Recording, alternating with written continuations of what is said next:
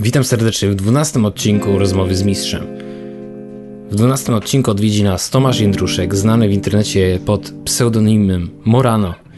To jest prawdziwy weteran ilustracji i artu. Tworzy pracę na komputerze od lat 90. Sam opowiada o początkach, jak zaczynał od rysowania myszką na komputerze. Opowie nam, jak wyglądało studiowanie w latach 96 i 2006 na Wydziale Architektury Politechniki Śląskiej w Gliwicach i jak mało zmieniło się od tamtych czasów do dzisiaj. Porozmawiamy na temat jego personalnych prac, nowego komiksu Rock Prolog jakie ma plany na najbliższe personalne prace. Znany jest przede wszystkim z prac rysowanych do kart Magic the Gathering. Osobiście uwielbia rysować kobiety, jak i statki na wzburzonym morzu. Opowie nam również o tym, jak niepostrzeżenie przemyca elementy z programów 3D, takich jak 3ds Max czy ZBrush w swoich pracach. No to nic, no to zaczynamy. Być podgłośnić, o. No, no, no. O, teraz się słyszę idealnie. No to super. Także dziękuję Ci bardzo za to, że masz chwilkę, żeby pogadać. Słuchaj, zabierałem się do tego w niedzielę, ale po prostu, wiesz, była bieganina no. pełno i, i stwierdziłem, że po prostu nie pogadamy. Nie, nie chodziło o to, że będzie głośno, bo tutaj cały czas jest głośno. Teraz tam oglądałem jakiś film ale no jak ktoś biega ci co chwilę, no to wiesz, coś, coś od ciebie sam, ktoś się tam utopił w basenie, coś się tam stało, nie I pogada. A no. jedzą, skończą i tak w zasadzie mamy parę godzin spokojnie czasu. Tak, tak, bo mówisz, że pada, to idealna pora. To jest no, jakiś... drogę w ogrodzie, także... Wszystko jest pod ręką. Eee, ja, ja będę... przekopałem wczoraj. I... Jeszcze raz? Mówię, że wczoraj wszystko przeko zdążyłem przekopać, co miałem do przekopania, bo wiedziałem, że będzie dzisiaj padać, więc dzisiaj mamy y, względny luz. Przekopać w ogródku? No, takie wiesz, roboty, które stałe, nie tam, koszenie, do, do, dosadzanie drzewek i tak dalej. To niekończąca się opowieść i no, no. no. cały czas to robimy. Tak, ale takie rzeczy też do, do jedzenia, czy to bardziej takie właśnie drzewa, trawa?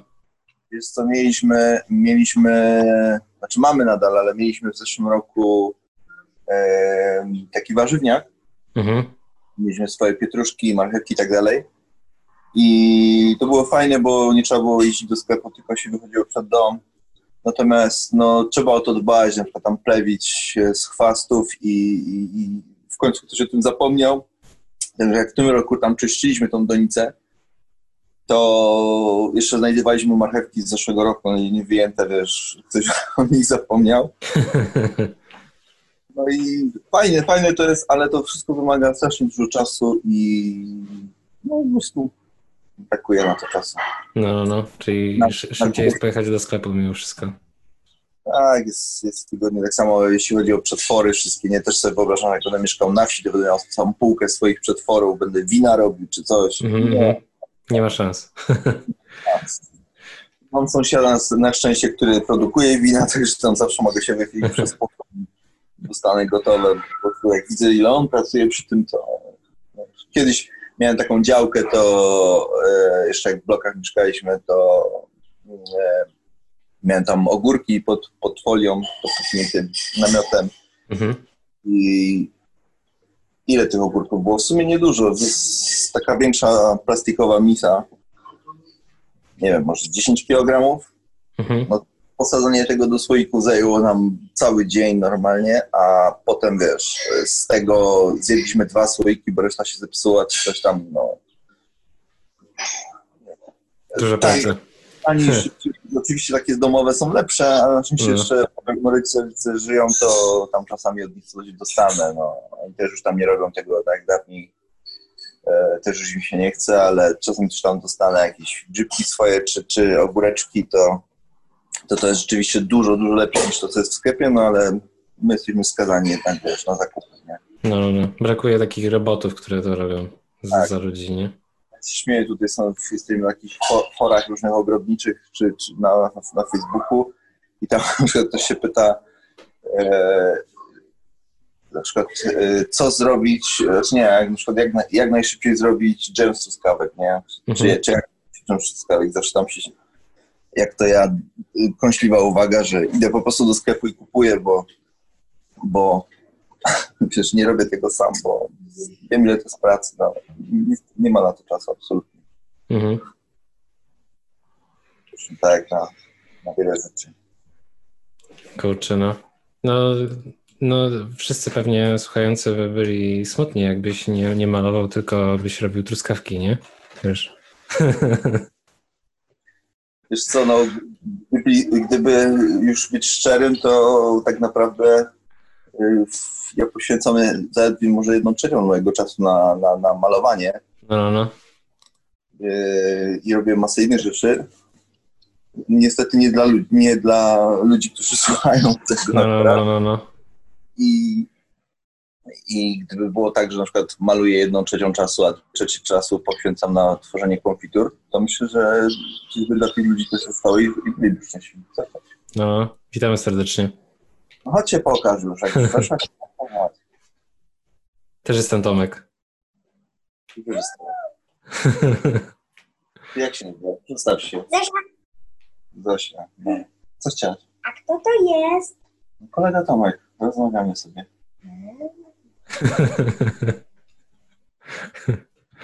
Barkę zrób lepiej. Właśnie idę no. zrobić. Też rysuję. Tak. Mogę ci pokazać jedno dzieło, które tu wisi. Moment.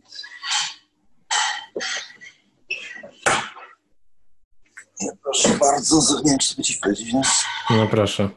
Zosia jest artystą, no nie ma co ukrywać. Dała się w ojca, tak maluje cały czas. Powiem ci nawet szczerze, że... Tylko takie pogodne te rysunki coś. Tak. Mistycznie. No to syn rysuje potwory i takie maskary. Równoważy. Powiem ci szczerze, że y, od, jak kupiłem iPada, żeby rysować na Procreate, mhm. to tam jest, masz te katalogi, gdzie tworzysz e, swoje, odkładasz gdzieś swoje prace, to w moich jest może 6, a z 56 jest Zosi rysunków. tak to no. wygląda. Ona częściej się tym bawi i, i rysuje. Nawet jej specjalnie do tego nie, za, nie zaganiam ani nic. Ma taki ciąg w tą stronę. Zobaczymy, co z tego wyjdzie. Absolutnie nie mam zamiaru, wiesz, tworzyć tam jakiejś presji, nie, że muszą mieć moje ślady, ale widzę, że mhm. tutaj naturalnie obserwują, widzą, że, że robię to, więc się interesują tym, próbują sami. No są, mają taki zmysł plastyczny jednak. Może coś z tego będzie, zobaczymy. Tak jest, no mają dobrego nauczyciela, nie? Na pewno. No jeszcze raz, chciałbym właśnie mieć czas, żeby ich pouczyć. No czasami, czasami wiesz co, jak tam rysują, na przykład się ostatnio konie rysuje bardzo. Mhm. I no i tak dziecko rysuje, prawda? Rysuje sam kontur, powiedzmy, tam jakieś włoski tylko wystają. Tłumaczę jej, że dużo prościej będzie zacząć od prostych figur, że każdy skomplikowany obiekt się składa z jakichś tam prostych brył, potem do, na, naokoło tych brył obrysowujesz tam jakiś kontur yy, i nieoczekiwanie ona słucha tych uwag wszystkich, więc nie jest takie kulą w płot. I, no i za chwilę przynosi rezultaty, te, te swoje próby. Zaczyna kon, e, tworzyć konstrukcję tego, tego zwierzęcia. Mm. I powiem Ci, że no przeskok jest, widzę ten, jak, jak szybko jej się zmienia ten, ten styl, ten, ta jakość. Wiesz, teraz już jest anatomiczny koniec z pęcinami, ze wszystkim, nie? Oczywiście to nie są takie yy, to nie jest jakiś e, podkowiński czy, czy kosak, ale, ale jak na, te, na taką dziewięciolatkę to bardzo szybko robi postępy i, i te rysunki już nie wyglądają tak jak pięciolatek. No, no, no. no. te uwagi się przydają. No. Chciałbym mieć na to czasu tylko, no ale Myślę, że temat tego, że nie mam czasu, będzie się tu pojawiał bardzo często. siedzieć dwie godziny i ten podcast ciąć, żeby powycinać te wszystkie moje narzekania. Na czasu. po prostu taki na dole, brak czasu. tak, będzie taki jak, jak wiesz w wiadomościach, nie? Taki ten breaking news. No, no, no. Tomasz Duszek, brak czasu i będzie leciało. Eee... Co, ja nie widziałem jeszcze podcastu, żeby ktoś tak, coś tak wpadł na ten pomysł, że paski puszczać na dole. No, no, no. no, no. no Reverse, backward. Dzięki. To ma swój świat. Samochody z kolei. I gra. No. Powiem Ci, że e, obejrzałem wszystkie Twoje podcasty, może nie wszystkie tam, e, Mhm. ludzi, którzy, których znam. O, idzie się pochwalić troszkę właśnie, koniec. Dobra. I byłem przerażony, Tak. jaki ty dobry research, więc już się boję, o czym No. będziemy gadać. Moment, jeszcze. Wiesz co? Tak? O, spójrz. No, no. No to już nie są dziecięce rysunki koni, tylko tu widać, wiesz, proporcje, anatomię. O kolorach to już nie mówię, bo kolory to już dawno powstawały, ale mówię, jeszcze był problem z tymi proporcjami konia, to były takie Mhm. baryłki z jami, ale teraz już wiesz. Bardzo jestem z niej dumny. Wspaniale. Sprzedamy Może, może artystka jeszcze chce chwilę powiedzieć o swoich pracach. Proszę bardzo, siadaj. No. Co ty, Co, co to za rasy koni tutaj widzimy? A jakieś tam? Nie wiem. Nie popisuj się, bo cię, bo cię Tomek wytnie potem. Powiedz, czemu tak te konie rysujesz? Co ci, co ci tak podoba w tych koniach? Bo, Czemu na przykład nie rysujesz kotów? bo na konie jeżdża i w ogóle. Podobają ci się konie, tak? Lubisz konie? Mhm. No. I tak właśnie pasja przeradza się w pracę i tyle. Nie trzeba nikogo gonić, naciskać, nie trzeba jej budzić ani kazać tego zrobić, tylko siada sama i robi. A, a powiedz, jeśli, jeśli chodzi o iPada, bo tata mówił, że, że dużo rysujesz na iPadzie. Jak, jak, jak oceniasz to medium? Czyli po prostu, jak ci się rysuje na iPadzie? No, nie wiem, lepiej na przykład niż na tablecie czy na papierze? Gorzej. Gorzej? Gorzej? te, wszystkie- te wszystkie efekty komputerowe nie podoba ci się? Lepsze kredki. Wolisz kredki? No nie. Tradycjonalistka. Ale powiem ci, że szokujące jest to, jak dzieci w tej chwili mają taki zmysł do opanowania takich rzeczy, Mhm. bo gdy siadła pierwszy raz, dostała piórko do ręki, wiesz, Procreate i zaczęła od razu, wiesz, pokazała mi tylko, gdzie ma pędzle, gdzie ma kolory i zaczęła śmigać po prostu intuicyjnie, kompletnie, nie? Mnie zajęło chwilę, zanim, zanim to. A, a oni gadają, oni pierwsze co podchodzą do takich urządzeń, to po prostu od razu już gesty, wiesz, przesuwają ekrany, znajdują jakieś triki. Mhm, mhm. Anek teraz ma taką, jak się ta gra nazywa, co się w Bricks? Brickrix. Brickrix. Mhm. Tam z Lego generalnie budujesz różne rzeczy, a na przykład są tam takie moduły, że możesz strzelać do zombie, budować swoje samochody, no cuda, nie? Takie jakby wirtualne kocki Lego. I y, od jakichś dwóch lat on tak chodzi, się tutaj zastanawia, co robić i go zaganiam do tego, żeby zaczął coś modelować w 3D może. Mówię, jak myślisz o tym, żeby samochody projektować, no to by ci się przydało. Ale wiesz, pokazałem mu jakiś interfejs Maxa, takie rzeczy i wiesz, nie zainteresowało go to. Natomiast No. tutaj masz, w tej grze masz taki warsztat, gdzie masz też widok izometryczny, osie, wiesz, XXZ, XYZ i budowanie modeli i tak dalej, i tak dalej. Obracanie wokół osi, no wszystko prawie taki, może nie max, ale jak w Brace'ie było, taki uproszczony interfejs y, aplikacji 3D i on Mhm. w tym obraca mi, śmiga, kopiuje te elementy. Ja mówię, no patrz, nie chcąc się nauczyłeś, wiesz, aplikacji 3D, nie? Z No, tego, no. zabawy, z takiej zabawy y, przesiąść się na profesjonalne narzędzie, to jest tylko, moment. No, no. Gdzie my byliśmy, jak mieliśmy po 12 czy 9 lat, żeby ktoś nam pokazał w ogóle komputer i na przykład Maxa i człowiek siedział i o Jezu. Ja pamiętam, Co jak to jest, no? na, na studiach zaczęliśmy rysować na AutoCADzie, to wiesz, każdy tak, tak to siedzieli, słuchali muzyki i brzdąkali na gitarach w akademiku, a potem nagle przechodziłeś korytarzem, było cisza i spokój zaglądałeś do każdego pokoju, bo mieliśmy taki że wszystkie pokoje były pootwierane, każdy mógł wszędzie wejść zawsze. I w każdym pokoju siedział przy nowo kupionym komputerze student i z taką, z taką księgą do nauki AutoCADa i po kolei, wiesz, po kartce, nie? Dzisiaj robimy kółeczko, dzisiaj robimy to, nie?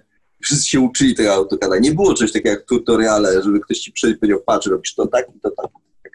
To ja tak miałem, że rok później, jak ja kupiłem komputer i, i chciałem się nauczyć AutoCADa, to przyszedł mój brat i powiedział, słuchaj, to w tej książce 90% to jest nic, musisz mieć tylko tak, tu masz linię, tu masz prostopady, tu masz przecinanie pokazał cztery, cztery ikony, cztery narzędzia i po prostu za dwa dni zrobiłem sam projekt. Po prostu, no. To jest właśnie potęga tego, jak ktoś ci tłumaczy, Mhm.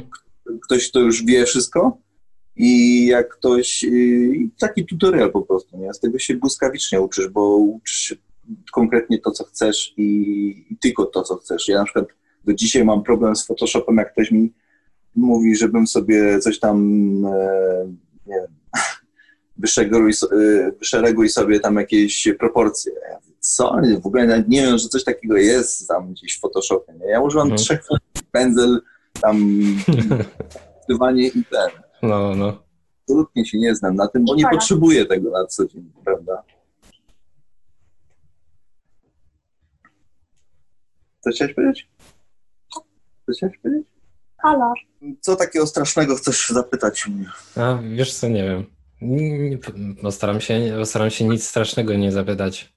Oglądałem te podcasty, bo ja lubię takie rzeczy, na przykład jak pracuję tam, nie wiem, robię okładkę 10 godzin, to wiesz, jeden film to jest za mało, nie? Więc no, puszczam, no. jak jest taka lista paru rzeczy do obejrzenia, które tam totalnie trwają 10 godzin, mm -hmm. tam raz, nie? Leci, no, leci no. sobie słucham, E, jeszcze jak po polsku, to się jeszcze bardziej wsłuchuje, jeszcze ktoś tam znajomy się fajne rzeczy opowiada, to też. No i właśnie mówię, yy, chciałem zauważyć, że bardzo fajnie to prowadzisz, że tak yy, oczywiście chcesz tam wydobyć jakąś wiedzę, ale generalnie gadamy sobie na różne tematy i mm-hmm.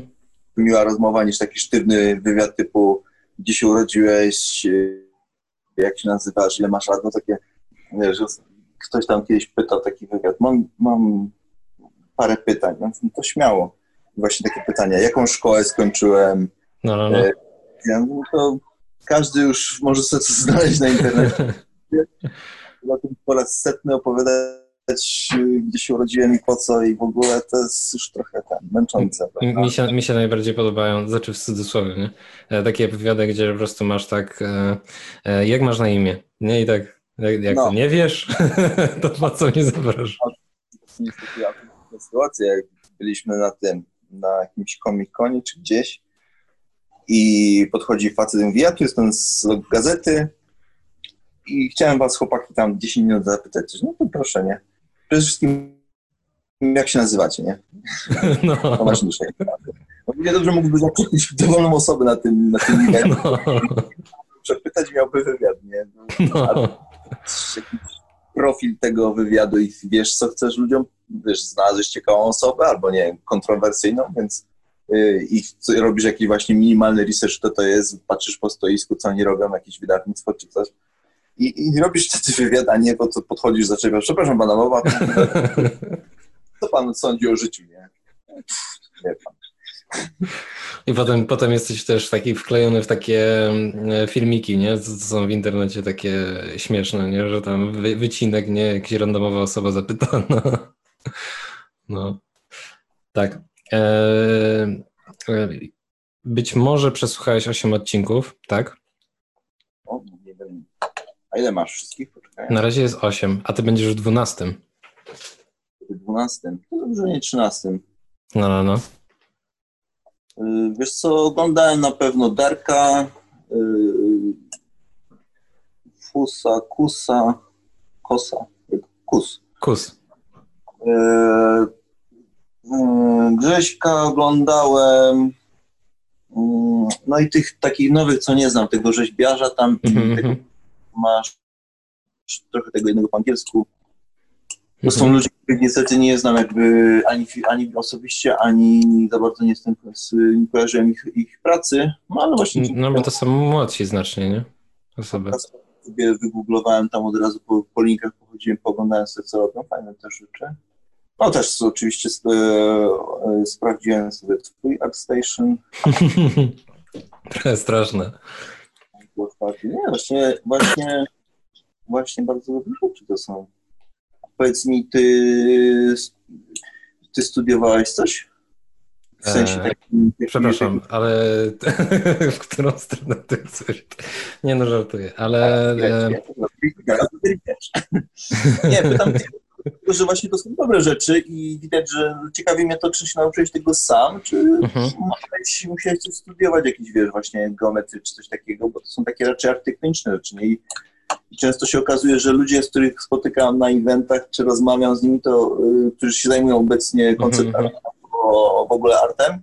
To są po Politechnice Śląskiej w Gliwicach. Tak jest. Tak się Dokładnie. najczęściej mówi. Albo dłużej gdzieś w Polsce, nie? No, no, no. No to masz, no to masz odpowiedź po Politechnice Śląskiej w Gliwicach. I na architekturze, tak? Tak, tak. Ja się Aha. chciałem właśnie dlatego cię spytać, w których la latach e, tam e, byłeś? To był taki szeroki span, że mogłeś mnie trafić nawet, bo zacząłem niemożliwe. w 98, Mhm. czekaj, albo 6. Chyba w 96 poszedłem na studia. Tak, w 96 i skończyłem w 2006. Mhm.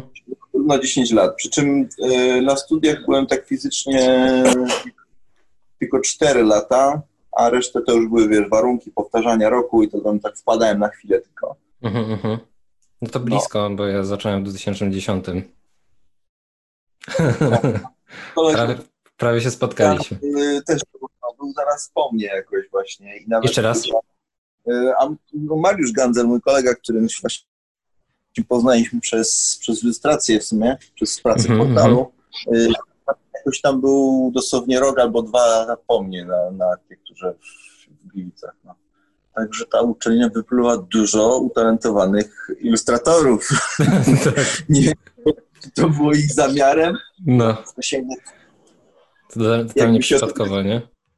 Jakby się o tym dowiedzieli, to może by zmienili profil na jakąś no, inny niż No, Na przykład cały, cały mój rok architektów w zasadzie teraz to nie wiem, może dwóch pracuje jako architekci, reszta wiesz, jeden robi tatuaże, drugi coś tam. Mhm, mhm. Eee, no jedna koleżanka tam fitness uprawia, no nie jest, ale no nie ma co obwiniać uczelni, no każdy wybiera sobie taki los, jaki chce, nie? Ale to e, powiedz mi, ko- kogo jeszcze, kogo jeszcze znasz takiego znanego, kto skończył wydział, a kogo ja mogę nie kojarzyć? Jakby nie, nie robi No. architektury, no? A i że robi architekturę? Nie, że nie robi, bo to A, nie. ten norm, architektura to taka normalna rzecz bardziej. Najważniejszy to jest chyba ten e, konieczny taki architekt, Tak, tak, no. papiery.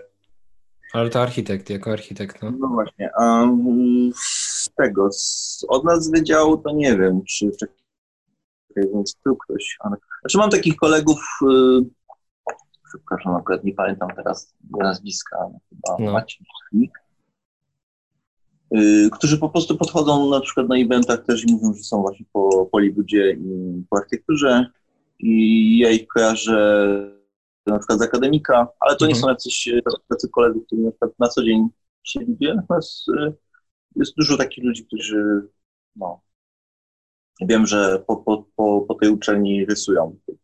No, natomiast nie, z Mariuszem to prawie jesteśmy, gadamy codziennie, więc tak mówię, a propos, mam przyjaciela z po, po, po ale e, tak z takich bliższych znajomych, no to Tomek Larek jest po ASP w Warszawie, Grzesiek Przybyś też tam jest y, po ASP, Sławek Maniak, nawet nie wiem, czy on był po ASP. On kiedyś, kurde, wiem, że on pracował w banku i z tych, z tych nudów zaczął rysować i, Mhm, mhm. i, ten, i, i tak to się zaczęło, natomiast nie pamiętam, czy jaką tam szkołę kończył, ale tak, nawet y, y, a propos wywiadów, jest na tym, na YouTubie jakiś taki nasz wywiad z Comic-Conu, chyba z innej imprezy, y, gdzie siedzimy Ganzel, Larek, ja i gadamy właśnie o tym, czy ASP, czy architektura bardziej. I no, taki dość, dość ciekawy właśnie. Jeszcze sobie obniżę to. Cień. Znowu lampa. No nie wiem, nie umiem tego ustawić. Dobrze jest. Świeciło mi w oczy, a jednocześnie no, chowam to za monitorem, a za chwilę mam taką lampę w oczy, jak sobie ustawiam. No, z, z, z, te takie kamerki internetowe to mają za mały jakby zakres, nie? Tego światła, nie? A i tak- przy- Cud, że coś widać, bo tutaj Zooma testowaliśmy, jak e, dzieci się uczyły z domu. No, I wiem, że tu były chocki klocki z tym po prostu, wiesz, jak jedne, jednemu działał Skype, to drugiemu Zoom nie działał, ten nie ma internetu, za chwilę coś tam zainstalować i latałem tu jako IT, po prostu inżynier i, i naprawiałem wszystko wszystkim sieć, po prostu kable sprawdzałem po pięć razy. No, no, no. Nie, Także nie działa. Dlaczego, dlaczego, skąd się dowiedziałem, że studiowałeś? Bo tak w, gdzieś tam robię research, tak jak zwykle, nie? No i wchodzę na Facebooka i mówię, o kurczę, Michał Sitek, wspólny znajomy. To też... O, a właśnie widzisz. To też cię uczył, czy... Ja go znam, ale mówię, nie kolegujemy się tak na co dzień, ale wiem, wiem o kogo chodzi na przykład. No, no, no, ale to um, też, też ciebie uczył, czy na jakim to było etapie? Nie, uczyć mnie chyba nie uczył, nie pamiętam od takiego czasu, ale nie uczyliśmy się, na przykład nie spotkaliśmy się gdzieś na jakimś tym właśnie, na przykład teraz, e, w rok temu, jak byliśmy w Łodzi na MFK, to podszedł do mnie kolega Piotr Gloska, który, który nie widziałem no, 2015 lat go nie widziałem. Nie? Mm -hmm. ode mnie z wydziału i, i on mnie zaraził mango, znaczy zaraził mnie, nie zaraził mnie na szczęście, ale miał, miał w akademiku na przykład e, artbooki z Akiry i, i, robił nawet u nas w akademiku robił takie, chyba w piątki, robił takie seanse anime, puszczał mhm. ludziom z, z własnym, własnym sumptem jakby organizował takie, takie kółko zainteresowań. To wiem, że przychodziła pełna sala, a potem e, na końcu zostałem ja, on i tam jeszcze może dwóch ludzi, nie? którzy, którzy nie, nie kumali tego. No ale tego, pamiętam jedną rzecz, jak chciałem od niego tego artbooka z Akiry pożyczyć, no tak, żeby go na spokojnie przejrzeć, coś tam po, po, po, podszkicować e, ten, powiedział absolutnie, nie, to jest Biblia, nie, święta relikwia, którego się nie dotyka. No i to, to, to doceniłem, bo zrozumiałem, jak, ile to dla niego znaczy, bo ja tak samo traktuję komiksy, pamiętam jak byłem mm. w Artifekcie i ktoś tam coś się pytał komiksy, ja mówię, mam całą serię, jeszcze mam w twardym wydaniu, tam z podpisem Rosińskiego czy coś. Ja mówię, to pożycz. Ja mówię, stary, masz kluczyki, mogę ci samochód pożyczyć, co chcesz jeszcze pożyczyć, ale nie komu. W żadnym razie. No to są takie rzeczy, które, wiesz, stoją na półce tak, tak naprawdę, tylko ja do czytania mam takie stare, w miękkiej oprawie, jeszcze wydawane przez Orbita, te, te, te nowe, ładne w tych slipcase'ach, które tam stoją i tego się nie rusza, nie? No, no. To jest, to jest muze, muzeum takie, nie? Tutaj na pokaz. Bardzo, bardzo ładne tło. Trochę się, tu, trochę się tu robi. Połowa to są gry, których, które dostaję jako contributor z kopii z takiej, wiesz, e, no jak pracujesz hmm. na koncie, to dostajesz tam jedno, dwa pudełka potem. I to odkładam tutaj i stoi tam tych gier już 150 stoją jeszcze w foliach nieodpakowane. Aha, aha, takie pudełkowe mówisz. No, yy, po prostu raz, że one są dosyć skomplikowane, żeby na przykład grać z dziećmi, a dwa, że nie ma czasu. Pasek nie ma czasu. No, jak, jak, na przykład gramy z dziećmi, to wolimy coś na, bardziej na szybko, jakąś gierkę taką, taką familijną trochę, mhm. żeby się szybko rozkłada, szybko się gra. Ostatnio ich podczepiłem pod talizman, jako że mi się przypomniało, że świetnie się bawiłem przy Magii Mieczu, to, to kupiłem talizman i, i, no i bardzo im się spodobało właśnie to wcielanie w rolę, rozwijanie postaci. Był taki nowy typ gry, którego oni wcześniej nie grali, no i fajnie to wyszło. Mhm. Graliśmy trochę na początku, teraz trochę mniej, ale no, mam nadzieję, to że... Też, to też taka jakaś planszówka, tak? No nie wiem, a kojarzysz e, Magię Miecz, taką wydaną przez Sferę w latach 50 chyba? Mm, nie, nie kojarzę, wiesz? No to jest taka dosyć... E, gra polega na tym, że masz trzy kręgi jakby na planszy, zewnętrzny, środkowy i wewnętrzny i chodzisz tam po, po, naokoło tego i jakieś tam przygody przeżywasz i wchodzisz na wyższy level i aż dotrzesz tam do korony władzy. Mhm. Y ale taki powiedzmy ala RPG trochę, że wybierasz sobie postać, y, rozwijasz tam umiejętności, zdobywasz magiczne przedmioty, przyjaciół, wrogów, tam pokonujesz takie rzeczy, nie? Magia, czary. Y, no i teraz, nie wiem, z 5 lat temu wydała, nie pamiętam kto to wydał, Galakta chyba, y, wydali to samą grę, tylko pod nazwą Talizman po prostu. Mm -hmm. Tanie, tam są jakieś figurki, trochę zmienione zasady, może y, takie ładniejsze oprawie. No. Bo szczerze powiem, że, że tam ta pierwotna wersja komunistyczna mi się bardziej podobała, sentyment jakby. I chciałem to kupić, ale na, widziałem na Alixie ludzie sobie za to wołają 1000 czy tam 1500 zł za cały Mhm. komplet. Podstawka, miasto, podziemia, jaskinia, kosmos, ileś tam jeszcze dodatków, nie? Takich 100 z tych pudełek. E, więc stwierdziłem, że to może przesada jak na taki eksponat muzealny, ale mam tu takie gry stare już kupowane, na przykład Komandosi i możliwe, że kiedyś coś takiego kupię właśnie do muzeum. A będziemy grać w Talizman, no bo już są figurki, ładnie to wygląda. No, Ładna no. karta.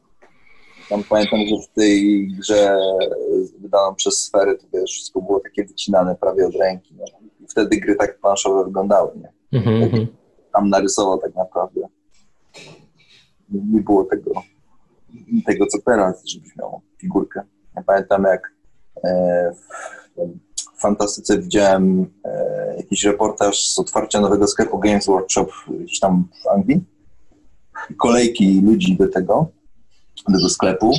No i jakieś tam zdjęcia, co tam, co tam kupili. Właśnie były plansze, właśnie. No bo to oryginalnie ten, ten, tą Magię i Miecz to wydał Games Workshop. Tylko oni właśnie w latach 80. już wydali tą grę tak, jak teraz jest wydany talizman, czyli z figurkami i tak dalej Mhm, mhm.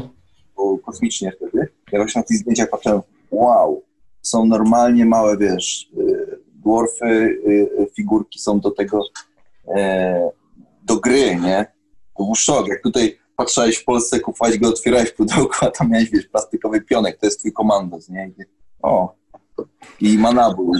Nabój to był taki sam pionek, tylko brązowy, nie? No, Czy nada? no.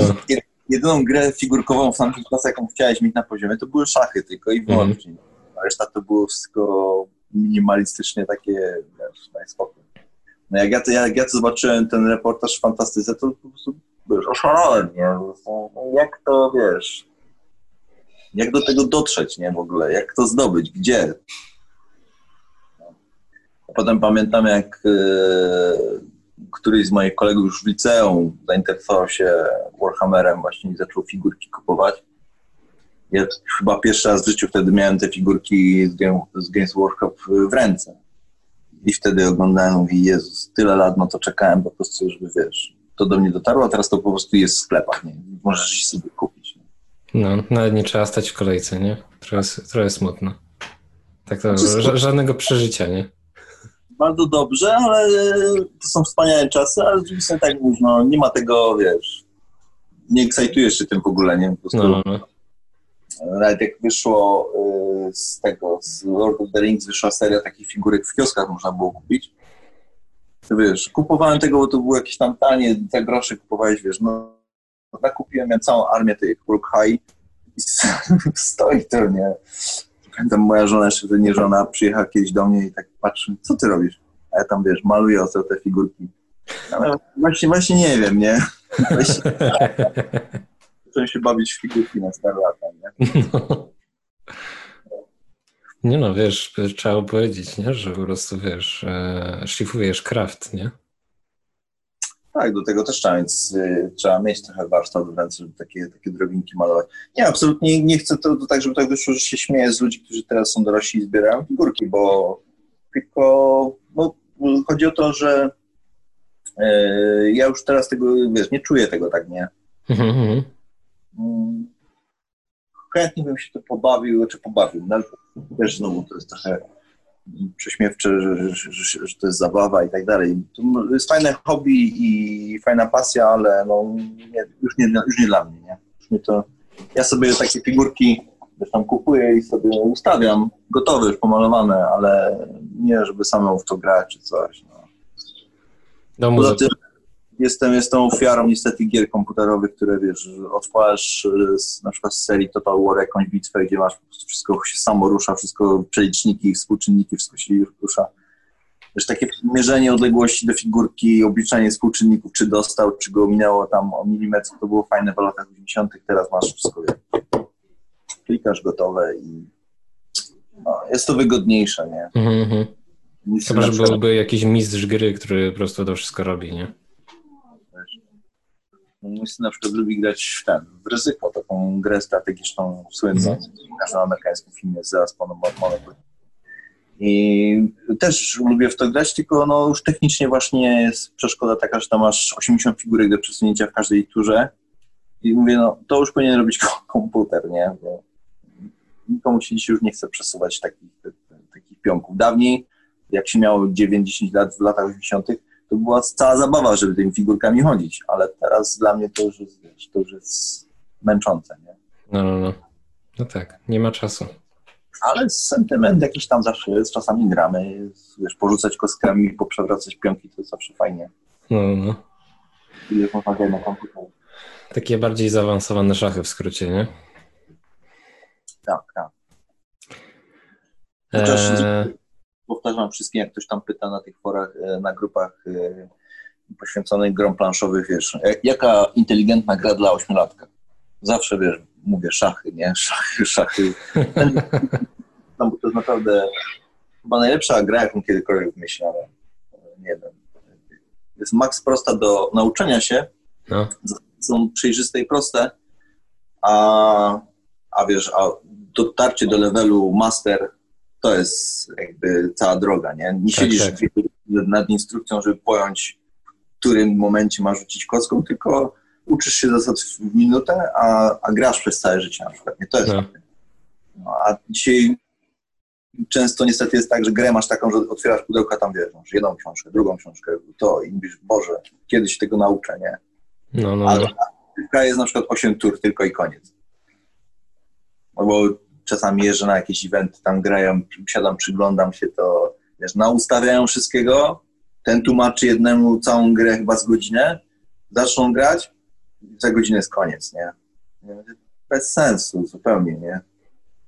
Właśnie powinno być w drugą stronę, to powinno być max proste, intuicyjne, a, a powinno się grać tak, że nie chcesz odejść od stołu, nie? Cztery no dni tak jak Monopoly. no i talizman w też jest grą, bo tam jest prosta też piłka, szybko opanujesz to, Mhm. a trzeba grać naprawdę cały dzień. Nie? No, no, no. Do znudzenia tak naprawdę. No. No dużo, dużo tam robiłeś tych gier, nie? Takich właśnie planszowych. no sporo. Jakby dołączyć do tego Magic the Gathering, który też jest jakby takimi karciankami. Znaczy, Tak. w ogóle teraz dużo jest takich gier, które wychodzą w pudełku, Mhm, ale, ale w środku są w zasadzie pełne kart, prawda? mhm. Nawet, nawet Wizardzi wydają coś takiego. Wizard of the Coast. Wiesz, dostajesz pudło i myślisz, że tam jest coś fajnego, No, są tylko chyba dwie. Chyba Cztery talie, cztery, cztery talie kart jakieś tam e, ten, znaczniki do wyznaczania, ile tam masz punktów czy coś. I tyle, nie? Ale No. no. pudełku. pudełko wielkie, nie? Produkt w pudełku jest e, zawsze ciekawszy niż jak to dawniej karty, jak wydawano. Wiesz, dostajesz taki świstek, taki blister. No, no, Co to za gra, nie? no. Więc teraz te gry planszowe, które ja robię, to generalnie one się w 70% zazwyczaj składają z kart. Są tam czasami do tego jakieś figurki i plansza, nie? Mhm, Generalnie. No I to działa w drugą stronę. Jak mówię, że pracuję nad, nad e, karcianką, to każdemu się wydaje, że to jest jakaś talia, którą robimy. A karcianka często właśnie ma pudełko, okładkę, instrukcje, jakieś tam figurki. To teraz już ciężko rozróżnić, która gra jest karcianką, która planszówką. Mhm, mhm. No i, i, i dużo tego robiłem, na przykład do FFG właśnie robiłem Battles of Wester, Westeros to się nazywało. I teraz tak, Game of Thrones jest właśnie Living Card Games system i jest Collectible Card, card Game, czyli jakby dwie gry karciane od tej samej firmy pod tym samym tytułem, ale jakby dwa różne systemy, nie? Potem do tego jeszcze robią drugą edycję, Także przez te 10-15 lat, wiesz, robisz praktycznie cały czas to samo. Nadal jest to gra karciana, ale tylko, tylko tych, tych pudełek jest dużo, ale tak naprawdę to jest cały czas jedna gra karciana tak naprawdę, nie? Mhm, mhm. Ale takich planszowych też dużo robiłem. Właśnie z drugiej strony są Dominion na przykład, to jest W sumie też karcianka, no.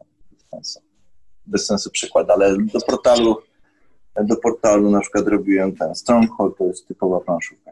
Masz planszę i pioneczki i takie różne rzeczy. No, Citadel na przykład to też jest karcianka. War of Whispers, taką grę zrobiłem, to nawet nie wiem, co to jest, zapakowane, nie zaglądałem ale wiem, że tam robiłem karty na przykład też, a nie było planszy chyba. Nie. No, bardzo, bardzo się to tak próbują wymyślać nowe rzeczy, nie? Też jakby jak, jak masz, nie wiem, te takie planszówki, to tam zawsze jest 100 kart, nie? W tych karciankach, jak dołożysz już jakieś figurki, to już zaczyna się to tak mieszać, nie? Dosyć. Tak, no chyba właśnie z, przez Kickstartera się wzięło, że zauważyli, że im więcej tego stawu tam jest, tym, lepiej to schodzi. Więc ładują ile wlezie, nie? Mhm, mhm. No i artyści mają pracę, nie? Niektórzy mają. Więc no, się dopchać do takiej firmy, bo to często są takie grzybki po deszczu, że wiesz, wyrastają, wydają mhm. jakąś grę na Kickstarterze i za chwilę o nich zaginie, nie? Raz na zawsze, a ta gra na przykład nigdy się nie ukaże, niestety. Są takie klocki, no. Ty też tak, tak miałeś? Miałeś takie sytuacje? Było parę takich gier, no. Wielka pompa na początku, wiesz, wielkie plany, a potem, e, a potem albo udało im się wydać tą grę, ale coś tam, albo często nawet tak, że wiesz, dochodzi do wniosku, że może to nie jest najlepszy moment e, na kampanię, poczekam na przyszły gdzieś to tam. Czeka, nie?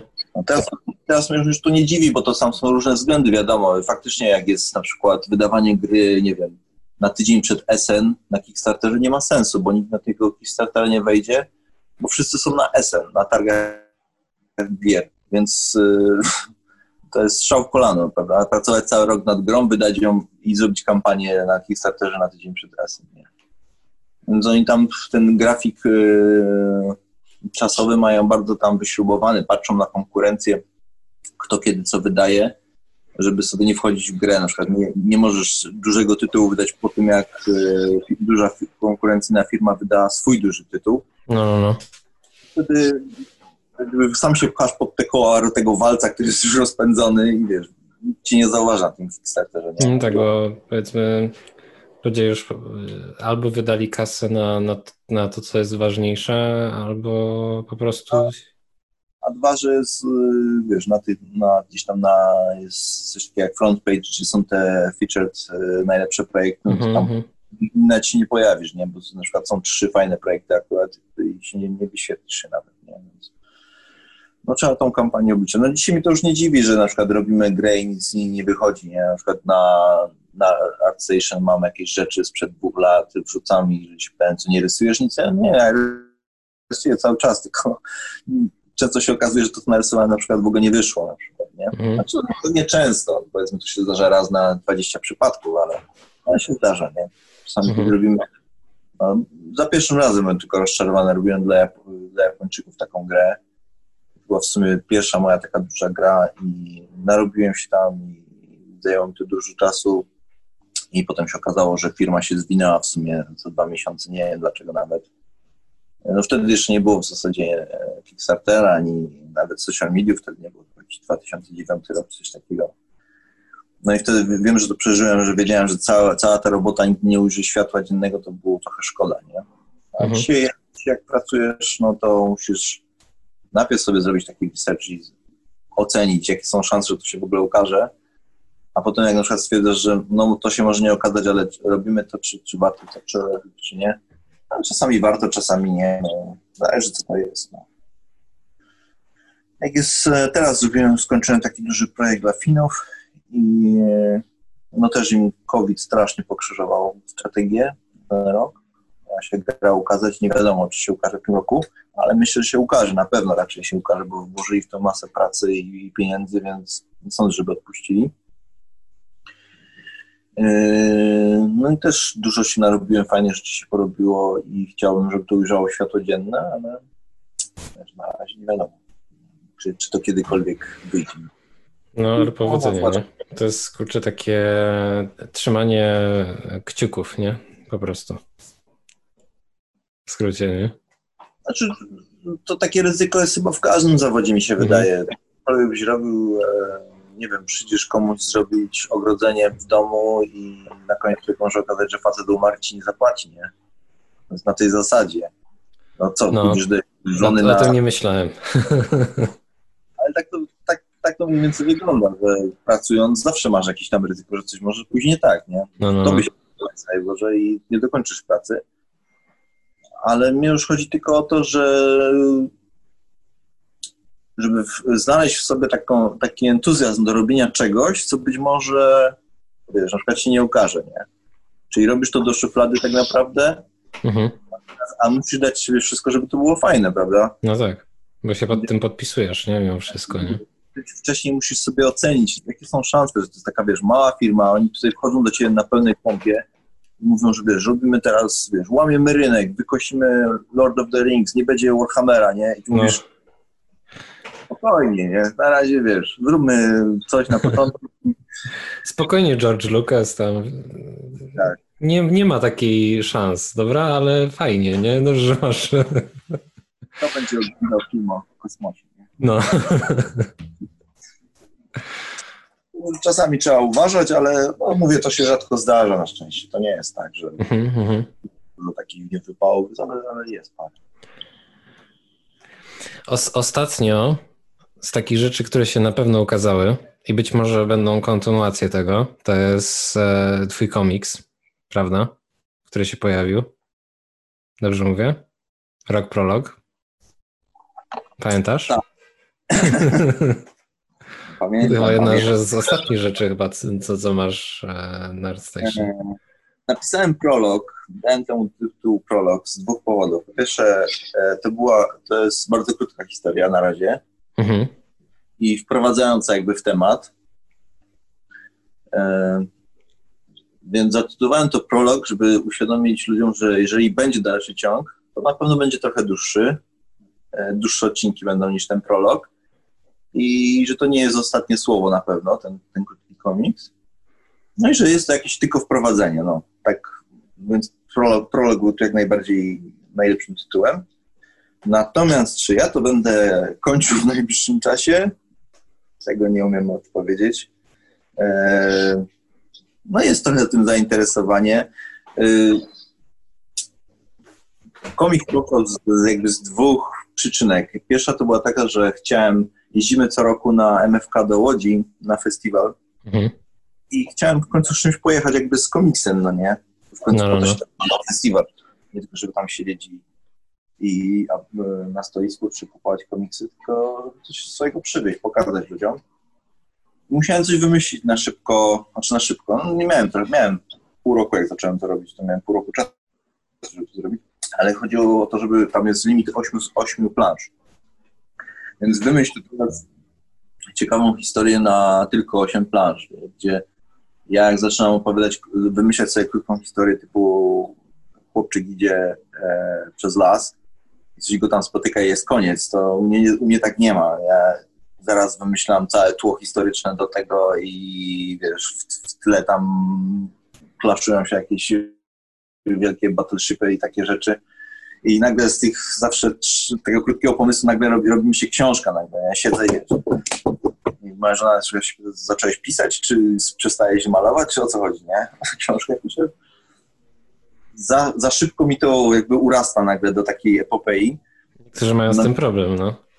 No i nie mogę nigdy czegoś szybko skończyć, że krótką historię szybko narysować i na, na taki festiwal. No i tutaj chciałem wymyślić coś oczywiście jak najbardziej banalnego, ale żeby było ci jednak ciekawe z jakimś twistem i tak dalej.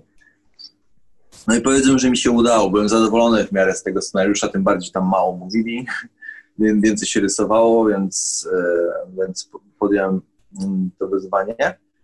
I druga sprawa, drugi przyczynek to był taki, że chciałem zobaczyć jakby, wiesz, pracuję tyle lat jako ilustrator freelancer i miałem w sumie okazję, żeby rysować komiksy. Gdzieś tam coś zaczynałem szkicować i tak dalej, ale nie, nie tak na poważnie. Stwierdziłem, że zobaczymy, jak ja szybko te 7 plansz narysuję. No. I ile mi to zajmie, z tłumaczeniem, ze wszystkim, z oprawą tego i wrzuceniem na internet. No i w sumie okazało się, że w tydzień jestem w stanie to zrobić. I tak powiedzmy jedną planszę dziennie, na spokojnie. No. I Inna, inna sprawa, że musiałem ten tydzień gdzieś tam wyrwać e, z życia, ale teraz na przykład wiem, że gdybym miał zrobić komiks 100-stronicowy, to powiedzmy 3-4 miesiące jestem w stanie to zrobić. No i to był taki fajny, przede wszystkim dla mnie taki impet, że kurczę, da się to zrobić, możemy to zrobić, e, wiesz, te wszystkie pomysły z szuflady powyciągać i rob, róbmy komiksy znowu, nie? Czy znowu, wreszcie. Całe chciałem robić komiksy tak naprawdę.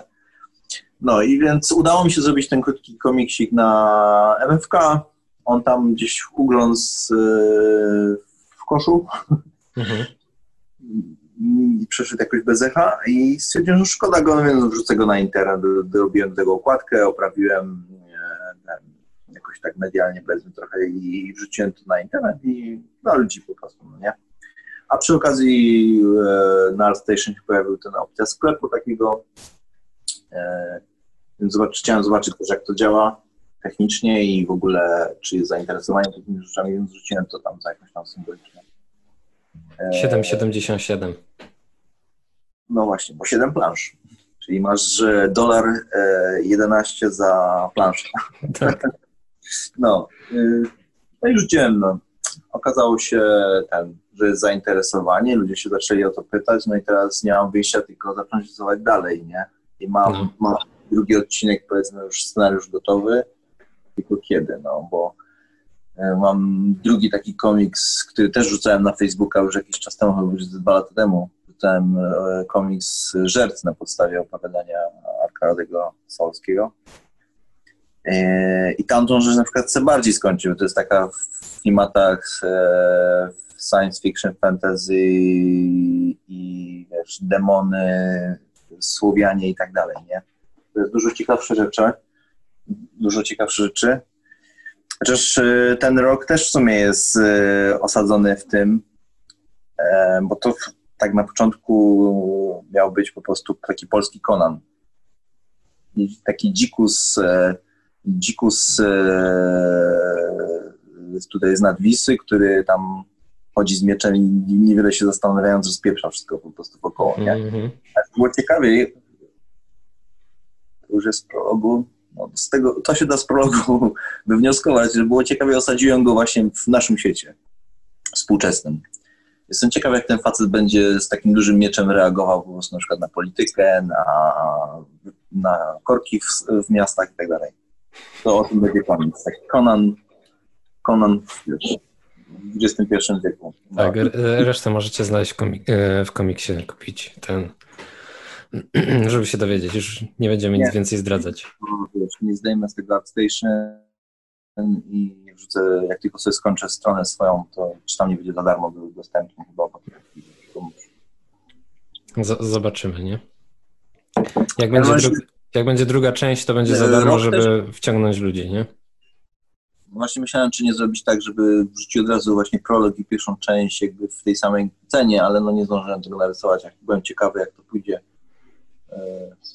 no, nie powiem, że był jakiś rozczarowany, bo to tak generalnie się wszystko na internecie sprzedaje. Printy tak samo, jak miałem tam sklep z printami, to wiesz, tam się sprzeda 5 na rok na przykład, nie, czy 10. Tam. No nie, to nie są rzeczy, na których można tam jakby zarabiać, więc tym bardziej nie ma sensu chyba, żeby jakby za to inkasować w ogóle pieniądze. No nie wiem. Rzuciłem. Coś tam, coś tam ktoś kupił, już pewnie skopiował, rozpowszechnił, także tak czy inaczej trafiło to do ludzi, więc no, ale tylko chciałem dokończyć, że ten rok to też jest w sumie, ma jakiś tam związek właśnie takim moim światem, takim fantasy i, i słowiańskimi klimatami, natomiast Żercy są no, już wybitnie mroczną opowieścią, którą no, to bardzo chcę skończyć. Co miesiąc mam, odkładam to, że wiesz, teraz, teraz, teraz, teraz, no ale Zobaczymy. No. no, to musi chyba mocno zacząć padać, żebyś, żebyś mógł dokończyć. Musi się wiesz uspokoić z tą zarazą cholerną, bo dużo nam to pokrzyżowało plany w tym roku, wiesz, od, w sumie od, od marca, nawet w sumie od lutego, wiesz, dzieci nie chodzą do szkoły, mm -hmm. w marcu ich, w marcu nie tam szkoły, no, ale już w lutym było wiadomo, że nie będą chodzić, więc y, trzeba się dając tej lekcji ogarnąć, y, też miałem jakby przestój w pracy, czy no, generalnie jest, jest cały czas taki stres, nie? Miesza tu okropnie i cokolwiek, za cokolwiek się bierzesz, to się zastanawiasz, czy kurde, czy to w ogóle warto i jaki bardziej się przejmujesz tym, co jutro będzie, niż, niż o, wydam sobie teraz książkę na przykład, nie? No takie rzeczy, na takie rzeczy przyjdzie czas pewnie jeszcze, no. No, ale dobrze wygląda, bo na ten rok się już w miarę obrobiłem z tymi projektami, właśnie skończyłem tych finów. Y, robię oczywiście Magiców, ale tak sporadycznie trochę i myślę, że pod koniec roku, jeżeli sytuacja się trochę opanuje y, epidemiologicznie, to, to ten, to może wrócę do tych komiksów. No. Strasznie mnie to rajcuje opowiadanie historii i rysowanie tego, właśnie, żeby było więcej czasu jeszcze, nie? No, no. Już nie chcę tego robić pod żadną presją czasową, nie, że, że muszę, że się spieszyć, że byle jak to trzeba zrobić. Nie, nie, ale właśnie lubię sobie to wyrzeźbić, tak jak to ma być, poświęcić na to dużo czasu. Lepiej, poczek lepiej poczekać niż żeby było gorzej zrobione, nie? Zawsze, zawsze to popłaca długofalowo, nie? jest zasada, jeżeli czegoś nie zrobiłem teraz, znaczy, że nie przyszedł na to jeszcze czas po prostu. No, no, no. Jest odpowiedni tak. Wiesz, mam dużo takich rzeczy, które wydawało mi się, że zrobię to na przykład w 2009 roku, się okazało, że zrobiłem to w 2018 roku. Nie? I jakby mi wtedy ktoś powiedział, że poczekam 10 lat, żeby to zrobić, to bym sobie chyba strzelił w głowę, ale teraz jak na to patrzę, mówię tak, to jest właśnie dobrze, to teraz się stało, nie 10 lat wcześniej, bo ja po prostu wtedy bym potraktował jakoś inaczej, to wiesz, olał i nie wyszłoby to tak dobrze jak teraz na przykład, nie? Mhm. Także myślę, że na komiksy też przyjdzie pora taka, że nie będę już musiał na przykład nic robić i będę miał mnóstwo czasu i wtedy będę sobie, e, będę sobie rzeźbił tak jak chcę i one będą wtedy rzeczywiście takie fajne jak ja chcę, a nie teraz pod jakąś presją, wiesz, je sprężać, no mam taki plan od, od już ładnych lat i na razie mi nie wychodzi, ale...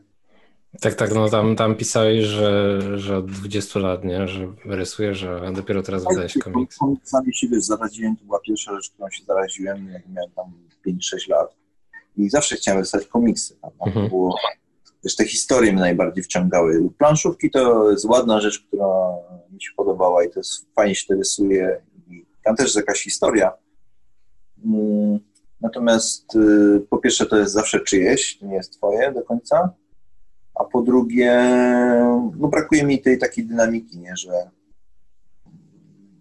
nie opowiadamy czegoś kadr po kadrze, tylko no, masz na przykład książkę do zilustrowania, to wiesz, masz zaznaczone ten fragment, ten fragment, ten fragment, ten fragment, nie?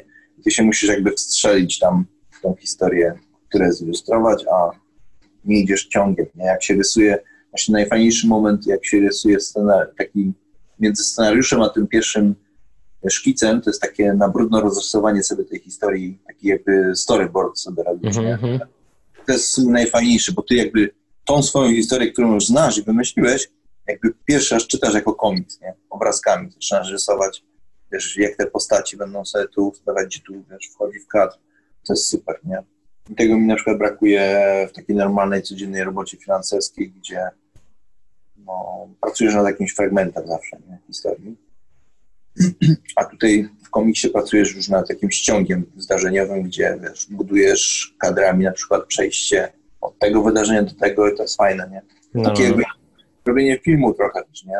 Takie reżyserowanie, e, bo to ty wszystko kreujesz w tym komiksie od A do Z, wiesz, ze scenografią, z aktorami, to już super to jest, no. Ale mówię, spokojnie, przyjdzie na to czas. Mam jeszcze czy najgorsze jest to, że mam jeszcze dwa takie gigantyczne projekty komiksowe i obawiam się, że Żercy i Rok będą musieli jeszcze poczekać e, jeszcze parę lat, bo te komiksy ich wyprą najpierw i dopiero przyjdzie pora Albo będzie odwrotnie, może najpierw skończę te krótkie rzeczy, a, a potem się wezmę za te duże. Plus jest taki, że cały czas to piszę, więc jak tylko mam gdzieś tam chwilę, to wiesz, dopisuję jakieś nowe pomysły, e, zaokrąglam tam jakieś wystające kanty, szlifuję to cały czas, także ta historia staje się coraz bardziej zamknięta, ma jakiś kształt, to już nie są takie, że mam pomysł, no to pomysł każdy może mieć, nie? Fajny na przykład, a, a mieć już to tak opisane, że możesz w każdej chwili siąść i zacząć rysować kadry, to już duży milestone, że naprawdę jest to na jakimś etapie. No to mnie pociesza, że to nie leży tylko gdzieś tam w, w szufladzie, tylko, tylko cały czas jakby to się rozwija, kształtuje i lada moment będzie powiedzmy tam już na takim etapie, że można zacząć rysować. No, no, no. E, a powiedz, powiedz mi, jak, jak, jak to sobie zapisujesz, jeśli chodzi o, o ten komiks? Nie wiem, czy to są na zasadzie e, rozpisujesz tą historię, nie wiem, masz e, notes specjalny do tego?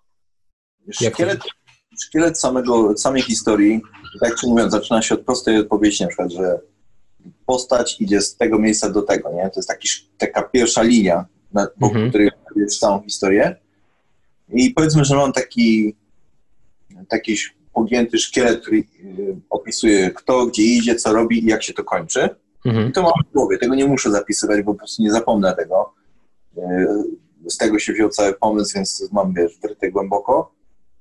Y, natomiast wszystkie te wątki poboczne, co po drodze się dzieje, jak te postacie, jakie, jakie, co nim kieruje, jakie, jakie motywy, to wszystko jakby sobie notuję, no to gdzie popadnie, albo jest to mm, tradycyjnie jakimś, e, wiesz, medium typu ołówek czy długopis jakiś kartelusz, sobie zapiszę, odkładam gdzieś do jakiejś szuflady faktycznie, gdzie, gdzie te rzeczy leżą, potem sobie ewentualnie przepisuję na komputer. Mam na jednym komputerze mam katalog i takie właśnie do tych komiksów, gdzie sobie wrzucam takie fiszki. E, dużo piszę na iPadzie właśnie, bo strasznie mi się podoba ta, e, ta klawiaturka taka, co wyskakuje na ekranie, na przykład mhm. Y, y, y, rok temu, jak jeździliśmy jeszcze na ten zasią na balet, to siedzieliśmy w poczekalni, wiesz, wyjąłbym laptopa, bym stukał na tym, nie? Za głośno, nie? Zresztą ja nie lubię tego dźwięku, tego trzaskania w klawiaturę też, a tam masz, wiesz, na ekraniku masz tą taką klawiaturkę wirtualną, po prostu tu, tu, tu, tak ledwo tykasz tam te klawisze i się po prostu elegancko pisze, na przykład świetnie się kupiłem, żeby rysować, a, a piszę. No i gromadzę, gromadzę te fiszki, one, one przez to, że to tak długo trwa ten proces, to właśnie ja pamiętam, jak na przykład wstaję mam świetny pomysł, siadam do tego i szybko piszę, żeby nie zapomnieć. I przez to, że to długo trwa, to na przykład nie, nie od razu to zdążyłem na przykład narysować. Siadam tego za rok i czytam tą fiszkę i tak mówię, o co, o, o co chodzi, nie? Co za kto to wymyślił? Już byłem podniecony, jak stałem, już przeciąłem to zapisać, bo to był świetny pomysł. Bo ja to czytam, no jakaś jest dura, nie? Kompletna, nie? Bo czytam, mówię, nie, to słabe, ale tego zrobimy to, to, to, to, to i wiesz, mam nowy pomysł, nie? No, no, no. Właśnie przerażeniem myślę, co by było, gdybym rzeczywiście miał taki czas, że wstaję rano i wiesz, siadam, rysuję planszę i potem wysyłam to do drukarni. Wiesz, rok później mam komiks fizycznie w ręku i mówię, Boże, no. o, nie. Ja bym cały czas oglądam swoje gry na przykład, to wiesz, patrzę i jest, ale mi się wtedy nie chciało na przykład. Z takich jeszcze personalnych prac, które ja kojarzę, to tutaj mam nawet zapisany tytuł. E, mamy na ArtStation coś takiego, co się nazywa Winter Blockade. E, kojarzysz? Tak, stateczek. Stateczek? Trzy. Tak, dokładnie. Trzy statki wzburzowe morze. E, tam w opisie tej pracy jest napisane, że mimo, że po prostu jakby strasznie to lubisz, bo ja widzę po prostu E, potem, jak, jak jest to narysowane, jeśli chodzi, wiesz, o, o morze i tak dalej. Tam piszesz też, że właśnie bardzo rzadko jesteś mimo wszystko do tego zatrudniany, nie? że widać, widać, że bardzo to lubisz robić, mhm. e, ale, ale też mimo wszystko jesteś do tego rzadko zatrudniany, nie? No tak. Czy możesz też powiedzieć na przykład, w, w, którym roku powstała ta praca? Może pamiętasz mniej więcej? E, akurat, cieka, akurat ciekawi mnie bardzo, więc. Wiesz co, musiałbym, musiałbym w tym momencie ArtStation i tam prawdopodobnie jest podpis. Aha, aha, no widzisz, no to, no to, no to może mamy odpowiedź bardzo prostą. Nie wiem, czy ty... 2007, proszę bardzo. 2007. Tak masz. No. 2007, no. No. To... E, to wtedy było, wiesz co, wiesz co grałem? E, w Total War, jak się nazywało? Empire? Nie Empire. Empire, tak, taka gra. Mhm. Tam się pojawi, pierwszy w Total War pojawiły bitwy morskie. To było super. I, I to jakby było inspirowane tym, bo to jest, to jest Poniekąd, bo tam wtedy jeszcze czytałem, e, czy oglądałem serial Ho- Hornblower i takie rzeczy. Jeszcze to też jest taka rzecz, którą się fascynowałem od dziecka. Pamiętam, nie nie, nie przytoczę ci teraz tytułu i autora tych książek, ale była seria takich książek właśnie o, e, z tego okresu właśnie coś ala Hornblower, że facet spływał na brytyjskim żaglowcu i wiesz, walczy i tam e, z Francuzami e, burta w burtę, takie rzeczy, nie? Z tym mnie to ciągnęło strasznie. No i to, to, to była praca robiona właśnie do, znaczy to nie ta, ale był koncept robiony do Total War Empire. Właśnie bardzo podobny, nawet ich- a to chyba na koncept arcie, nie na koncept tylko na Society był chyba szkic do tego wrzucony, który właśnie wysłałem do Total War. No i im się bardzo ten szkic spodobał, ale y, nie nawiązaliśmy współpracy z jakiegoś tam powodu, prawdopodobnie finansowego. Y, I no i stwierdziłem, że szkic jest na tyle fajny i, i miałem taką frajdę, że zrobię coś z tego fajniejsze, coś fajnego, tylko tak już bardziej na czysto. No i właśnie powstała taka bitwa. Powstała taka bitwa i to wrzuciłem na CG Society i tam do tego jeszcze wtedy wrzuciłem chyba albo do tego, albo to był jakiś e... tak, była jakaś książka, któraś, do której narysowałem tutorial do tego chyba. Ale nie wiem, czy ten tutorial też nie był w wersji online na jakimś, na jakimś e, forum. W każdym razie i to, ilust- tutorial do tej pracy. Tak. Okej. Który to był?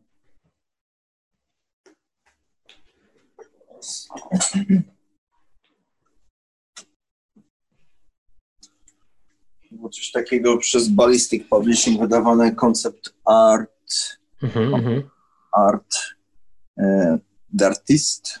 Mhm, mhm. Tylko nie wiem, czy to jest ten numer, musiałbym tam zajrzeć, poszukać, ale w którymś, chyba do tego to było robione, ten tutorial mi się wydaje. Nie wiem, czy tu jest jakiś indeks, czy tu można znaleźć siebie. Yy, W każdym razie zrobiłem taki tutorial i, i praca, i, i tutorial były fajnie wtedy bardzo przyjęte przez ludzi. I no, jeden z takich e, weselszych momentów w mojej karierze, powiedzmy. No, a pytałeś o to, że rzadko. Chyba nie to. Nie będę teraz szukał, ale może ci później doślę. Yy, Pytałeś o to, że rzadko mam taką okazję. Faktycznie, wiesz, statki albo grę na przykład o, o osadzoną na realiach morskich, taką marynistyczną praktycznie, no to nie wiem, poza kilkoma ilustracjami, które miałem okazję robić przy Game of Thrones, gdzie tam jacyś Greyjoy się na, na, na, na, naparzają się na morzu z tym Baratheonami na przykład, no to rzadko, rzadko, rzadko się rysuje statki. No. Był jeden taki set do Game of Thrones, gdzie praktycznie dostałem 10 kart, to 9 z tych kart było się działo na morzu, nie? Ale jak masz taką karcianeczkę, gdzie tam jest okrojony budżet i masz na to powiedzmy 2-3 godziny, no to co tam zrobisz, nie? To są takie wszystko na szybko, takie szkice powiedzmy, może trochę bardziej dokończone, ale no, tak, żeby narysować taką piękną bitwę morską, no to mam taką jedną tutaj na ArtStation jest, yy, to było mm, a, tam jest, potem jeszcze jest The Great Escape wyżej. Jest jakby inspirowany tym samym, ale to w Tak, tym tak. samym. Ale tu na samej górze gdzieś jest bitwa morska, którą robiłem niedawno do Game of Thrones, ale nie do FFG, tylko wiesz, to jest.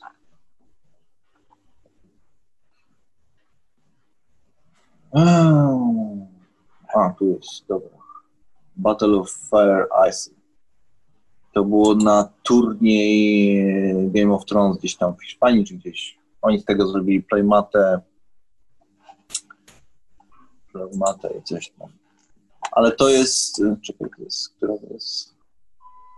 2, 3, 4, 5, 6, 7, 8, 9, 10, 11, 14 rząd od góry po prawej stronie. Eee, to jest też ilustracja zrobiona jakby rozwinięcie ilustracji z karcianki Game of Thrones. Tam robiłem taką podobną ilustrację, tylko właśnie tak bardziej szkicowo i oni chcieli to, na początku chcieli tą ilustrację z karcianki, żeby wykorzystać, no ale im mówiłem, że muszą o to zapytać FFG, o prawa i tak dalej. Eee, więc oni stwierdzili, że może narysuję im coś bardzo podobnego, ale już dla nich, nie? Licencją dla nich tylko. No i Mhm. miałem trochę więcej, większy budżet, więcej czasu na to mogłem się pobawić z rzeczami. To, to jest taka, wiesz, który to był rok 2016, to 4 lata temu. Od tamtej pory to cisza na morzu. Spokojne morze na razie. Mam jeszcze ten, jedną taką ilustrację dla Anvil Game Studios, gdzie statki atakują jakiś tam fort, no ale to już jest takie bardziej właśnie... No też tam jakieś statki były. Nie no, takie statki się zdarzają, no, to nie mówię, że całkiem nie, ale, ale no rzadko, rzadko. Mhm, mhm. Tak samo jak dziewczyny, no. Zawsze chciałem zabrać dziewczyny i potem może ewentualnie statki, a w robocie mam totalnie odwrotnie. No, no. Statki rzadko, a dziewczyny, dziewczyn w ogóle się nie jak, Jak to działa, nie? No. Jak już jakąś dziewczynę na przykład dla Wizardów, to wiesz, o Jezu, ubierz ją, o Jezu, za krótka ta kiecka, nie? No, fajny, fajny przykład tu jest na ArtStation, to się nazywa There is no refuge. Jest raz, dwa, trzy, cztery, pięć, sześć, siedem, osiem, dziewiąty rząd od góry, tak prawie w środku, taka obok faceta ze z shotgunem.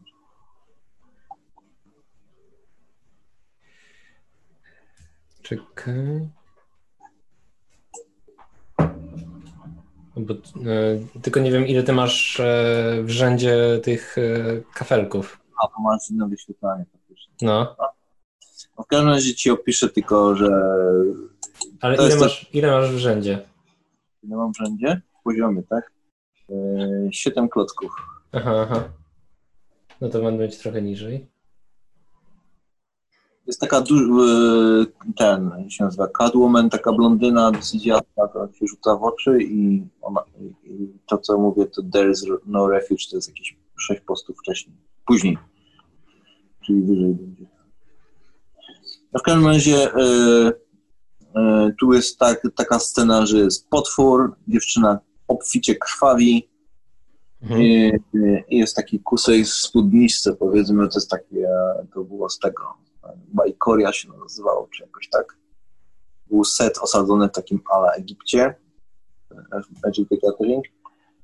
I feedback był taki, że wiesz, mm, To się nazywa There is no refuge? Tak. Okej, Tak. mam, dobra. Feedback był taki, że z- zasłonij biust, Mhm. E, Wydłuż jej sukienkę, nawet tu widzisz, że jest taka trochę sztucznie przedłużona o jeden pasek, e, takie sunia. Mhm. Miała taką rzeczywiście miniówkę. I zasuń jej biust, wydłuż jej sukienkę i dodaj więcej krwi.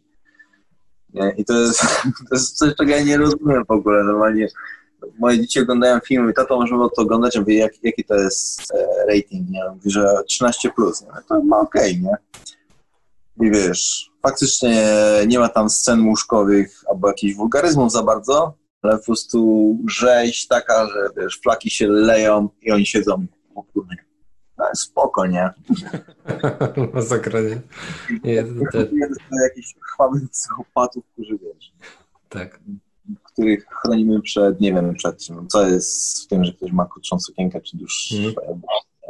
Nie może być za sexy, bo nie wiem, albo teraz jeszcze w ogóle w Wizardach mają coś takiego, że wiesz, nie popatrz, jakieś, boją się jakichś stereotypów czy coś takiego, żeby broń Boże nie narysować, nie wiem, jakiejś zbyt kolorowej skóry, żeby kogoś nie urazić. No masakra jakaś, nie? No takie czasy, no po prostu, nie?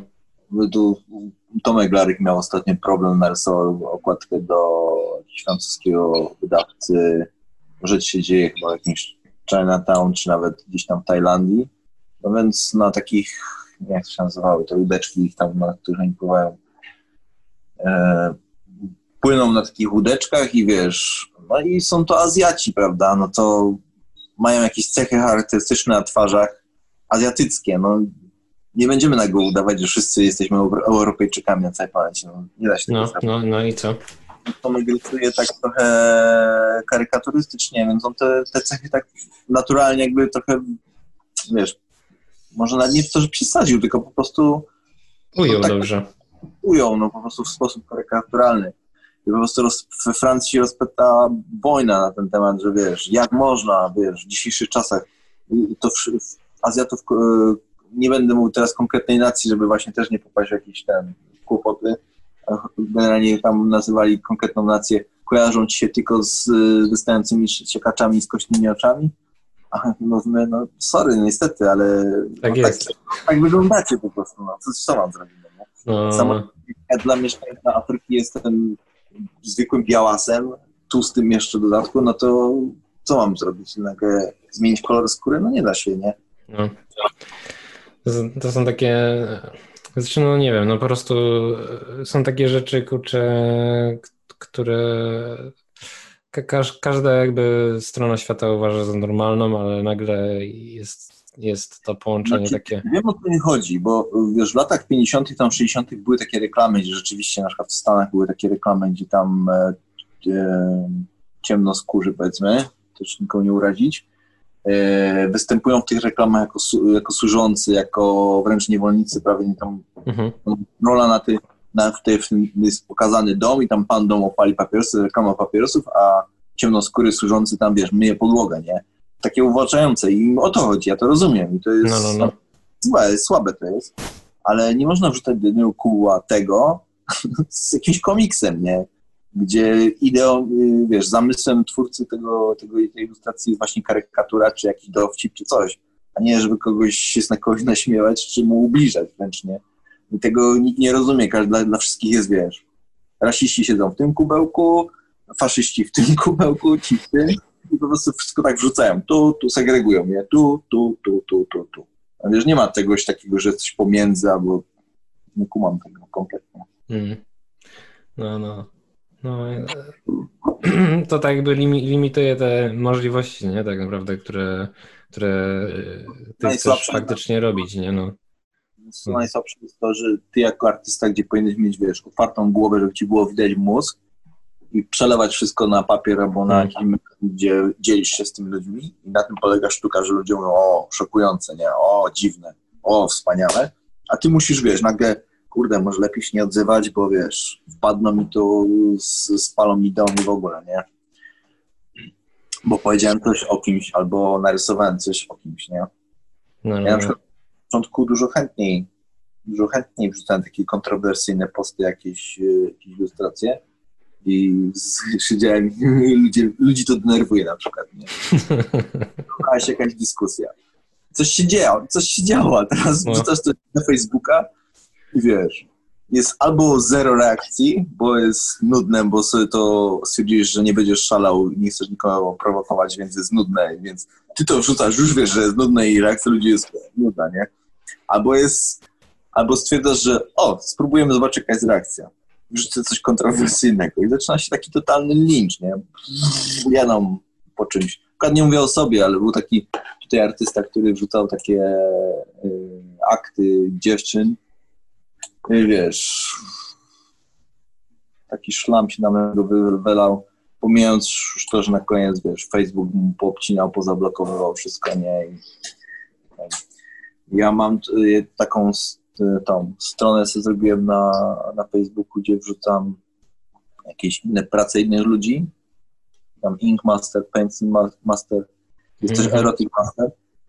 I co drugą tą pracę erotyczną, wiesz, yy, ten algorytm mi blokuje normalnie, nie? Więc ja muszę wyjaśnić. W zasadzie już po raz piąty weryfikujemy to i to po pierwsze nie są moje prace, to są, ja pewnym sensie reprodukuję czyjąś pracę po to, żeby ją promować i żeby ludzie mogli do niej dotrzeć, bo może na przykład nie słyszeli o tym, a to, jak to zinterpretował artysta, do niego ewentualnie pretensje jakieś, nie? Nie możecie mi blokować strony, dlatego że ktoś coś narysował, a ja to reprodukuję.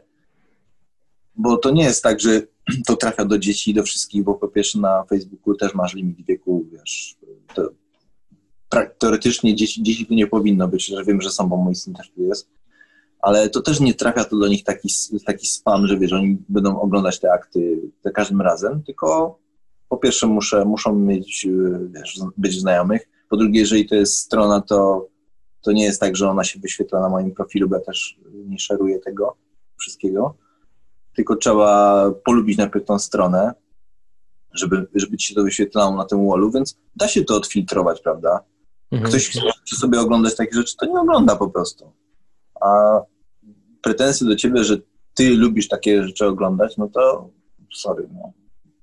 Też nie musisz mieć, nie śledzić na tych social mediach. prawda? No, ale właśnie to jest, to jest e, strasznie dziwne, nie? Jak to jest. E, jedne rzeczy są jakby zezwolone, a drugie nie, nie? Powiedzmy, na Instagramie możesz zamazać same sutki i już nagle ktoś nie jest goły, nie? Same, wiesz, to są tak, tego, tego, tego Tak, tak, rozmiaru tak, maski, że nawet nie widać, że one są zamazane. No, no, no. Fluorowane już jest okej, nie? Tak, już ktoś nie jest nagi. A cały, za przeproszeniem, silikon widać, nie? I No. to nikogo jakby nie razi, a ten czubeczek razi.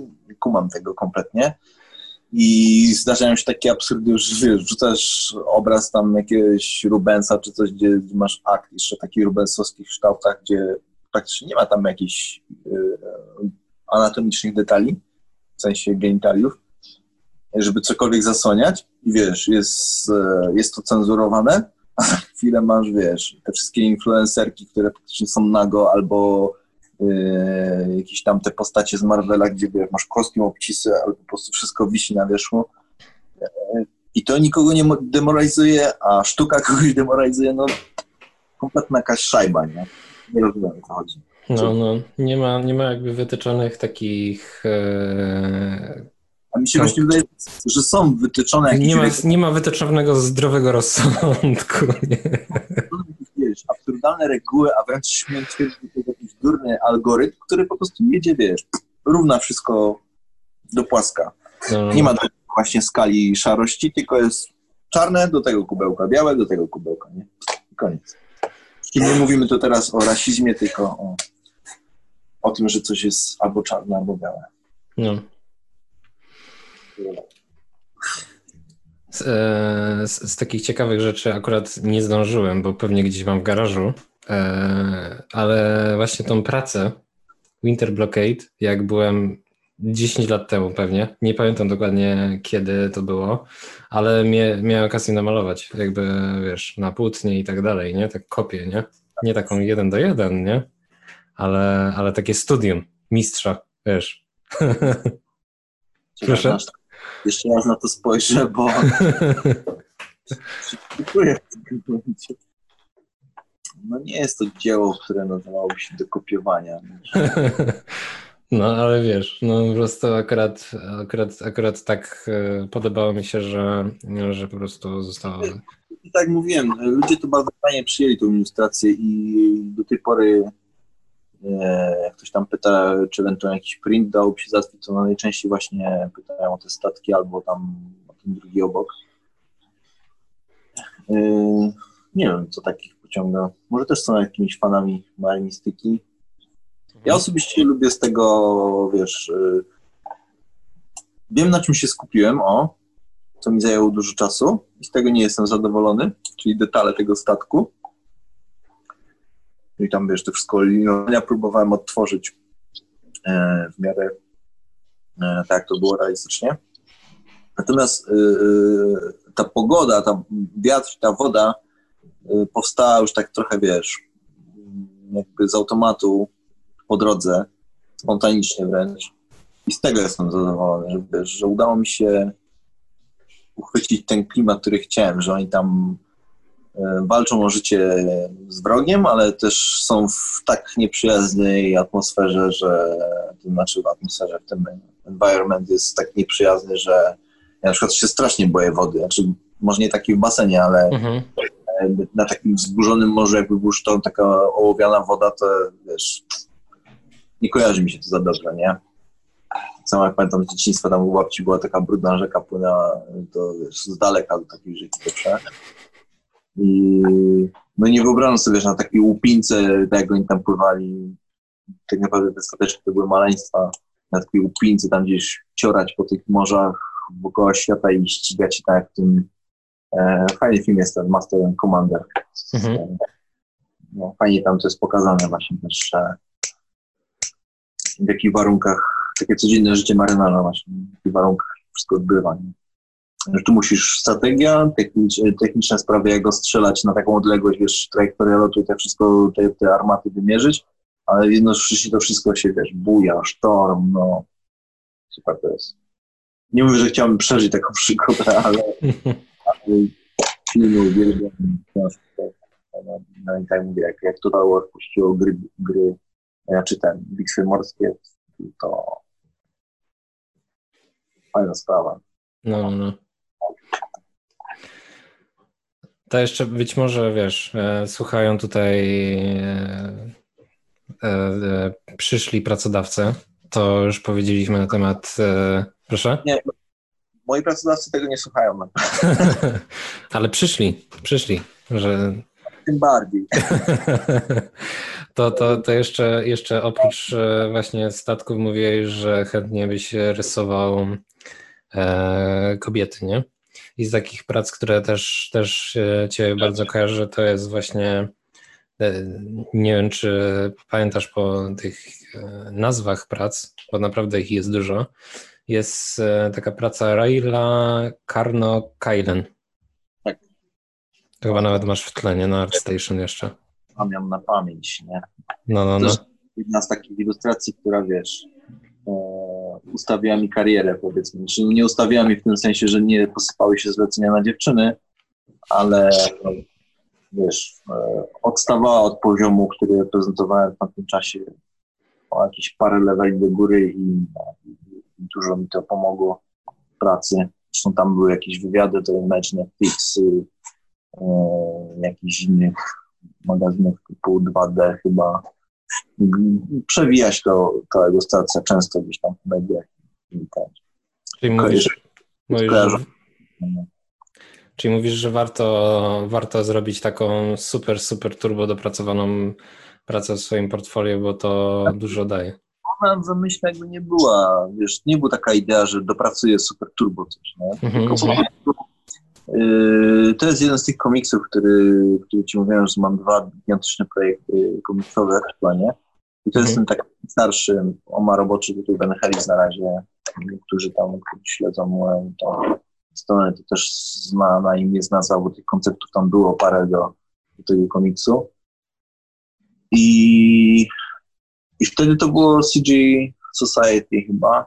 Mhm. I tam było fajnie, bo wrzucałeś coś, to dostawałeś masę feedbacku od ludzi, którzy nie były taka na station, że tam tylko wiesz, każdy klika lajka i tyle. Albo pisze, że jest wszystko awesome, albo że fajnie. E, tylko tam wtedy pisali, że popraw oko, wiesz, tu masz cień, tu to, takie techniczne rady naprawdę. I dzięki temu wszyscy tam od siebie się uczyliśmy bardzo. I ja widziałem po swoich pracach, jak z każdą następną pracą, kiedy dostaję feedback, już wiem, aha, to tak, to tak. Każdą następną pracę robiłem, starałem się robić lepiej z tymi uwagami, które utrzymywałem wcześniej.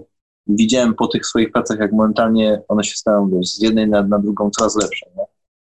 No i, i nie rysować tak niczego z głowy, bo wtedy nie miałem za dużo takiej pracy, tam miałem jakieś wydawnictwo, robiłem czy tam małe ilustracje tylko. E, więc, żeby nie robić czegoś z głowy, to zacząłem robić jakieś pomysły, które miałem do tego swojego komiksu. To wiem, wiesz, dla siebie samego jakby zilustrować to, żeby zobaczyć, jak ja sobie to wyobrażam, czy to mi się podoba i czy to mogłoby tak potem w komiksie pójść, nie? Mhm, Więc mhm. żeby momentami te koncepty były, raz te koncepty były takie powiedzmy luźniejsze, a za drugim razem e, tam masz powyżej na przykład taki żółty zachód słońca, to jest Gambit, to też jest właśnie do tego na przykład. E, I on jest taki może mniej dopracowany, tam chodziło o to, żeby pokazać bardziej environment, a tutaj miałem postać, główną postać tego, tej historii, więc stwierdziłem, że wiesz, chciałbym ją zobaczyć tak, jak, jakbyś rzeczywiście tu przede mną stała. Więc y, stąd te detale może tam trochę do absurdu pociągnięte, no ale y, nie był taki plan na początku. Ale no też to była w sumie chyba pierwsza taka ilustracja, która pokazywała z takiego bliska jakby detal twarzy, nie? Mhm, mhm. Mniejsze postacie były na tyle daleko, że nigdy tam nie było dokładnie widać, czy ja, czy ja sobie radzę z twarzą, czy nie z twarzą. Mhm, A mhm. pracodawca lubi zobaczyć na przykład właśnie, czy umiesz pokazać takie rzeczy jak mimika, charakter, wiesz, w oczach. Na Kto, kto, kto, kto? Yy, wy- wydawca, klient Mhm. nie, przyszedł właśnie. Yy, Wiesz, jak masz ilustrację taką właśnie jak Cambier, gdzie masz environment, on widzi, że umiesz rysować architekturę i tam jakieś widoczki, a postać jest czarna i stoi do nas tyłem, no to widzi, że ma jakieś e, mniemanie o, powiedzmy, o proporcjach i anatomii, natomiast nie wie tak naprawdę, jak dos- da ci kartę do narysowania, gdzie masz e, postać króla z bliska i nie wie, jak sobie z tym poradzić, nie? Więc on Mhm. sobie chce zobaczyć taką Railę nagle i zobaczyć, no dobra, anatomia wszystko wie, jest okej, nie? Yy, Na pewno warto mieć w portfolio takie, wiesz, całe spektrum nie? tego, co robisz. Yy, Pokazać. Jeżeli umiesz rysować konie, to chociaż jednego konia. Jeżeli umiesz rysować statki, to jednego statek. Jeżeli lubisz rysować mechy czy samochody projektować, to też jeden. U mnie na przykład nie ma pół samochodu w tym, bo może ze dwa razy w życiu rysowałem samochód. nie? Mhm, mhm. No bardzo ciekawe. Czyli to, to, to, to też jest jakby do komiksu jednego z tych dwóch, których nie wymieniłeś. Mhm. Tego drugiego tytułu ci na, nie mam tytułu roboczego, Mhm. więc a, a głównego tytułu na razie nie chcę zdradzać. Ehm, nic indziej o nim nie opowiem. Później mogę ci opowiedzieć, bo to właśnie było tak, że on był od początku takim trochę open source'em, że właśnie na CG Society, wiesz, mówiłem o tym o, o, otwarcie, y, wrzucałem te posty i przeklejałem tam część tych moich fiszek, które pisałem, czy jak tam są nawet jakieś dialogi się pojawiają, powiedzmy. To takie były, wiesz, pierwotne jeszcze nieokrojone wersje, pewnie się to nadaje do wyrzucenia teraz, ale no, jest to jakiś zapis tego, co wtedy robiłem i nawet tutaj na Station chyba są przeklejane. Akurat nie w przypadku Riley, ale ale w przypadku innych konceptów może się zdarzyć, że gdzieś tam będą te, te przeklejone posty po prostu z tego, z Civil Society. Zresztą nie wiem, bo widzę, że Civil Society jeszcze chyba działa. Eee, Czasami dostaję tam jakieś newslettery od nich i być może gdzieś tam moje konto nawet jeszcze jest, ale szczerze mówiąc nie patrzałem to. Ale chyba nie, nie wydaje mi się, żeby tam jeszcze było.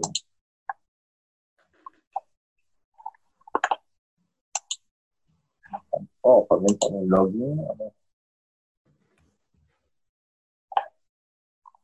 Patrz. No, ale widzę, że na CG Society w tej chwili to już jest tylko 3D.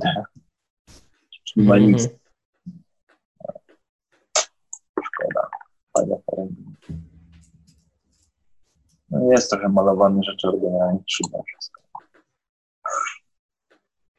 No i tak. Nawet nie wiem, gdzie tu się... Galeria.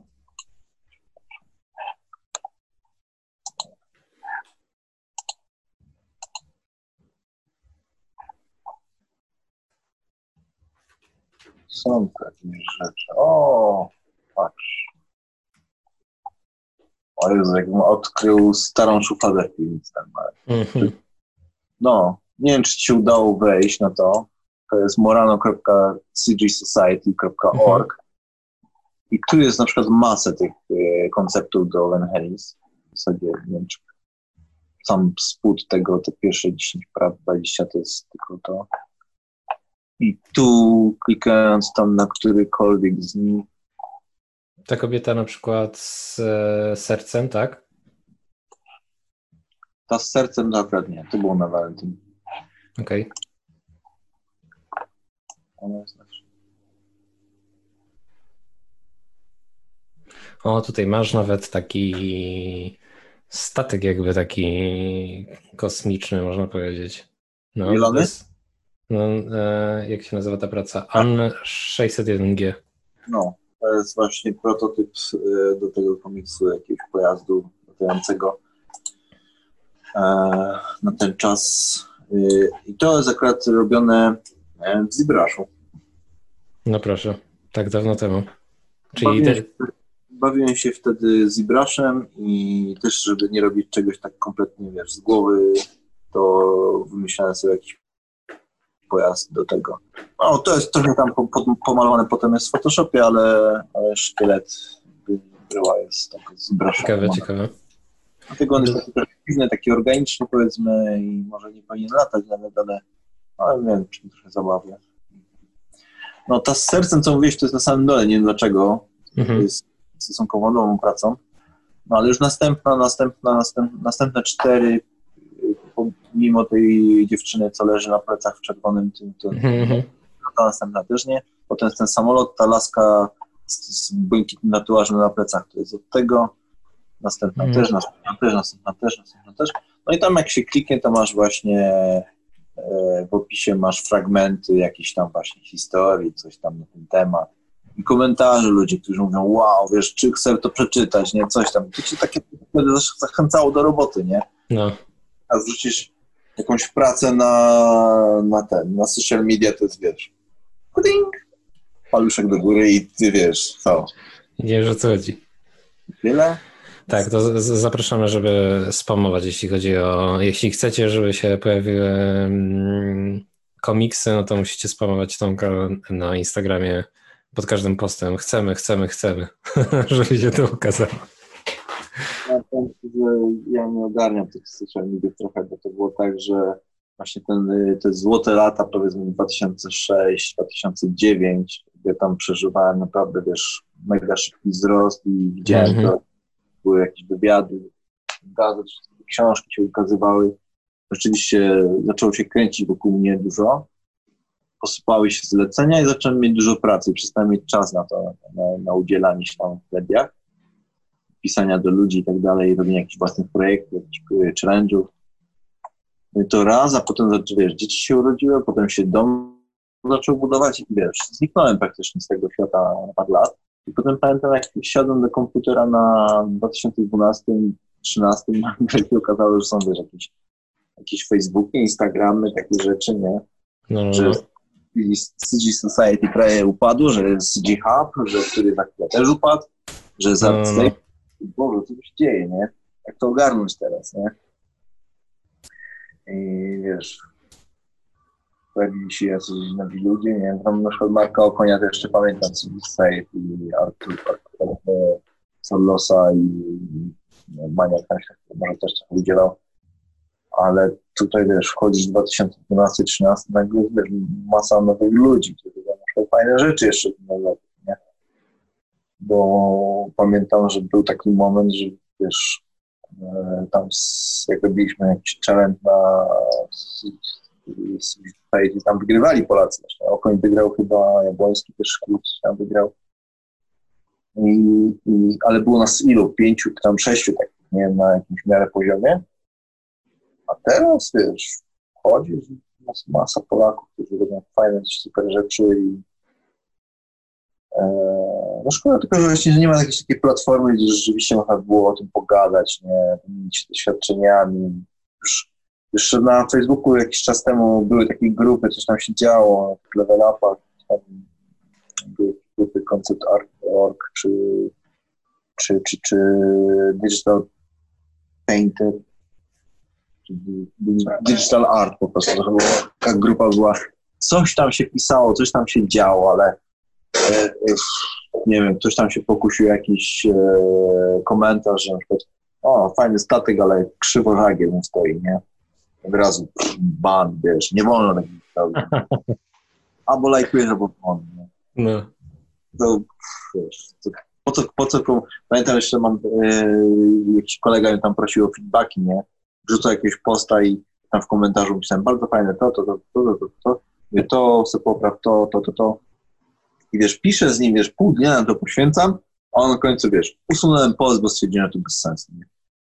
Ale stary, no, wiesz, po co my to robimy, nie? To ja albo chcę komuś pomóc, albo, wiesz, jak, jak jakbym wiedział, że to usuniesz, to nawet nie, nie, nie, nie spojrzał się na to, bo mi szkoda czasu. No, Tak stopniowo się, wiesz, w, przynajmniej we mnie się za- zabija taką, wiesz, chęć, żeby cokolwiek robić. Nie? Znaczy no nie, nie w tym sensie, że cokolwiek robić, tylko w sensie w social mediach. Nie? Mhm. AdStation jest update'owany tylko tak okazyjnie. E, Instagram też tam nie dzieje praktycznie, nie, bo No i czekamy na stronę. czekamy na stronę, która miała być w marcu, ale przed COVID już znowu wrócił drogami i no, też mam plan, żeby się teraz e, w sierpniu to wziąć, tak się obrobiłem z projektami myślę, że uda mi się to zrobić. Mam taki plan. Będę do tego dążył usilnie, bo to jest, to mnie znowu blokuje właśnie, gdybym chciał wrzucić jakikolwiek komiks czy cokolwiek, nie, to gdzieś ludziom pokazać, no to e, no nawet nie mam gdzie w tej chwili, nie? Mhm. Miałem strony i muszę to dopiąć do końca, to jedną rzecz jeszcze. A potem się, jak już ta strona będzie działać, to już będę mógł na spokojnie myśleć o jakichś projektach i, tam, i robić sobie do przodu coś. No, stąd yy, mówię, so, social media nie dają mi tej satysfakcji, natomiast właśnie dlatego jeździmy na eventy i, i udzielam się tam w tej szkole w Krakowie, żeby, żeby mieć kontakt raczej taki fizyczny z ludźmi, Mhm, jak mhm. mówię, kogoś, wiesz, patrząc w oczy, no to widzę, że przynajmniej słucha, nie? A na internecie to po prostu widzę, że e, nawet tak jak robimy teraz wideo, no to też masz wrażenie, że ktoś cię słucha, ale jak klepiesz do kogoś na klawiaturze, a on to za chwilę usuwa, albo na przykład w ogóle nie przeczyta, to trochę, trochę trąci, wiesz, traceniem czasu, nie? Coraz mniej mi to pociąga, nie? A to, w, bo to, tak, tak właśnie masz też napisane, nie, na ArtStation, że jesteś nauczycielem e, i mówisz teraz, że w Krakowie coś. Nauczycielem, bo no, uczę w szkole, ale też nie jestem z wykształcenia nauczycielem, tak jak nie jestem z wykształcenia artystą, ilustratorem, więc... No są tak takie- już życie jest, że robisz coś i potem już tym jakby jesteś, nie? To że- gdzie, tak. gdzie osoby mogą cię znaleźć, żeby e, nauki pobrać? Czy to jest dla E. wszystkich, czy nie dla wszystkich? Więc co, no, nauki mogli pobrać na przykład jeżdżąc na Pyrkon, czy na MFK do Łodzi, czy na, wcześniej jeszcze jeździmy dosłownie na każdy konwent typu Falcon i takie różne inne rzeczy, ale potem stwierdziliśmy, że nie mamy tyle czasu i też te, te Falcony, te awangardy nie były tak organizowane. Na przykład siedziało się gdzieś w namiocie w upale cały dzień, więc nie było fajne, albo nie było sali do wykładu. Ale jak jest fajnie zorganizowany event, to, to jeździ, jeździliśmy i robiliśmy takie wykłady i było parę udanych wykładów, gdzie mówiliśmy od A do Z, jak się robi planszówki na przykład, nie? Właśnie Mhm. na co uważać, z jakimi klientami się nie zadawać, z jakimi się zadawać i tak dalej, i tak dalej, jak budować portfolio, no wszystko generalnie. I ludziom się to bardzo podobało. Eee, no ale też z czasem, wiesz, eee, no ta organizacja też nie była taka tip-topowa zawsze i Zdarzało się na przykład, że nie, też nie było sali, albo na przykład, że ta sala była, wiesz, przyszło na wykład 100 osób, a sala była na 15 osób, nie? Albo nie było nagłośnienia, albo, albo przyszliśmy na wykład, na, który miał trwać 4, nie, 45 minut i miał się zacząć o 14, a dziewczyna przed nami, wiesz, gada do 13, czy- do 14.30, więc nam zostało 15 minut, nie? Nie było nikogo, żeby nad tym zapanować, żeby ją rzucić z tej sceny tam rozgadała się po prostu. E, No i takie, wiesz, stwierdziliśmy, że no, ile można, nie? Też, nie wiem, albo ja miałem nadzieję, że tam młodsza ekipa z tej grupy tam coś przejmie po mnie i zaczną się tym an- angażować, ale oni też jakby, wiesz, jak, jak nie było kogoś, to to pociągnie jakby z przodu, żeby oni mogli za tym pójść, no to, to sami też jakby mi się tego nie chce robić, no. To tak, jeździmy na te eventy teraz jeszcze, ale w sumie tylko na MFK. W zeszłym roku nawet nie byłem na Perkonie chyba. Jeździmy tylko tak cywilnie, przemykamy się tam, nie? Znaczy, że tam czasami, najczęściej Rafał Szopa ma stoisko z komiksami, to tam siedzimy z nim, więc tam można nas znaleźć, nie? Zresztą przychodzą tam ludzie, których gdzieś tam na tych wcześniejszych eventach e, byli na tych moich wykładach i mówią, że Panie Tomaszu, dziękuję jeszcze raz, coś tam. To zawsze miło tak usłyszeć kogoś, że wiesz, na te 100 osób tam jedna, jednej się udało na przykład, nie? No, no, no, no. Wa- Że Przecież warto. było te 15 na 100 miejsc, nie? I tam jedna osoba była. No, a, w, a ze szkołą wyszło tak, że po pierwsze było, tam też mam kolegę e, Simona Genewa, e, który, który tam pracuje mnie y, zagadał o to, o to, że mógłbym tam prowadzić gościnnie takie wykłady też. Czyli to samo, co na tych eventach robimy, czyli tam Mhm. mówimy o swojej pracy. To się nazywa spotkanie, coś, coś jak ty masz, wiesz, rozmowy z mistrzem. To było spotkanie e, z mistrzem zawodu, czy, czy coś takiego. Mają taki, serię takich wykładów, że Okej. trzy spotkania i z- najczęściej z pierwszym rokiem właśnie mam. I no mówię to, co wiem. Zawsze na, zaczynam ten wykład od tego, żeby, żeby nie słuchali mnie ślepo, bo ja nie wiem wszystkiego.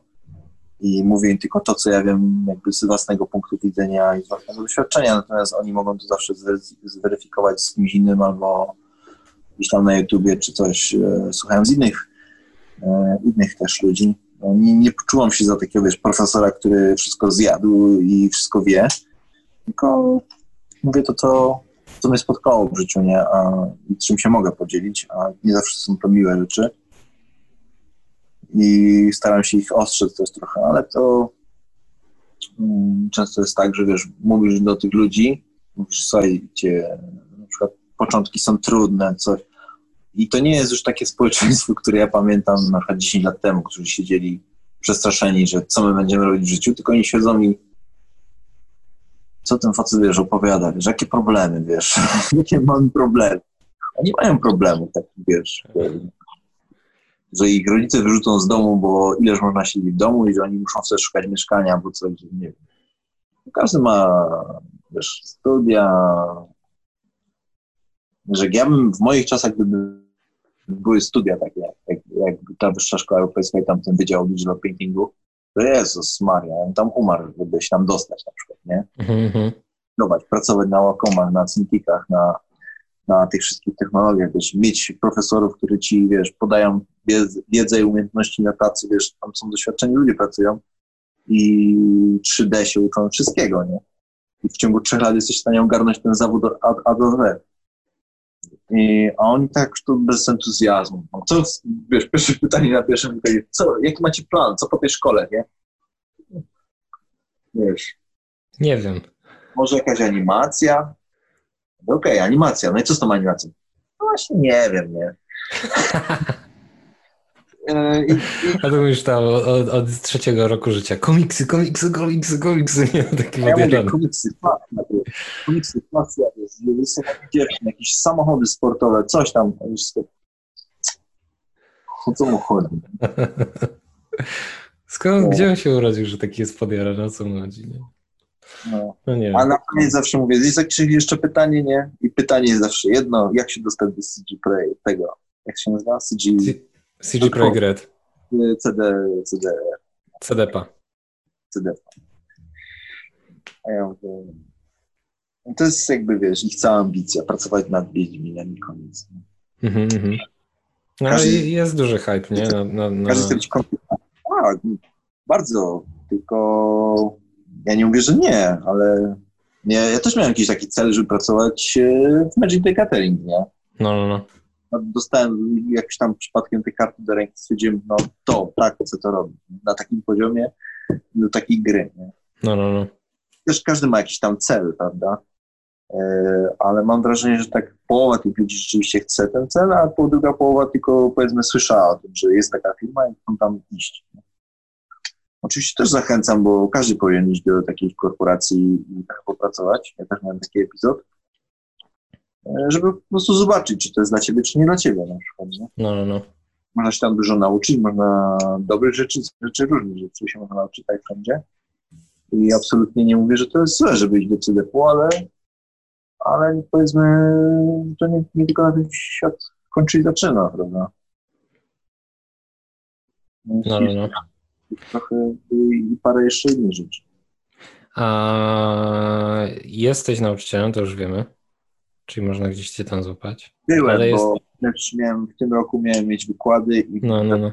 covid powiedzieli, że będę, będę robił to, mogę robić to online jak chcę, a jak nie chcę, to nie muszę, bo to jest taki, to jest taki wykład, który on nie musi być. Więc y, tutaj od początku jakby wiem, jaką rangę ma moje wykłady mają na tej uczelni.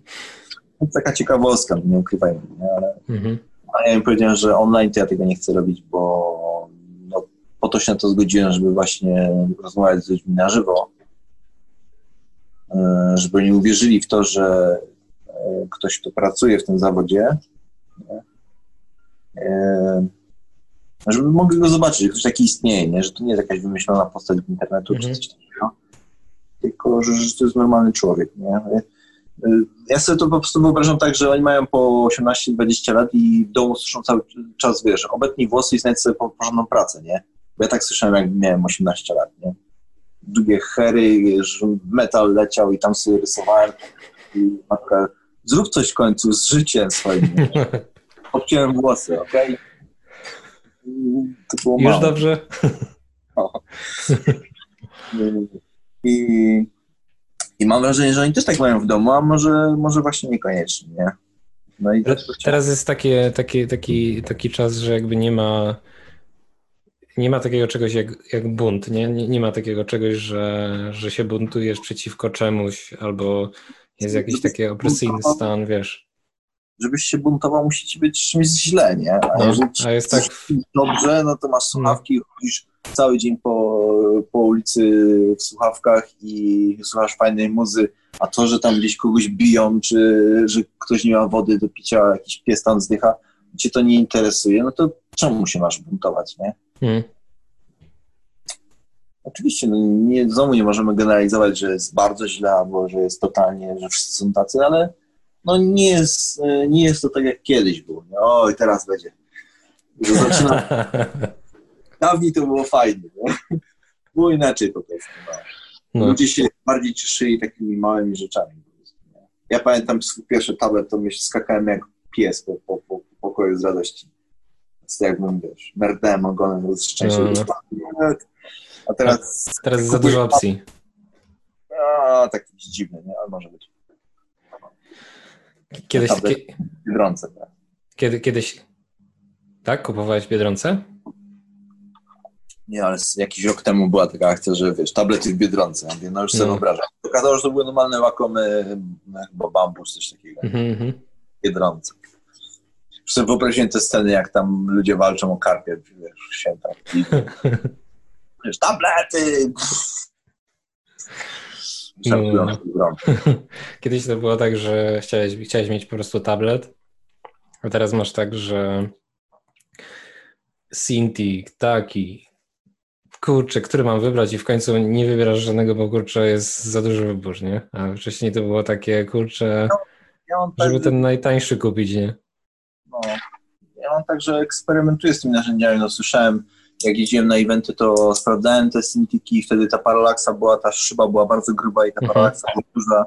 I nie spasowało mi to wtedy. No, a teraz to po, polepszyli tą technologię, rzeczywiście się fajnie na tym rysuje. Poza tym przed Cintiqiem miałem jeszcze iPada, gdzie też rzeczywiście zobaczyłem, że rysowanie po ekranie jest fajniejsze niż tutaj na, tablet, na tabliczce i patrzenie w ekran, nie? Eee, Także, no ale to trzeba, nie każdemu to, to właśnie jak oglądałem Michała Kuca, to on też mówił, że wiesz, też przetestował różne rzeczy i wrócił do swojego starego Wacoma dwójki czy coś takiego, że Mhm, mhm. musi rysować w ten sposób, nie? Rysuje tu, a patrzy tam, tak się przyzwyczaił. Ja w sumie też się przyzwyczaiłem. Mnie się stary tablet zepsuł jakby siłą rzeczy stwierdziłem, że muszę kupić nowy, a skoro jest okazja, no to może kupię Cintiqa, no to akurat tak się przesiadłem i że miałem dużo roboty, nie miałem czasu się nad tym rozkminiać za bardzo, czy to jest fajny wybór, czy nie fajny wybór, po prostu musiałem siąść od razu do roboty i się w ciągu dwóch dni przestawić nagle. No. No i siłą rzeczy się nauczyłem. Zresztą tak samo się z, z mysz, rysowaniem myszką przesiadłem na tablet e, w ciągu jednego dnia, bo musiałem. Nie miałem zlecenie, musiałem to szybko ogarnąć i nie było Gdzie? czasu się zastanawiać, wiesz, czy jakie kąty nachylenia, jakie siły nacisku, tylko wiesz, no, opanować pędzel, gumka i rysować. No. Ale, ale tak, i teraz, teraz mówisz, że pracujesz tylko na Cintiqu, tak? No z racji tego, że tamten mi się zepsuł, to muszę jakby. Mhm. No i ma swoje minusy, oczywiście jak wszystko, ale generalnie jest, jestem zadowolony, Mhm, mhm. bo nie mogę ogarniać tego, mm, e, tego jak się nazywa, remote'a takiego z, e, Pilota, no, no, no. skróty klawiszowe. i kusi mnie, żeby to wywalić w cholerę i tak jak wszyscy używać starej klawiatury, No, no, no. Pełną rękę z Photoshopa, że wiesz, py, py, wszystko sobie robisz szybko. Ale wiesz, nie poddaję się, nie? Stwierdziłem, że daj mi sobie więcej czasu, może się jeszcze nauczę. To jest, jest praktyczne narzędzie, fajnie, to wszystko jednym palcem stanie, jesteś w stanie zrobić wszystkie skróty.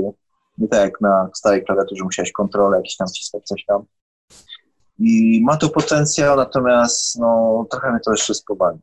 No, no, no. Sz- Szkoda, że ten pilot jest taki płaski, on jest taki mniej ergonomiczny, nie?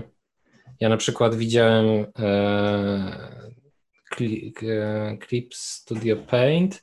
Oni mają tam, e, też sprzedają jakby takie narzędzie, ale to chyba tylko działa z, z ich jakby tam tym programem do rysowania i jest takie coś właśnie do trzymania w lewej ręce, nie? Że po prostu masz taki bardziej ergonomiczny, taki bardziej pałąk, który wygląda jak taki ucięta...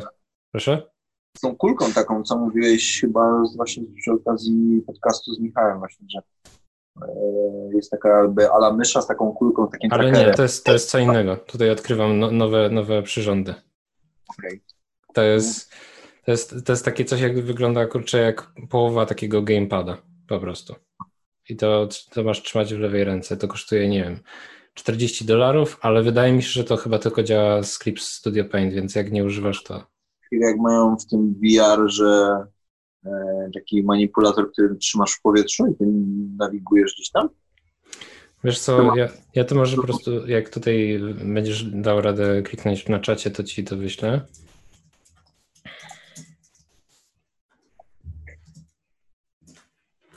Może to znajdę szybko.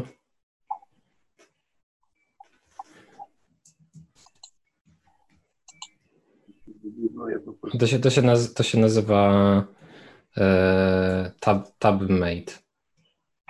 Tabmate. Mhm, Jak tab, tab, TabMate. No. Z, no nie, tutaj się coś wkleiło, ale to taki o. A już widzę, okej. No, no. Jest taki pilot do telewizora. Mhm, mhm. No dobra. Trochę, trochę inaczej wygląda, nie? Niż ten od Wacoma, bo tamten jest taki płaski totalnie. Też chodzi tylko o to, żeby naciskać guziki, prawda? Y, To jak trzymasz to, ruszasz tym, to nie ma chyba żadnego wpływu na to, co się dzieje. Wydaje mi się, wydaje mi się, że nie. A co No to- mówisz? Mówisz, że to by było fajne, jakby się jeszcze ob, obracało? To fajne, bo to było coś takiego jak w VR, że na przykład, nie wiem, na przykład w płaskim rysowaniu nie musisz obracać obiektów 3D, ale powiedzmy, że na przykład mm, obracanie ekranu mogłoby się odbywać na tej zasadzie, że, że przychylisz to, to ci się Mhm, mhm. raz. Nie wiem. No przecież Cintiq też kręci, się kręci, więc e, nie ma z tym problemu. Nie wiem, jakby to można było wykorzystać. Ale tak e, ten remote z Cintiqa też możesz sobie trzymać w ręce, nie? Mhm, No. mhm. No tak, tak, tak, tak. On tam magnes, nie? Gdzieś, czy coś.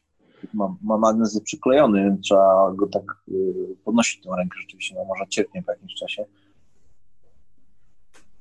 Nie wiem, ja No to ciekawy pomysł, bo na przykład e, ja kojarzę imo, im, imo, e, jest taka piosenkarka, która się nazywa Imogen Heap. To totalnie nie twój klimat, więc ona nie, nie, nie gra żadnego metalu. Imogen Heap. Ona śpiewa bardzo takie wysokie... metalu. I, i ona, ona, ona robi coś takiego z muzyką, że ona ma takie, mm, zaprojektowała sobie takie e, rękawice, że ona modeluje głos swój, nie? Czyli na przykład, wiesz, jak tam jakoś rusza jednym palcem, albo obraca ręką, albo ściska, wiesz, to, to każda rzecz tam moduluje jej w jakiś sposób głos, nie? I tak dalej. Ja Więc... się boję tego, bo na przykład wszystkie funkcje dotykowe na każdym urządzeniu mam wyłączone, wiesz, bo ja ten, wiesz, dotykam, kładę się na tym, albo śpię czasami na Cintiqu. No, no, no. Mam otwarty, odbity mój ryj jest tym. Ale nie, to nie jest jakby dotykowe, tylko to jest bardziej, że masz w przestrzeni i zginasz palec, wiesz. Powiedz sobie teraz, że na przykład y, ktoś mi wygeneruje takie rękawice, y, to na przykład daje mi dodatkowy zestaw palców na przykład i jednym palcem na przykład zmieniam rozmiar pędzla, coś tam, wybieram kolory i tylko siedzę tak, jak wiesz, w tym właśnie wakirze czy tym w ten sposób pracuję. No. I nagle chcesz, zrobić to albo to i nagle jak mam z funkcjami dotykowymi na Cintiqu na przykład, wiesz, zacząłem rysować i wiesz, uj, dotkłem się, nie, a tam taka krecha. Oj, coś mi się tu zamkło. Nie, no włączam, to jest sens, to jest kompletnie. Szefa mówił, że to działa tak, że jak dotykam, to dotykam, a jak mam piórko przyłączone, to dotyk nie działa, nie? No tylko, że to musiało być to piórko rzeczywiście mieć cały czas przyciśnięte do ekranu i to No. w ten sposób rysować. A przecież się nie rysuje w ten sposób, cały czas klikasz, narzędzia, pędzle, tu, więc rzadko dotyka tak naprawdę do ekranu i co chwilę, wiesz, dotykałem, wyłączałem, sejwowałem je w tym momencie, no bzdury totalne, powłączałem. No Windows tak. i funkcje touch to są dwie funkcje, które ktoś wymyślił chyba upadł ze schodów od razu. Włączam pierwsze dwie rzeczy, które wyłączam, zanim zacznę robić. No, Wydaje mi się, że mm, na iPadzie to lepiej działa, nie? Takie funkcje właśnie, jeśli chodzi o usuwanie jakby tego Tak, E, dotyku, nie? ten dotyk jakby ma sens, nie? Ale to już się przyzwyczailiśmy chyba z telefonów, nie? Mhm, mhm. Yy, No i ten ekran jest też na tyle mały, że jak rysujesz, to jakby już nie ma miejsca, żeby na nim położyć jeszcze, nie? Mhm, Ale- mhm. Na tablecie na przykład, czy na, na Cintiqu, no to ja no, non stop, albo kawę postawię, albo się sam kładę, albo coś. Tak, tak, to ja- ja- jak, jak masz, bo jeśli chodzi o ergonomię, bo mnie zawsze ciekawi, płasko masz go, tak? Jak, jak stół, że... No, czekaj, teraz jest. Generalnie, teraz zobaczymy, widać. Dobra, odłączę go z tego kabla. Generalnie mam na tym, na, jak się nazywa, ergonomy stand, Mhm, mhm. mniej więcej pod takim kątem. Znaczy, jak ja siedzę, to mam tak jakby klasyczne, klasyczne biurko, wiesz, do rysowania, takie, taką deskę myślarską, też pod tym kątem, nie? No i to jest, to jest na tyle wysunięte jednocześnie, że wiesz, że możesz sobie tym kręcić spokojnie, Mhm, mhm. nie przeszkadza, no. A jeśli, jeśli na przykład długo pracujesz nad tym, to nie masz czegoś takiego, że gdzieś się szyja boli albo coś takiego, bo to zawsze, zawsze masz jakby taką, wydaje mi się, pozycję, która nie jest do końca ergonomiczna, nie? Bo... Znaczy, y, jak pracowałem na, na starym tablecie, No. to siedziałem, siedziałem generalnie, wiesz, w ten, w ten sposób, że byłem rozwalony w fotelu, tu rysowałem i patrzyłem się tam, nie? No. Ale to się kończyło tym, że zasypiałem od razu, albo coś Mhm. takiego. A jak y, z racji tego, że tu miałem tablet i tam gdzieś dopiero ekran, to żeby coś, wiesz, przyjrzeć się, to i tak musiałem wyciągać e, szyję do przodu i na przykład zdarzało się, że siedziałem tak godzinę, bo coś tam dubałem, detal, i wtedy mnie rzeczywiście bolała szyja, nie? Tutaj masz to, że tak jak nad starą deską kreślarską siedzisz zgarbiony No. nie? i teoretycznie powinieneś szybciej męczyć, ale okazuje się, na przykład na studiach też dużo przy desce kreślarskiej siedziałem i przy desce kreślars- kreślarskiej się tak nie męczysz. Jak masz płaski stół i rzeczywiście musisz tak siedzieć, ja na przykład No. na, na Grand Prix Magicowych siedzę wiesz, trzy dni i podpisuję karty, no to rzeczywiście boli wszystko, nie? A tutaj jak masz ten łuk taki delikatny, wygięty, no, gdzieś to jest tak zrobione, że jak na razie nie narzekam, nie? Y, Jedyne co narzekam to na tą, tą, tą taką skarpetkę, co masz, wiesz, na palec, żeby nie, nie, Żeby się wygodniej ślizgało. ekranu, ja nie wiem z czego to jest zrobione, ale po prostu cierpnie mi palec, wiesz, po godzinie pracy, wiesz, nie mogę ruszać ręką i wkurza mnie to, prosiłem żonę, mi uszyła z jakiegoś normalnego materiału to, albo z, nie wiem z czego, bo to jest jakiś taki, kurde, Spandex. nie wiem, z odzysku coś i fakt, że nie rysuję to powierzchni, ale no, nie wiem, nie oddycham w tym, czy coś takiego, albo to Mhm. to nawet nie wiem. Powinni, powinni zrobić z wełny merynosów, nie? Tak? A, my, a myślisz, że taka wełna by nie rysowała tego? Nie wiem, no jakby była dobrze zrobiona, to pewnie, pewnie okej. Na sztyłku z wełny, wiesz, e, te skarpetki dla digital artystów. tak, to jest, to jest nisza, nie? Sprzedalibyśmy jakieś 100 sztuk na całym świecie, bo tylu mniej więcej pewnie Nie. Nie no, wydaje mi się, że może trochę więcej. Ehm, jakoś, jakoś, jakoś opłaca im się sprzedawać te Cintiki mimo wszystko, nie? Co, no tak mówię, poszła na tyle ta technologia do przodu, że rzeczywiście da się na tym pracować. Parę lat temu siadałem tego sceptycznie i Oczywiście nie szło, nie szło. Nie mogłem się jakoś do tego przyzwyczaić. Zresztą też długo się zastanawiałem nad tym iPadem. W sumie wszyscy mówili, kup sobie, będziesz mógł pracować w podróży. Nie podróżuję nigdzie. Jak jadę samochodem, nie będę rysował przecież, bo ktoś musi trzymać kierownicę. Jako pasażer nie jeżdżę. Yy, albo jak pojedziesz na wakacje, będziesz mógł sobie rysować. Potem na wakacje, żeby nie rysować, więc bez sensu. I długo się nie mogłem przekonać, natomiast mhm. potem zobaczyłem, jak właśnie nie, nie, tam Tomek Barek rysował sobie na evencie, miał słabszy jakiś moment, że nie miał co robić i sobie coś tam szkicował, nie? To było fajne, że to już miało jakoś cyfrowo, mam te wszystkie pędzle i sobie mogłeś to zapisać. To nie była kartka, którą gdzieś tam zapisałeś, gdzieś tam wyrzuciłeś. Coś tam zostaje po, po, tym, po tym szkicu, ślad w tym komputerze. I tak właśnie sobie że jak jeżdżę na te Grand Prix i rzeczywiście czasami jest tak, że na przykład albo jest totalny kocioł, że od rana do wieczora podpisujesz tam altery, robisz takie różne rzeczy, albo czasami jest tak, że siedzisz parę godzin się nic nie dzieje. Więc jak mam patrzeć w sufit, to sobie wezmę tego a wiesz, a laptop to jednak jest większa skrzynia i to trzeba otworzyć, klikać i to gdzieś podłączyć do tego. No, no, no. Tak, a iPad to jest taki właśnie fajny, większy telefonik, na którym wszystko widać, a w sumie możesz go, wiesz, też go taki, no, taką raportówkę, taką torbę wiesz, w zasadzie chodzisz sobie z tym przez ramię, cały dzień ci nie przeszkadza, nie, możesz to wszędzie zabrać. No, no tylko tak jak mówię, no, moich prac tam jest parę, a większość to coś chyba rysuje. No, no, no, bo to no, ciężko sobie wyobrazić, nie, że masz kurczę laptop, tu masz powiedzmy tu laptop, tu klawiatura, a potem jeszcze rysik i musisz tutaj klikać, a tutaj rysować, to już w ogóle i jeszcze gdzieś podpinać te wszystkie kable, to masakra, nie? No, właśnie gdziekolwiek poza domem. Lubię w takich e, rozwiązaniach, bo on często podróżuje mhm. i co on to zrobił, że podpiął e, co on to zrobił? Zrobił z, e, z tego, z, z iPada zrobił Cintiqa, czy coś takiego, że wykorzystał jakoś tego iPada, podpiął go do laptopa, zdaje się. Tak, tak. No komputer yy, na, na, swoim normalnym laptopie nie mógł wysłać po ekranie i sobie wstawił tutaj iPada, wiesz, gdzie miał ekran i miał, był podłączony do komputera i normalnie sobie rysował, coś takiego, nie? Tak, tak. Jest taka aplikacja, która się nazywa Duet Display, ona kosztuje 50 zł i możesz e, podpiąć przez kabel do komputera sobie iPada, nie? I to jest albo do Maca, albo do Windowsa. Nie, nie testowałem tego, szczerze mówiąc. A do niektórych Maców nawet nie musisz mieć jakiejś zewnętrznej aplikacji, tylko jakby w nowszych e, MacBookach niż 2015 można podpiąć, jest natywna taka aplikacja w Apple, nie? że tam nawet nie trzeba mieć kabla i, i to działa. Nie?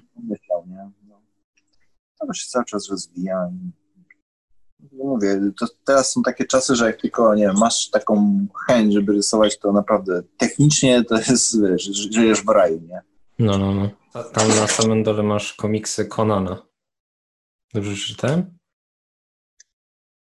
Mm, tak.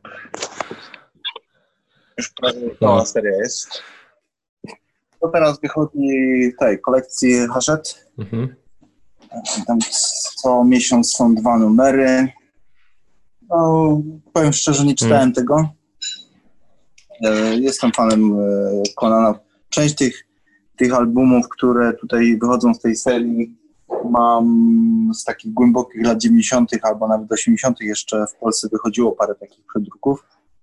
No i wtedy tak, e, no, bardzo lubiłem to czytać, ale przede wszystkim wiesz, okładki, okładki tam to jest jeszcze fajne, że tą serię rysuje kilkunastu ludzi mhm. przez ten czas.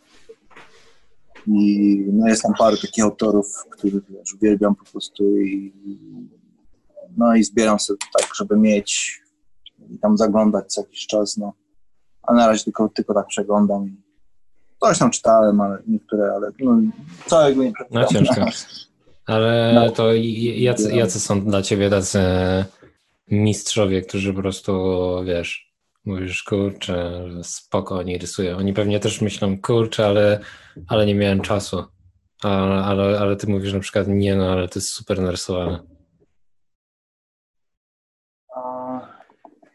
Nie, zawsze takim największym mistrzem był, czy największym, znaczy nie mam czegoś takiego, że mam, wiesz, Mhm, największego mistrza na świecie. Zawsze to było co najmniej paru takich ludzi, a jeszcze mam coś takiego, że cały czas e, powiedzmy to, tą listę sobie wzbogacam, jak odkryję tam kogoś, kto, kto robi fajne rzeczy. To są też e, współcześni artyści, którzy się nagle ujawniają, robią bardzo fajne rzeczy i zresztą sobie ich tutaj zawsze lajkuję na tym, na ArtStation dodaję do listy. No jest mas takich ludzi.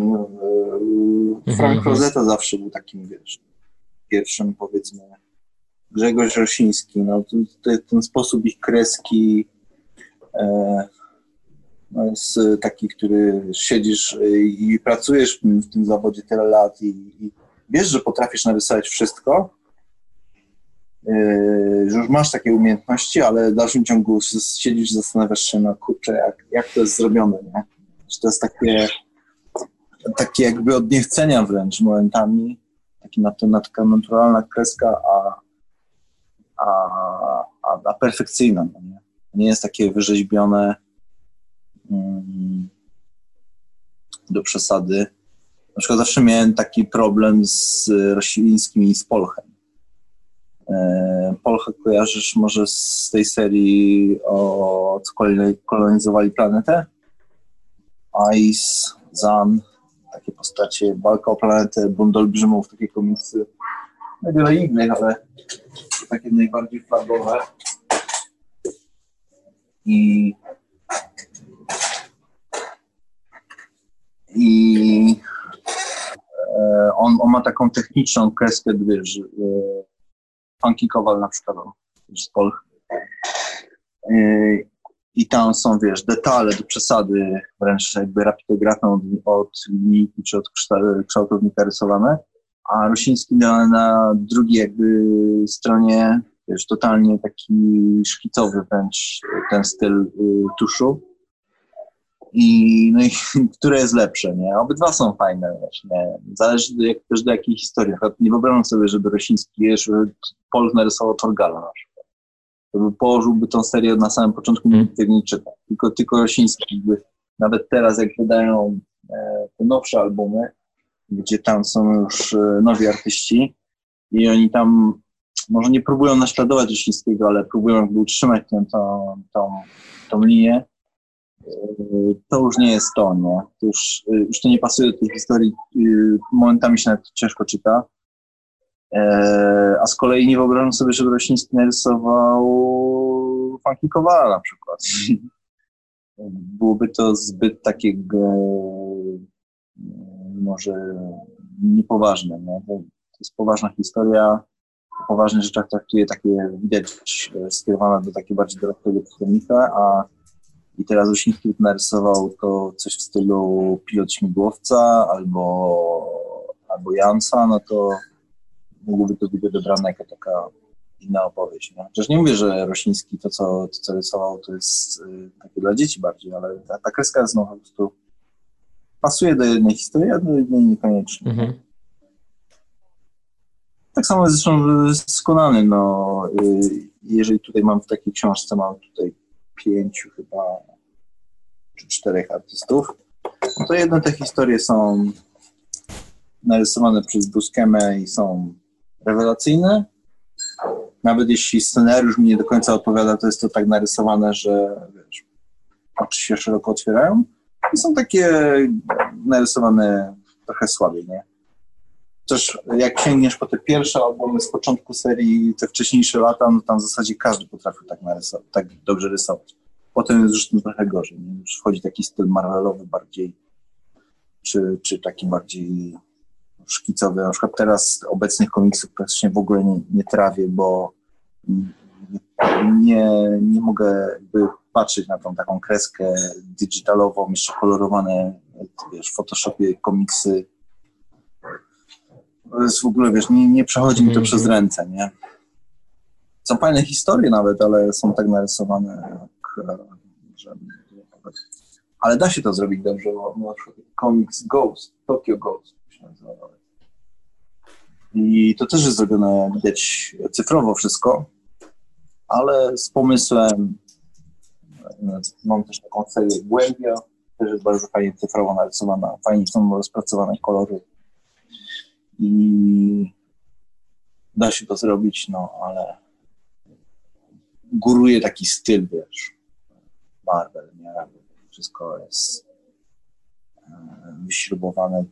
Nie wiem, czy oni nawet nie, nie mierzą, nie mierzą grubości kreski tym przyrządami co do milimetra, żeby to się wszystko Mhm, zgadzało, bo pamiętam taki historię na samym początku e, pracowałem takiego warszawskiego wydawcy, który wydawał książ, tu, e, gazety do nauki języka angielskiego i niemieckiego dla dzieci i wykupił licencję i to miało być robione w stylu takich kreskówek e, Warner Bros.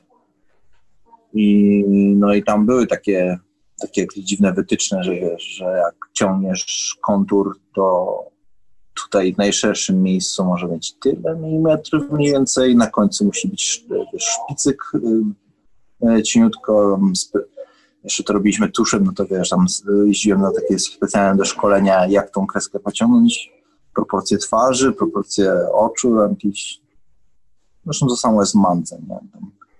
Przesadzisz z wielkością nosa, to już nikt tego nie kupi po prostu, za duży, nie? Disney- Disneyowski No. nos, a nie no to jest taka, ja się w tym nie odnajduję absolutnie. Wolę, wolę, żeby artysta był rozpoznawalny po swoim stylu, niż żeby wszyscy rysowali tak Mhm. samo.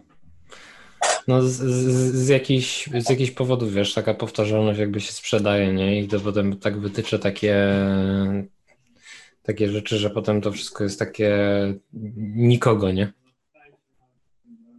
No. no nie chcę być znowu na takiego zgreda, który wiesz, nie, nie umie się odnaleźć w obecnych czasach, ale no, no, zawsze, zawsze chodziło o to, że, że artysta musi się wyróżniać, nie? Wydaje mi się, że musi mieć coś do powiedzenia, nie? no, zaglądaliśmy na ten CG Society na przykład, gdzie mówię, gdzie wszystko jest, wiesz, przeleciałem tą, ten front page po prostu tak, gdzie widzę, że wszystko jest to samo, nie? 3D i wszystko tak samo. Nie ma, może tam jedna praca się jakaś wyróżniała, reszta, wszystko jest tak od szablonu i to samo się robi na ArtStation tak samo. To jest, rysują tak samo.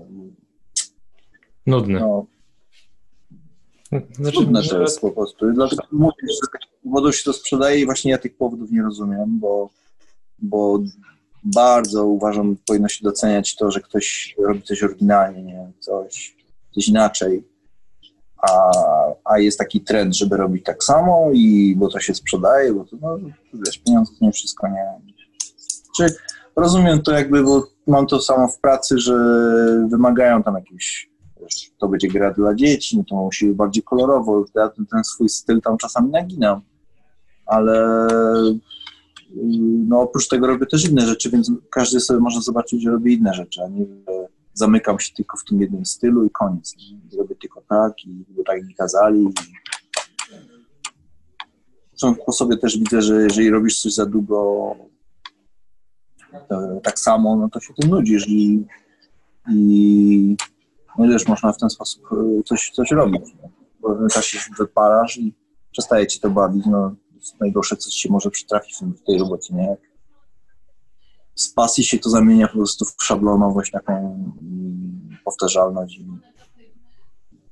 Dlatego zawsze się bałem rysować komiksy, że bałem się, że jak wiesz, fajnie się to wymyśla, fajnie się to szkicuje i w momencie, jak zaczniesz robić pierwszą planszę, drugą, to jest fajnie, a potem jak robisz setną, to już wiesz, ziewasz przy tym, męczące i tak dalej, nie? Ale przecież gdzie jest powiedziane, że masz to właśnie tak robić, Mhm. żeby cię to nudziło? Przecież możesz zmieniać nawet ten styl w No, no, trakcie no. historii, nie? Możesz, za, możesz zacząć tak, możesz pociągnąć to potem momentami szkicowo, przy Disley tak robił, że on tutaj robił, wiesz, jeszcze tymi aerografami, tam, wiesz, kolory, e, światło cienie bardzo futurystyczne, ale tam, gdzie była szybsza scena, coś się działo takiego, że nie warto było tam za- zaczepiać oka, tylko chodziło o ciągłość e, historii, to szkicowo to robił i, i to było właśnie fajne, że styl się, styl się zmieniał w trakcie, w trakcie czytania. Nie ma nic złego. Nie? To było właśnie oryginalne, fajne i wtedy ludzie to kochali. Dzisiaj, dzisiaj byś tak zrobił, to powiedzieli, o, nie wyszło ci jedna. Nie, nie chciało ci. Nie? Sorry. Wszystko musi być dopracowane. Nie, no to też jest ważne, nie? Że po prostu gdzieś tam jeden fragment jest taki Bo to chodzi o to, żeby jakiś jeden fragment, który faktycznie jest ważny, był taki zapamiętywalny, nie? A reszta to jest jakby dopowie dopowieść do tego fragmentu, który masz faktycznie zapamiętać, nie? Fajnym przykładem jest taki komiks chyba Wyspa Skarbu, jeśli dobrze pamiętam.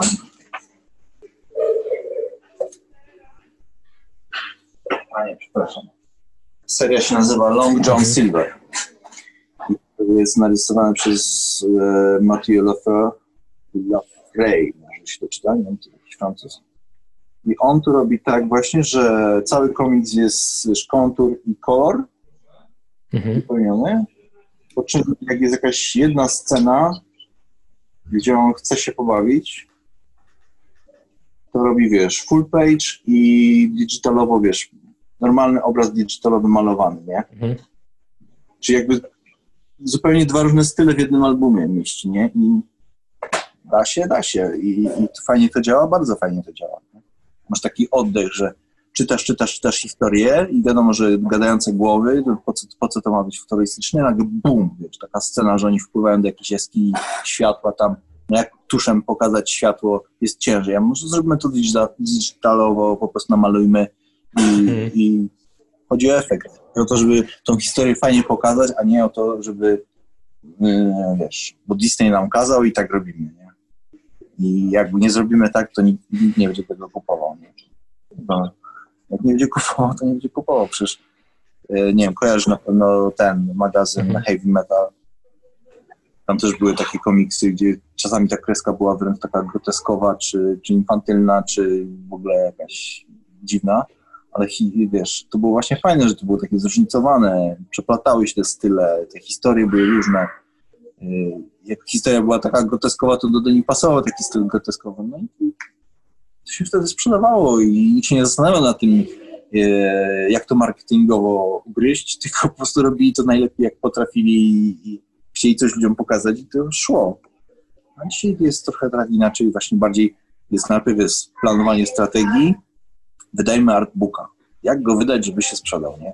Jest, od razu sobie, wiesz, stawiamy taką przegrodę pod nogami, o którą się mamy zamiar potknąć, że po co robić coś, znaczy dobrze, no, róbmy, ale wiadomo, że to jest biznes, trzeba tam włożyć jakieś pieniądze, żeby to wydać i tak dalej, czas poświęcić. Warto, żeby to się zwróciło, ale zakładanie na początku, żeby zrobić coś, żeby się sprzedało, A, a ludzie, ludzie zapach- czują, nie? że jak coś jest po to, żeby wyciągnąć kasę, to od razu człowiek ma do tego duży dystans, nie? Po prostu ludzie nie kupują rzeczy z... ale ja może, może trochę przesadzam, że ja wierzę w taki, w taki wy, wyidealizowany świat właśnie, że wszyscy robią spontanicznie wszystko i z potrzeby serca. A może, może taki świat właśnie już nie jest, albo może nigdy tak nie był, może mi się tak tylko wydawało, że w latach 80. e, wiesz, Games Workshop robił te swoje figurki dlatego, że kochali to. Może też byli nastawieni czysto marketingowo, chcieli zarobić kasę. Nie? Y, Jeśli chodzi o takie rzeczy, właśnie co mówisz, że z serca i tak jakby od siebie, e, to mm, wydaje mi się, że oglądałeś, bo to jest taka trochę bajka dla dzieci. E, Klaus na Netflixie. Tak, tak. Tak, tak. To nie wiem, czy tak, na przykład znasz no. historię, jak to powstawało, nie? Coś tam słyszałem, że to jest chyba z 2D, tak? Robione i wygląda jak 3D, tak? Mm, Jakby bardziej mi. e, Być może też, ale na przykład ja pamię e, pamiętam, chodzi mi o coś innego, że po prostu oni to robili po prostu raz, nie? Oni nie, nie robili trzy, trzy razy, żeby coś wyszło, A, tylko oni po prostu robili to raz i po prostu nie poprawiali, nie? I dlatego to wyszło, nie? no. Się nie zastanawiali, tylko po prostu zrobili film, nie? Nie robili go trzy razy, tak jak w niektórych filmach się robi, że a to spróbujmy 10 razy tą scenę, z której strony będzie fajnie wyglądać, nie? Po prostu nie, robimy jedną i tyle, nie? Wersję. nie, nie robili czegoś takiego, że teraz spontanicznie ją pocałuj. Akcja, nie? Jeszcze raz zrobimy dubla bardziej spontanicznie pocałuj, nie? No to, wiesz, wiadomo, że za drugim razem już nie jest tak spontanicznie No. jak za pierwszym. Nie? No i właśnie wydaje mi się, że No i takie, takie powinny- powinny być, i tym bardziej, że mamy właśnie tego platformy, właśnie rzeczy typu Kickstarter czy, czy Patreon to powinny być właśnie takie platformy, gdzie ktoś ma jakiś pomysł, coś wrzuca i się nie zastanawia nad tym, czy to się będzie sprzedawać, że to jest słabe na przykład, tylko jest tylu artystów na świecie, coś robią, mamy do tego platformy, żeby cały świat mógł ich zobaczyć, niech ich ocenią potem. Nie podoba się to, że coś nie podoba, ale yy, specjalne jakieś takie preparacje do tego, że wejdziemy teraz na Kickstartera i zrobimy spontaniczny projekt. Nie? I będziemy go poprawiać 10 razy, żeby mhm. wyszedł spontanicznie. Nie? To takie chyba nie tędy droga. Ja też na tym robiąc ten komiks krótki, że a może to trochę, może to trochę dopracować, a może, no, a może w kolorze zrobić, nie? A potem mówię, dlaczego? Tak to czuję, tak to powinienem zrobić, tak zrobię. No, jeżeli ktoś tego nie, nie załapie, no to trudno, ale po co mam udawać, że robię coś, no, no, no. Jeśli chodzi na przykład o Kickstartera, to wydaje mi się,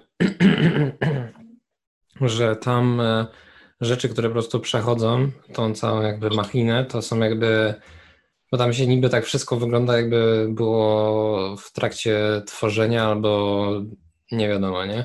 A tak naprawdę projekty, które tam przychodzą, to są takie gotowe, nie? Że już masz jakby wszystko gotowe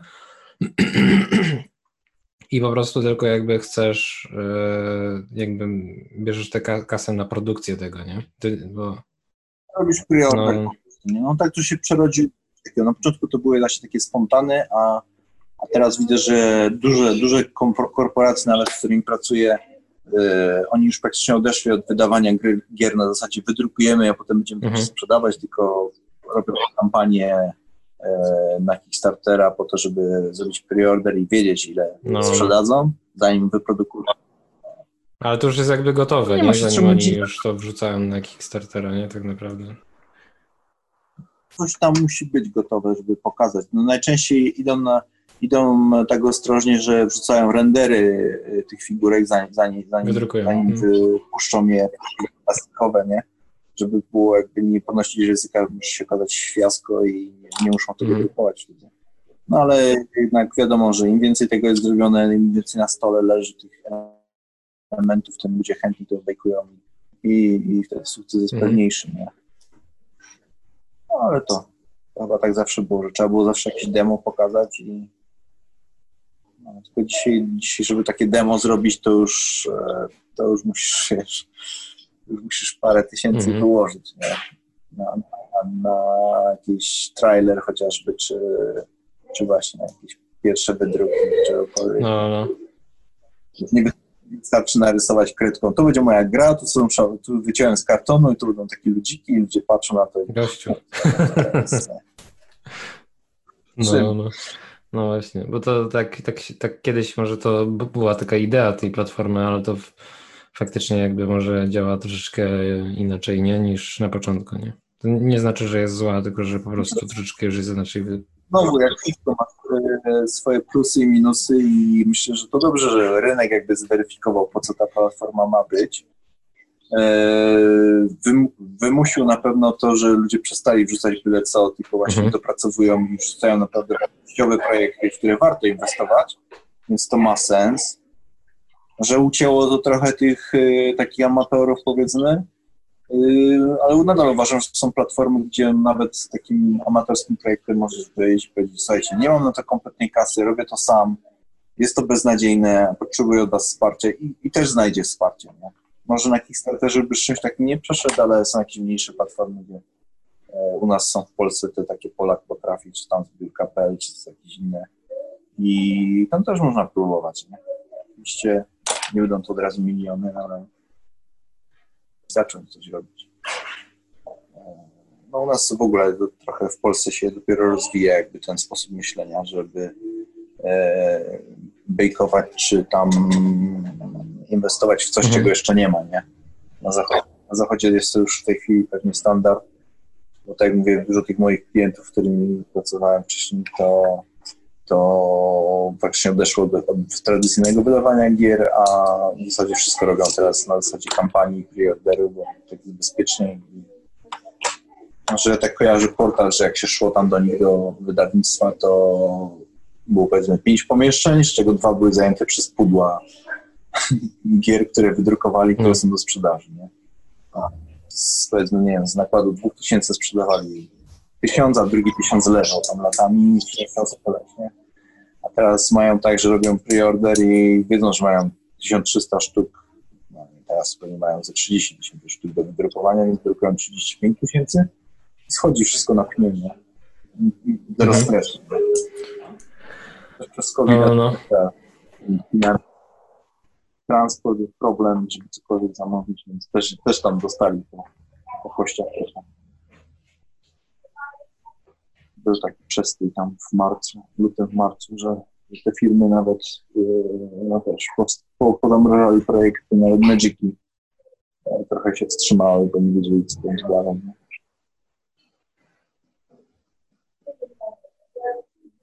Są takie COVID jest tak wyjątkową sytuacją, że, że przeżyłem parę kryzysów gospodarczych światowych nie? i zawsze ta branża jakoś działała, no bo e, ludzie tam zawsze mieli jakieś pieniądze i kupowali gry, więc była nadzieja, że jak wydasz grę, to ją sprzedasz.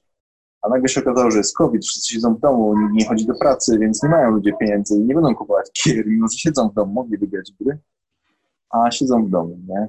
I sami się martwią o przyszłość i oszczędzają każdego, każdego dolara, no to, no to nagle te firmy wiesz, też musiały powyłączać wtyczki i nagle tutaj na końcu my jesteśmy tej, tej, tej całego łańcucha, jesteśmy my artyści, siedzimy w domu i nagle o, coś się dzieje, bo nie ma, wiesz, Mhm. nic się nie dzieje właśnie.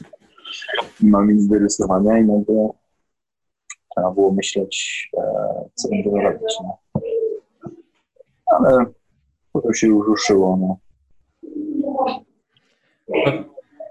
Na pewno bóle są obcięte te Mhm. eventy, wszystkie dzięki Comic-Cony, no, tam też zarabiali dużo i promowali te swoje projekty, a teraz w tym roku tego nie ma. No nie wiadomo, kiedy to będzie znowu. Wszystkie jakieś próby robienia online, takich rzeczy typu e, Comic Con online, to się mija scena. Na takiej zasadzie jak moje, moja szkoła, że e, uwielbiałem chodzić na wykłady z żywymi ludźmi, natomiast nie widzę tego jakby robienia online, bo e, no, pogadać sobie można, ale to jest e, co innego niż jak masz e, wiesz, stoisko na przykład na takim evencie, ktoś podchodzi do ciebie, wiesz, pogadasz, możesz mu spokojnie uścisnąć rękę. Teraz też nie wiem, jak to będzie. No, żółwik. No, to są takie rzeczy, których cięż, ciężko jest ciężko jest to powiedzieć, w którym kierunku to zbierze, nie? Eee, Ja myślę, że przyjdzie, z jakimś czasem przyjdzie takie wyluzowanie już, no wiesz, nauczymy się z tym żyć po prostu. Nie? Tak nie wiem, była za okupacji ludzie, wiesz, dostali krótkie, e, przyszli Niemcy, wszystko im powłączali, wiesz, zero pracy, zero nauki, a potem, wiesz, czy tam w podziemiu jakieś uniwersytety, handel na lewo, gdzieś tam mówisz, że będą takie zrobić, eventy nie? tam w piwnicach, taki komikon pod, pod ziemią. Tylko nikt o tym nie wie, nie? Nie ma nigdzie na social mediach, bo to niele, nielegalne, nie, nie można. Tam nie wpadli, wiesz, by ich spacyfikowali, a myślę, że już coś takiego Mhm. się dzieje, że gdzieś tam ludzie sobie. E, Przecież ja sobie nie wyobrażam, jak ci ludzie, którzy grają w Magica i nagle im pokcili wszystkie eventy w roku i co, nagle nie mogą grać w Magica? No. Muszą gdzieś grać. Na pewno się odżyły te wszystkie lokalne, osiedlowe kluby w kawiarniach, gdzie grali, na pewno grają tam, wiesz, spotkają się pewnie po 20-30 osób, a nie po 100, ale na pewno grają. Ja to mam taki e, osiedle dalej, takie miejsce, które wygląda jak taka, e, no to jest taka czarna buda, nie? Jeszcze zabita dechami i nie ma żadnego szyldu na, na sobie, nie? To jest taki pewnie bar, nie? Taki, wiesz. I, i, I ja zawsze zastanawiałem się, tak przechodziłem, przejeżdżałem obok niego nie? i mówię, co to jest, nie? W ogóle, że w ogóle coś tam jest? No i pewnego razu gdzieś przejeżdżam, ktoś tam wchodzi, nie tam kula dyskotekowania czy coś w środku, nie? A z zewnątrz wygląda jakby nic nie było, nie? Takie wiesz, tajne miejsce, nie? Do spotkań. Tak jak właśnie mówisz, nie? Że teraz, kurczę, pewnie grają tam w Magica w środku, nie? Może. Szachy, dokładnie. E, ten- Takie knajpy z klimatem. Pamiętam, odkryliśmy takie coś z Mariuszem w tym, w, w Lublinie, jak byliśmy na Falconie. Po, po evencie poszliśmy coś zjeść, nie, może na jakieś piwo. Tak idziemy, wiesz, tu jakiś McDonald's, tu coś. Tak, e, może niespecjalnie, nie. Idziemy i takie właśnie zejście po schódkach na dół. Wiesz, jakaś tam muzyka dobiega i gościu stoi przed tym, pali. Taki charakterystyczny, wiesz, aromat taki knajpiany. Wchodzimy tam. I taka scena normalnie jak z filmu dosłownie. Wchodzimy, drzwi się za nami za czasu i nagle cała knajpa, wiesz, w naszą stronę. A my tak, uff, może to nie był dobry pomysł? Po dwóch, trzech piwach się jakieś tam e, ten, pierwsze lody przełamały i bardzo Mhm, fajne miejsce. To taka dla lokalsów taka knajpa, tak? Dla lokalów to jest taka zapomniana dziura po prostu gdzieś tam w suterenie, gdzieś tam nie każdy wie Mhm. o tym, nie? Jakiś tam szyld był. No, my oczywiścieśmy to namierzyli, weszliśmy tam. No, są też takie niektóre miejsca, że, że po prostu jest szafa, nie? E, Gdzieś tam klikasz, otwierają się drzwi, nie? I dopiero jest, jest miejsce takie, które tylko lokalni osoby znają, nie? Ja, ja takie knajpy pamiętam właśnie z czasów licealnych właśnie, że w mieście były takie właśnie e, dziury gdzieś tam właśnie w piwnicy się schodziło, albo gdzieś tam za czymś jeszcze, nie? Wchodziłeś, niby tu był sklep z dywanami, a dopiero No, za no, tym no, było no. coś tam, nie? Każdy o tym wiedział, nie? Specyficzne to można było w mordę dostać i, i ten, i się dobrze bawić i wszystko, nie? No, to są ciekawe rzeczy. E, dobra, to ja- jak myślisz, powoli będziemy kończyć. Ja jeszcze będę mieć parę, parę pytań e, do ciebie. E, jak coś chcesz Dobra. jeszcze powiedzieć, typu na przykład nie kupujcie już e, rysunków na display, tylko metalowe printy na ArtStation, to teraz jest ten moment. Eee, kupujcie e, printów na display ani na ArtStation, tylko przyjdźcie na moją stronę, która już niebawem obiecuję będzie hulać. E, pozamykałem te sklepy swoje wszystkie online, dlatego że no, słabo to, słabo to wychodziło, wiesz, więcej się do tego dokładało, tam się płaciło za, za możliwość użytkowania tego, a zyski z tego były praktycznie Mhm. żadne. Na, z Displaytem to już w ogóle mam nieciekawe historie typu, wiesz, dostawałem powiadomienia o jakichś tam sprzedażach, po czym po wejściu na profil widzisz, że tak naprawdę nic się nie sprzedaje, nie? Że takie promowanie, nie wiem, siebie w moją stronę, że hej, dużo sprzedajesz, nie? Po co? Żebym ja wie, wierzył w to, że oni coś tam sprzedają i potem wchodzisz i okazuje, że nie sprzedają? Takie słabe, Mhm. nie? Przecież ja, no przecież to powinno być... e, Rozumiem, że oni na przykład promują, że do, do klienta, że u nas się dużo sprzedaje, jest mamy fajne rzeczy, no to klient na to pójdzie? Ale że artystów, których chcą promować, yy, mówiąc wprost, po prostu tam oszukują trochę, no to takie, wiesz, stwierdziłem, że to nie ma sensu dalej. Nie? Wolę, wolę to mieć na swojej stronie, gdzie wiem, ile czego sprzedaję i e, jak coś promuję, to wiem, że to jest dobre na przykład. No tak jak mówię, to jest e, takie sklepy online są fajne, ale nie wiem. Dużo, dużo chyba większą satysfakcję mam, jak e, ktoś podchodzi do stoiska na, na Grand Prix i widzę, że chce to rzeczywiście mieć. Czasem dam mu to za darmo niż, niż, niż e, robienie sklepu i wrzucasz to na social media, że jest sklep, bo tam ludzie, o, kupisz sobie nowy samochód. No, no tak, na pewno. Tej wielkości. No.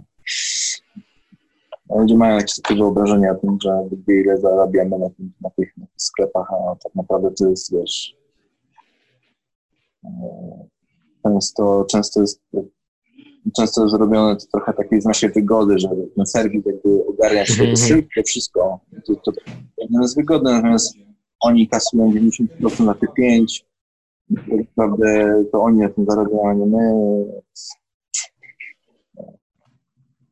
Nie chcę tu jakby tam bluźnić na PlayStation i tak dalej, ale niech zarabiają, no dobrze.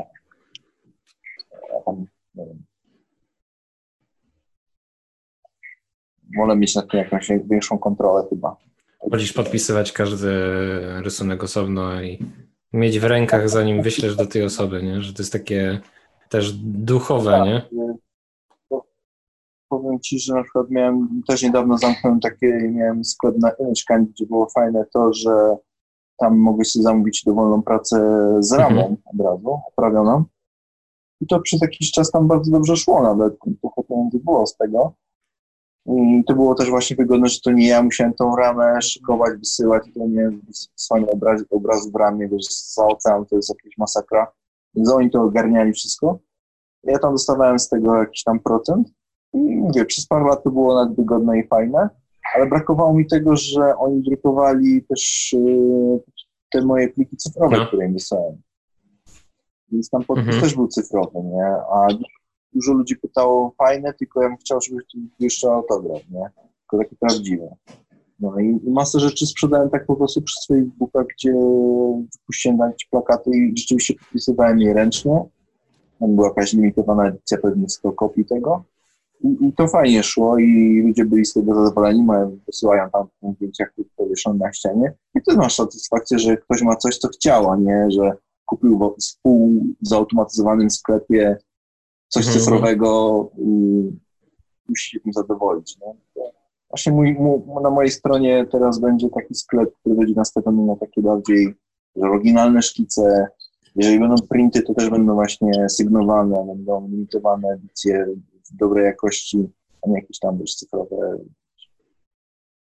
wydruczki po to, żeby nie było. No, to tak. tak na dobrą sprawę to jak- jakbyś sobie wszedł na Fashion, to sobie połowę tych rzeczy możesz ściągnąć i wydrukować na drukarce w domu i też będziesz miał satysfakcję, że masz czyjś print, tylko że jest niepodpisany i skradziony. Nie?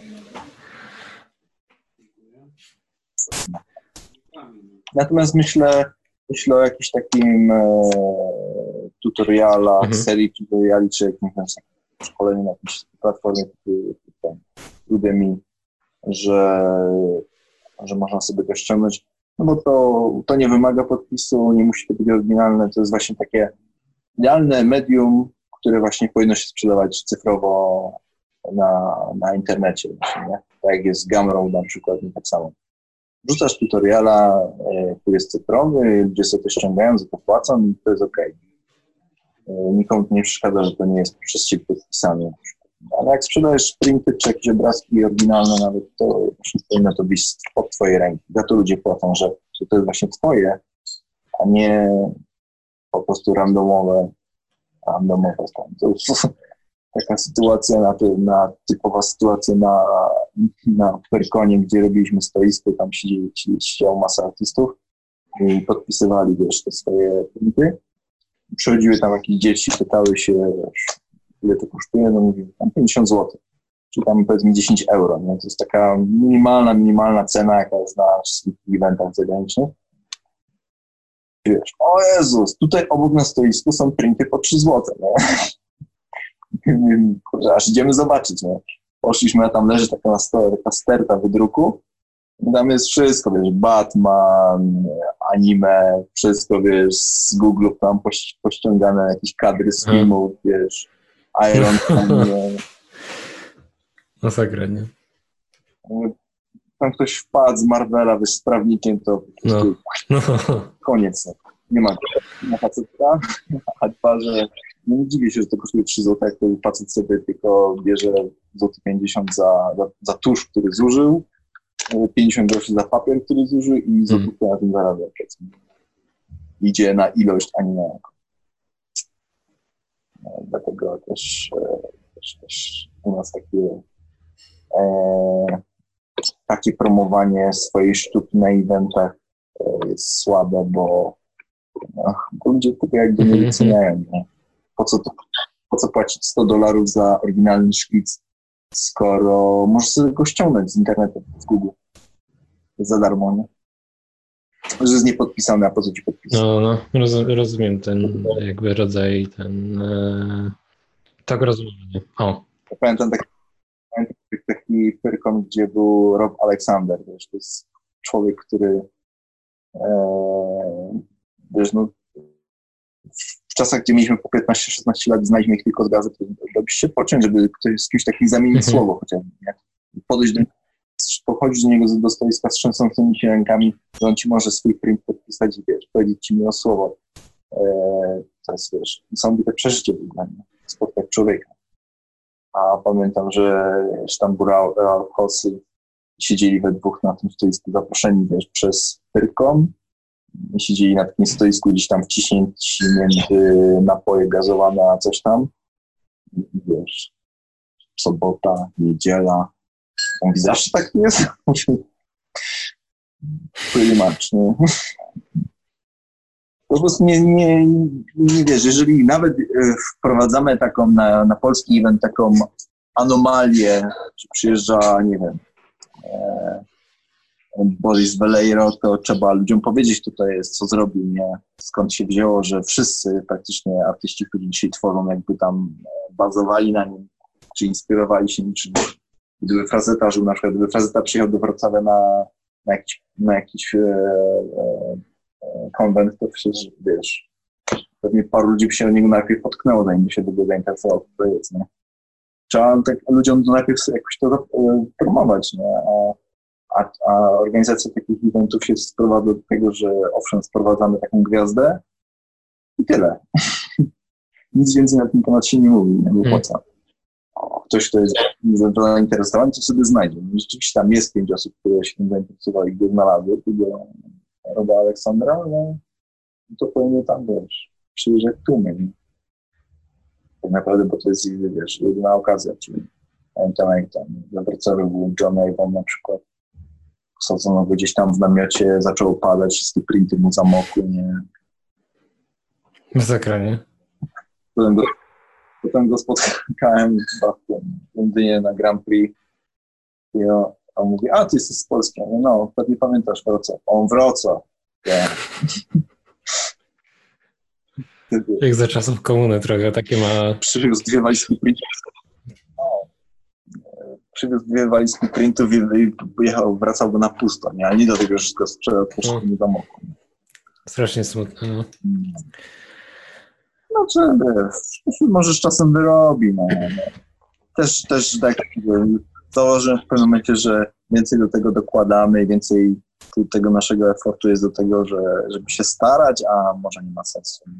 Po co na, po, nie, nie lubię uszczęśliwiać Mhm. kogoś na siłę, no, nie? Jak, jak ktoś przychodzi na wykłady na takim evencie, jest pięć osób, ale wiem, że one słuchają, to jest to fajne, a jak mają mi spędzić 200 osób na siłę, żeby tylko był tłum i oni widzą, że się nudzą, to ma to sensu naprawdę. Po co?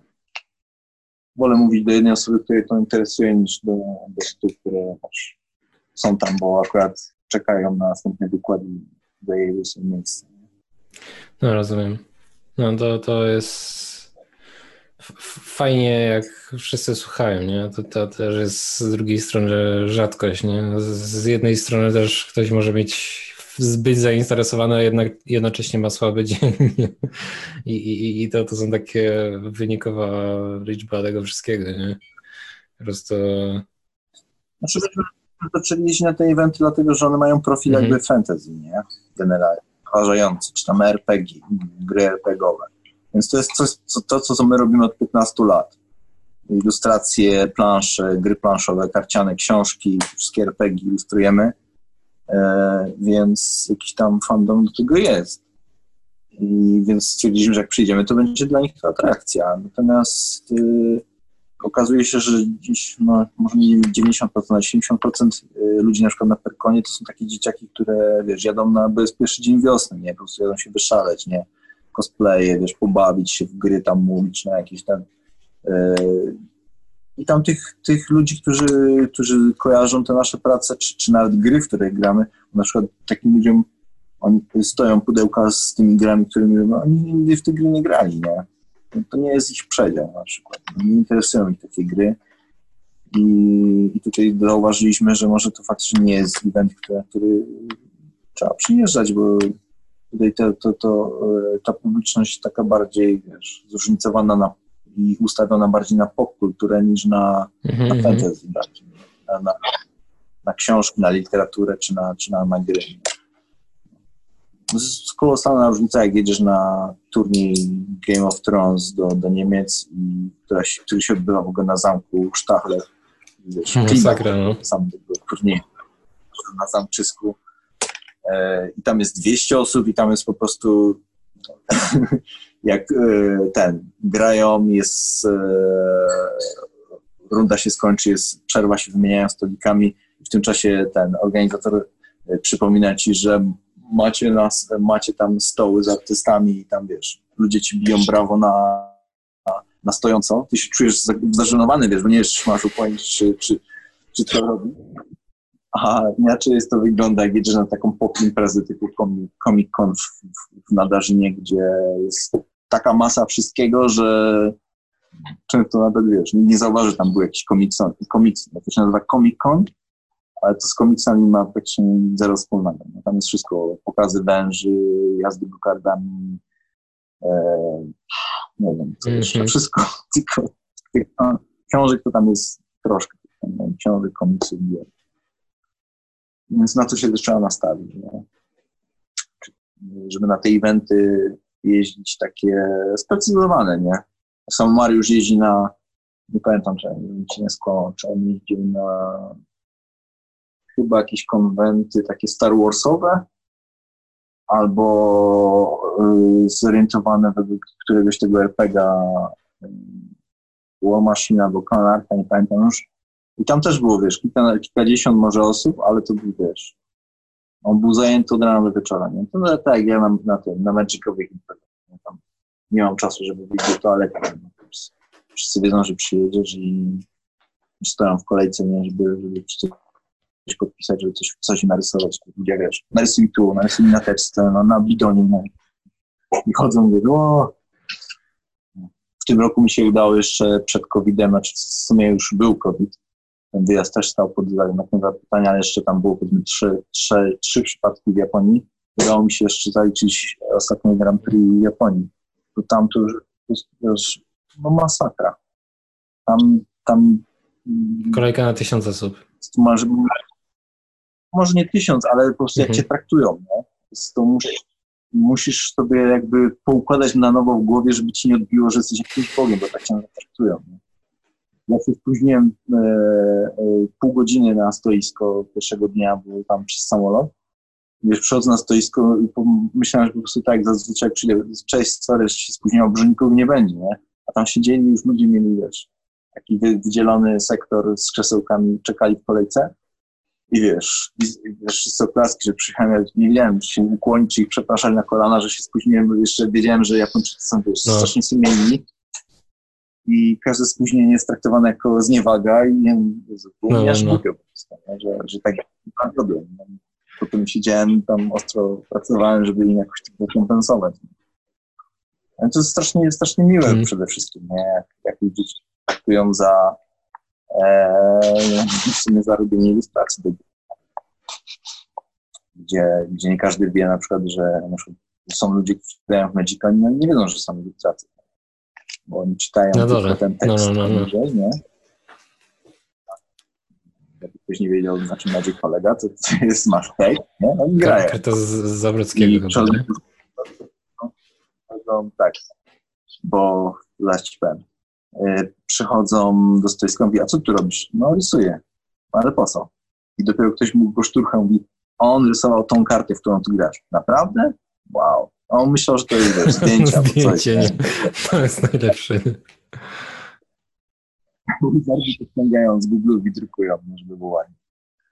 Tak. No, a karty Zabrodzkiego mam dlatego, że co chwilę, zresztą nie tylko Zabrodzkiego mam karty, bo tu mam jeszcze e, Zoltan Baras. Wysyłają mi artproofy co jakiś czas. Czas wysyłają mi nie moje artproofy. Nie wiem czemu, ale muszę to co chwilę odsyłać Mhm. i wiesz, korygować tam, bo- albo wysłali wiadomość, że przyszło nie- moje karty, to oni wysyłają mi drugi pakiet do nich już ten zdarza. Mówiłem Darkowi, że mam te jego karty, ale z dwa lata temu mówi to kiedyś przy okazji. Już nie było okazji. Bo to one miały pójść do Darka, tak? Rozumiem. Tak, tak, bo tu każdy dostaje, wiesz, one są, są normalne karty, tylko z drugiej Mhm, strony są białe, nie? Tak, tak, no widzę. A zresztą ci pokażę, jeszcze mam, bo robię teraz.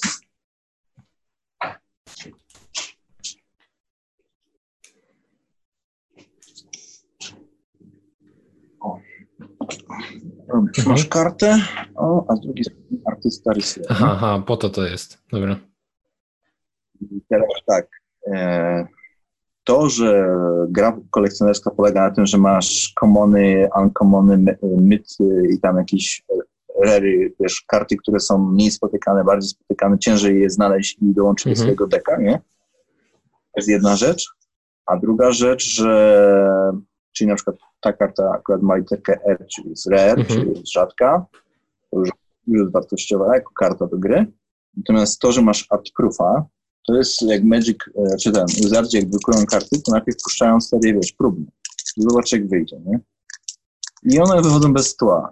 Kiedyś ktoś wpadł na pomysł, że skoro one są puste, to nie mamy co z tym zrobić, bo w sumie to jest tylko taka informacja dla nas, jak wychodzą kolory. Zamiast to wyrzucać, dajmy to artystom na pamiątkę, nie? I ktoś za chwilę wpadł, że skoro tu jest białe, no to narysować, nie? No i się zaczęło. I, i wiesz, tego jest, wychodzi 50-100 Mhm. sztuk może. Na całe życie, na cały świat masz raz taki pakiecik, więc e, teraz się zastanów, jak jest na przykład 100 osób chce takie karty, no to one się rozchodzą w 5 minut i są praktycznie No. następne, nie? E, A dwa, że jeszcze jak na ty, z tyłu mają narysowane, Ultra rare. no to już są w ogóle do tego. Ultra, ultra, rare, nie? Bezcenne przesadzam, bo to nie ma jakiejś nie, nie, wi- nie wiadomo jakiej ceny, tam można za, za 10, 20 czy 50 dolarów Mhm. coś takiego kupić. No a na przykład mam, e, mam taką kartę jak e, Inquisition of Kozilek, która jest bardzo popularna i te artproofy rozeszły mi się momentalnie. Gdzieś tam schowałem do klasera chyba Mhm. 10 sztuk. Zapomniałem o tym. No. Kiedyś, e, kiedyś to znalazłem i mówię ludziom, że mam. To dostaję szału, nie dawaj, dawaj. Ja mówię, nie, zrobię coś innego. Na Allegro i I kupiłeś Bugatti. Tak. się obudziłem. E, Zrobiłem tak, że sobie ustawiłem te 9 kart, taki Mhm. panel, także to format A4 i zrobiłem ilustrację na Aha, całym to chyba widziałem coś nie? takiego, no.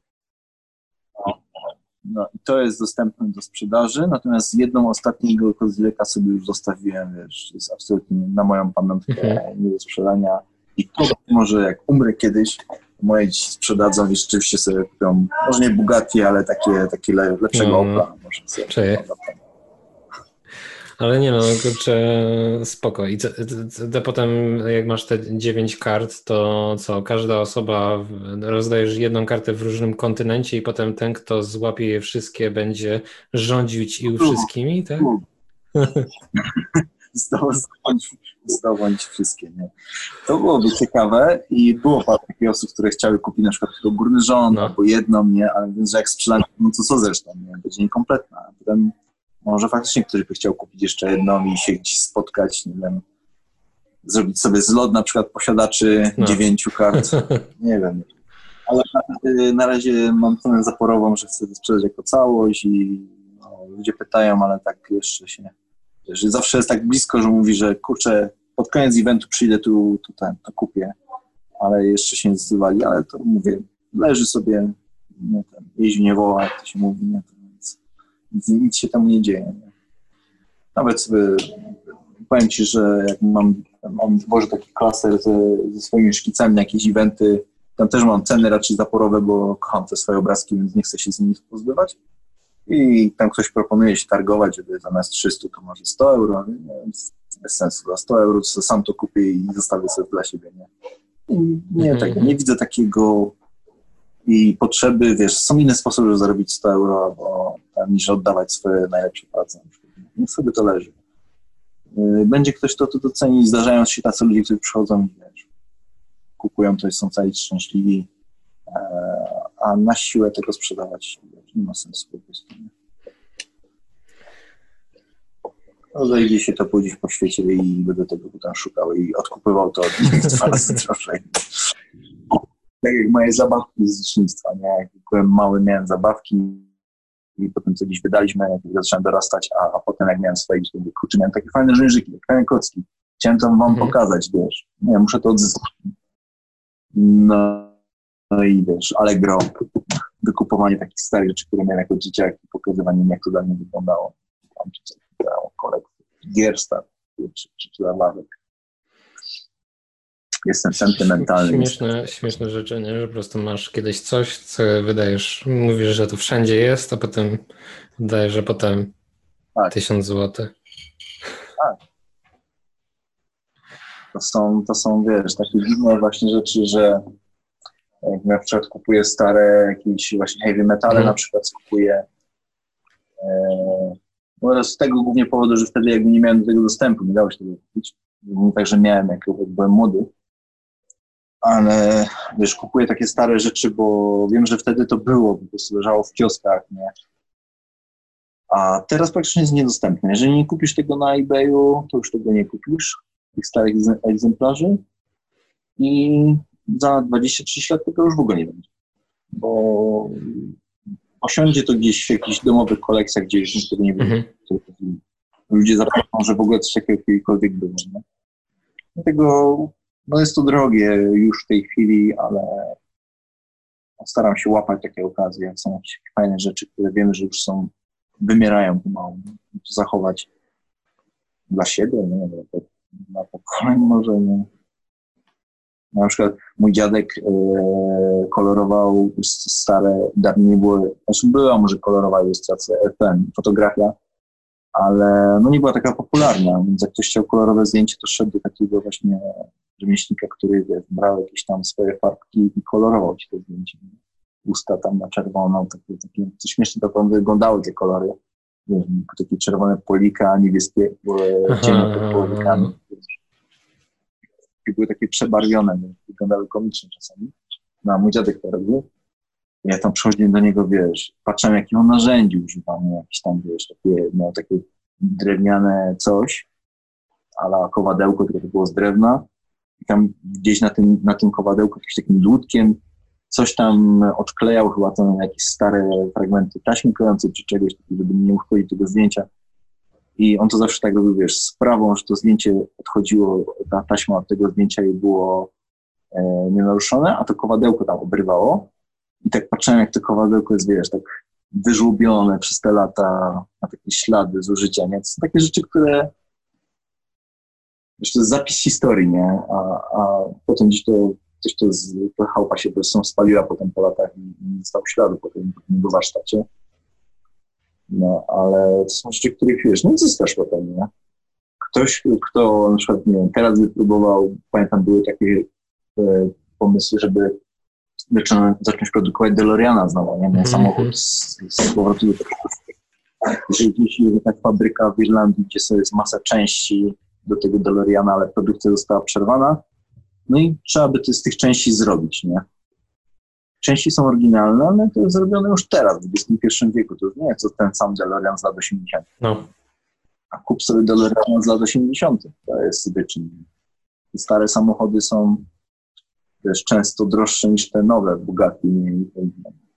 Dlatego właśnie, że że tam, no są tak, ja jestem takim człowiekiem, który właśnie docenia coś takiego, że jest unikalne i niepowtarzalne, a tak mówię, no dzisiaj są takie czasy, że większość ludzi nie robi tego, co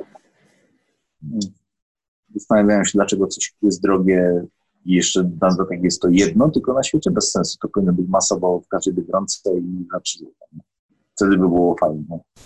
Ja uważam, że takie rzeczy właśnie mamy już potąd, Właśnie dobrze jest mieć coś takiego, co tylko jest jedno, parę. Rękodzieło.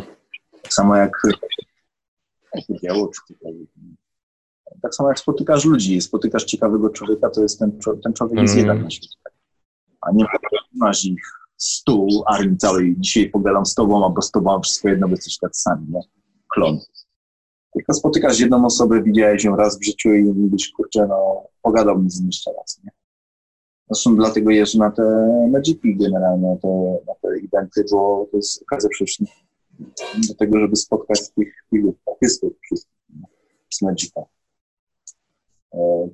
Wprawdzie w tym roku miałem jechać do Stanów na, na imprezę i tam, tam bym powiedzmy miał okazję dotrzeć do artystów z Ameryki, ale generalnie jak y, mieszkasz w Europie, to nie masz dostępu do takich ludzi. Właśnie przyjeżdża taki Rob Aleksander, może z nim pogadać.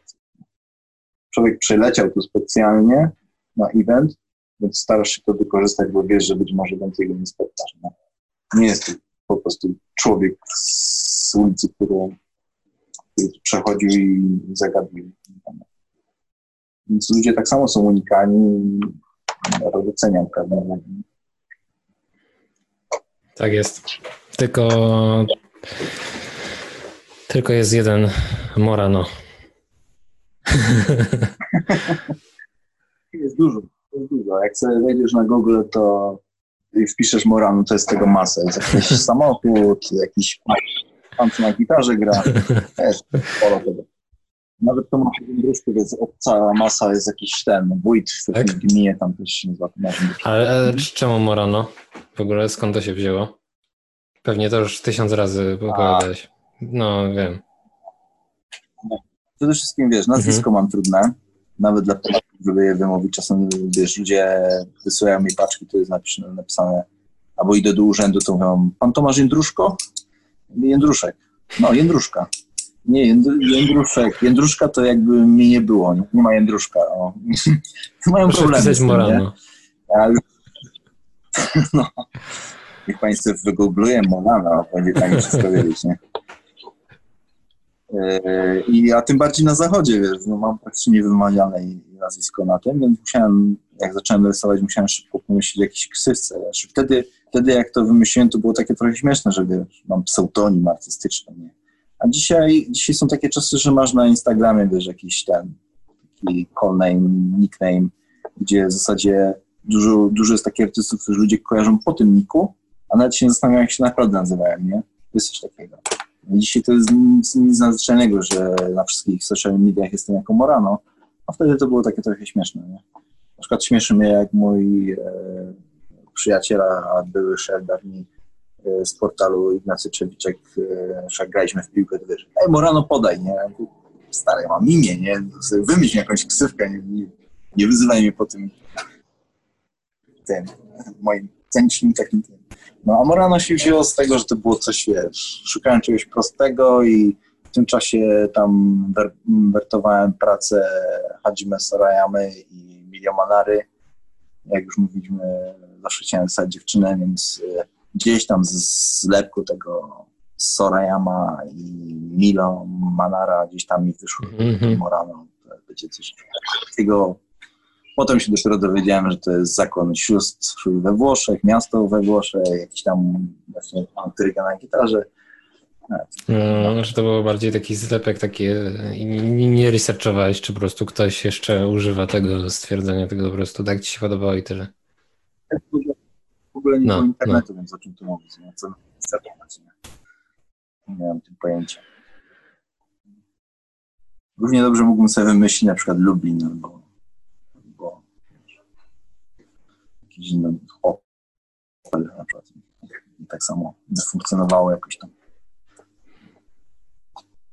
No i na eventach na przykład e, magicowych to funkcjonuje, bo tak mówię, oni jest często jest tabliczka, wiesz, przy twoim stoliku Tomasz Induszek, żeby ludzie kojarzyli, bo na kartach też jest nazwisko napisane, nie jest Morano, ale każdy podchodzi i, i pytają, czy ty jesteś Tomasz, albo czy ty jesteś Morano, mhm. właśnie pytają, a nie, a nie gdzie Drzyszek, nie? Ja mówię, forget, nie? Ja nie próbuję po prostu nie wymówić tego. Nie? Spoko. Eee... Jeszcze, jeszcze e, mam takie pytanie, bo tam mówiłeś odnośnie e, Zibrasza, coś mówiłeś na temat 3D z Maxa. Twoje prace wydaje mi się, że wszystkie są rysowane, mimo wszystko, że e, nie używasz nic poza jakby malowaniem. Nawet z, z tym e, latającym pojazdem też się dałem nabrać, że to nie jest do końca rysowane prze, przemycasz jakieś rzeczy po prostu z innych programów i tak nie widać tego. To czy, czy są jeszcze jakieś takie inne programy w ogóle, z których korzystasz, lubisz i tak dalej? Znaczy to od razu ci powiem, że czasami się podpieram takimi rzeczami, na przykład blokuję sobie tam perspektywę, żeby było szybciej, jak jest jakaś skomplikowana lokacja, gdzie są, wiesz, e, na pierwszym planie są mury, tam gdzieś jakaś wieża wystaje, żeby się w tym nie pogubić, nie, nie tracić czasu, na przykład dwie godziny na wykreślenie tego w perspektywie, to sobie stawiasz szybko, wiesz, proste bryły w jakimś maksie, renderujesz to w perspektywie i mówisz, aha, czyli tej wieży nie będzie widać, muszę obniżyć kamerę, nie, tak dalej.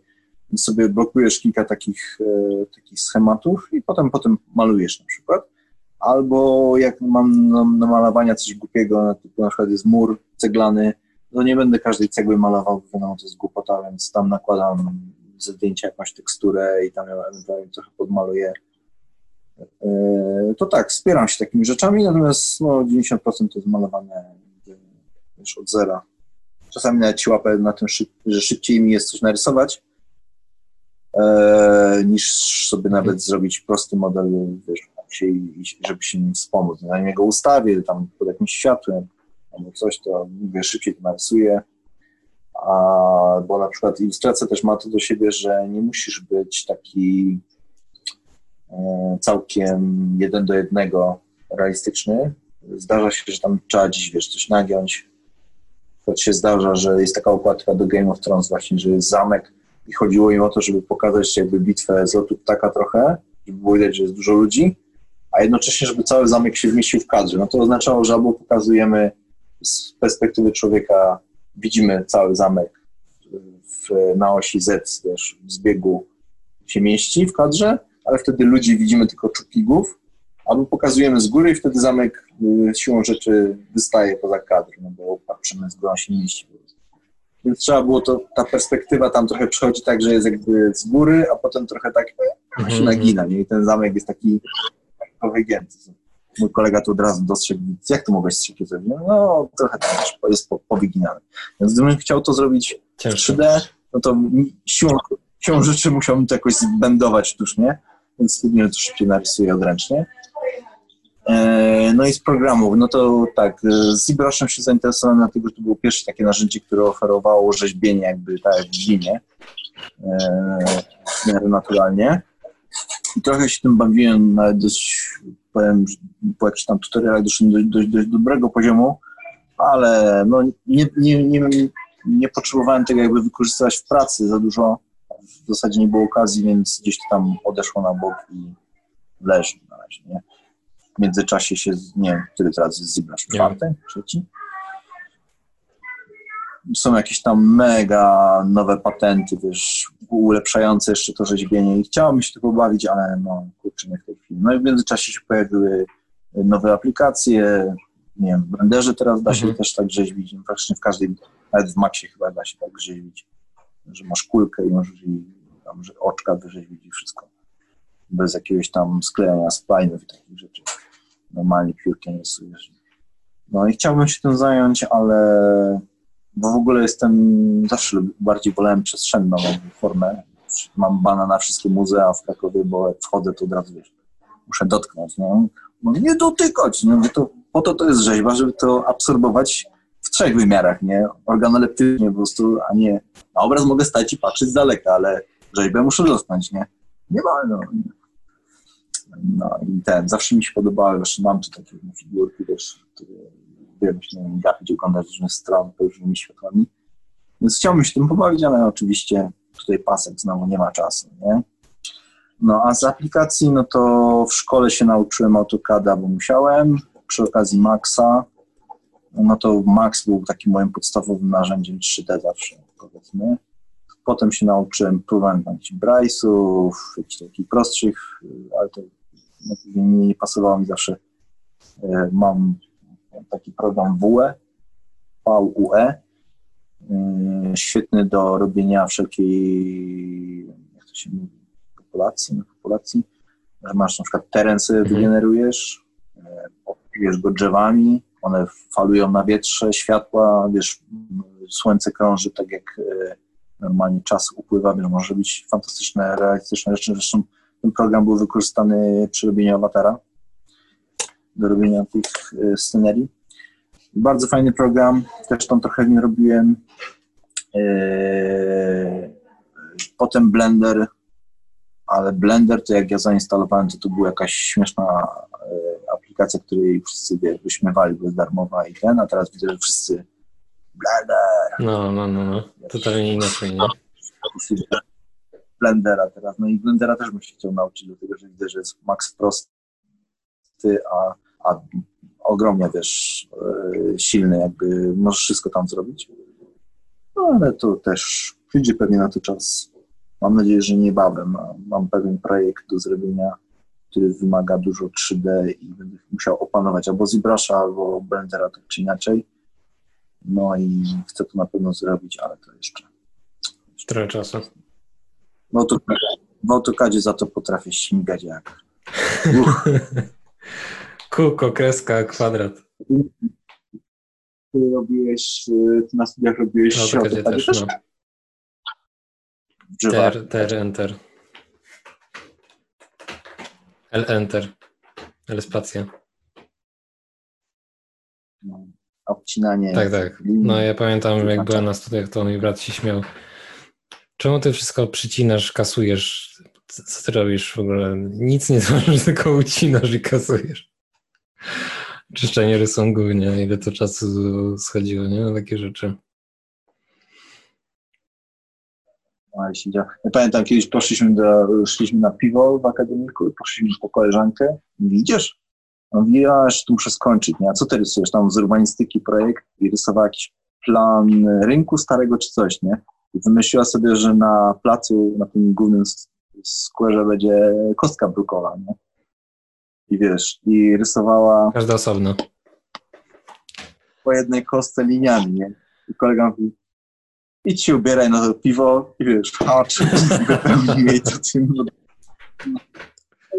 No, no, ale są takie rzeczy, że po prostu czasami jest jakiś po prostu skrót na to i się nie zna i, i dużo, nie?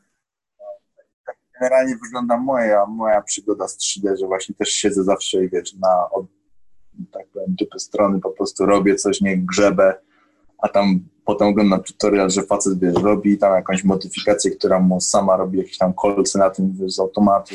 Boże, że głupi, nie? Że, że, że nie, nie zasięgnie jakiejś wiedzy, tylko wiesz, bije No, głową no. przez ten mur na, na opór.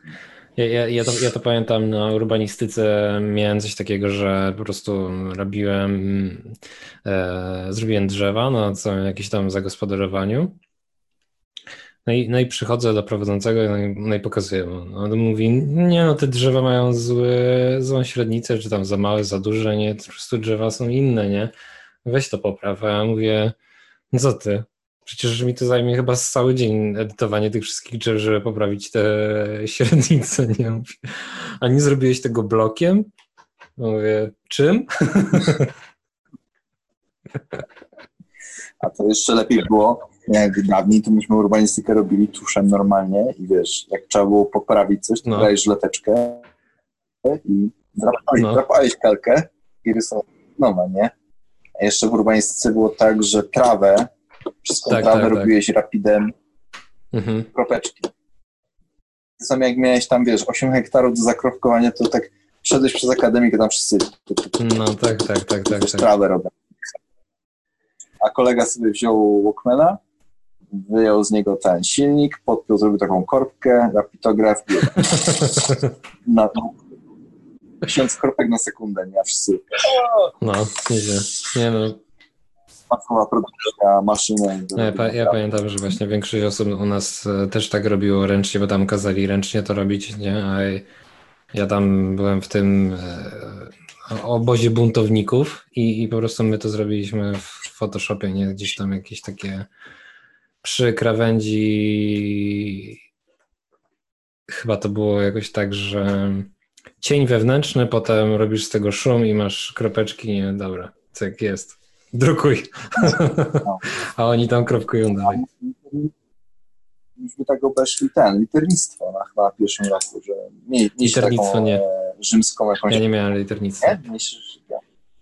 Nie. Widać Imię, nazwisko, y, jakąś tam e, rzymską czcionką, taką wiesz, tam grubość linii, kąty tych, wyokrągleń miało wszystko znaczenie, nie? Ta sztuka pisania.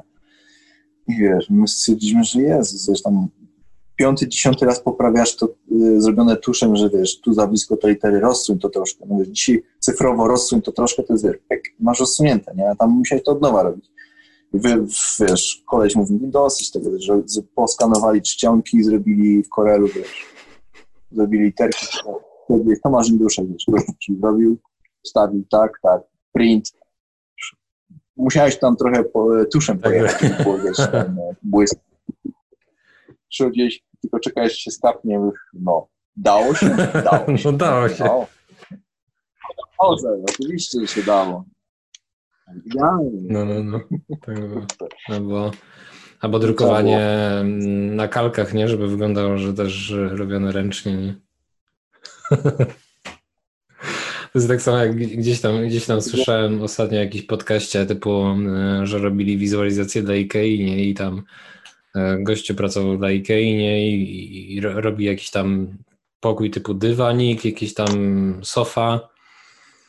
No i, i, i tam ci ludzie nie w zarządzie mówią, nie no, ale dobra, fajnie, że to zrobiliście w tym 3D e, i tak dalej, wizualizacja jest zrobiona, no ale ten dywan to musicie zrobić zdjęcie i tam wkleić, bo to źle wygląda, nie?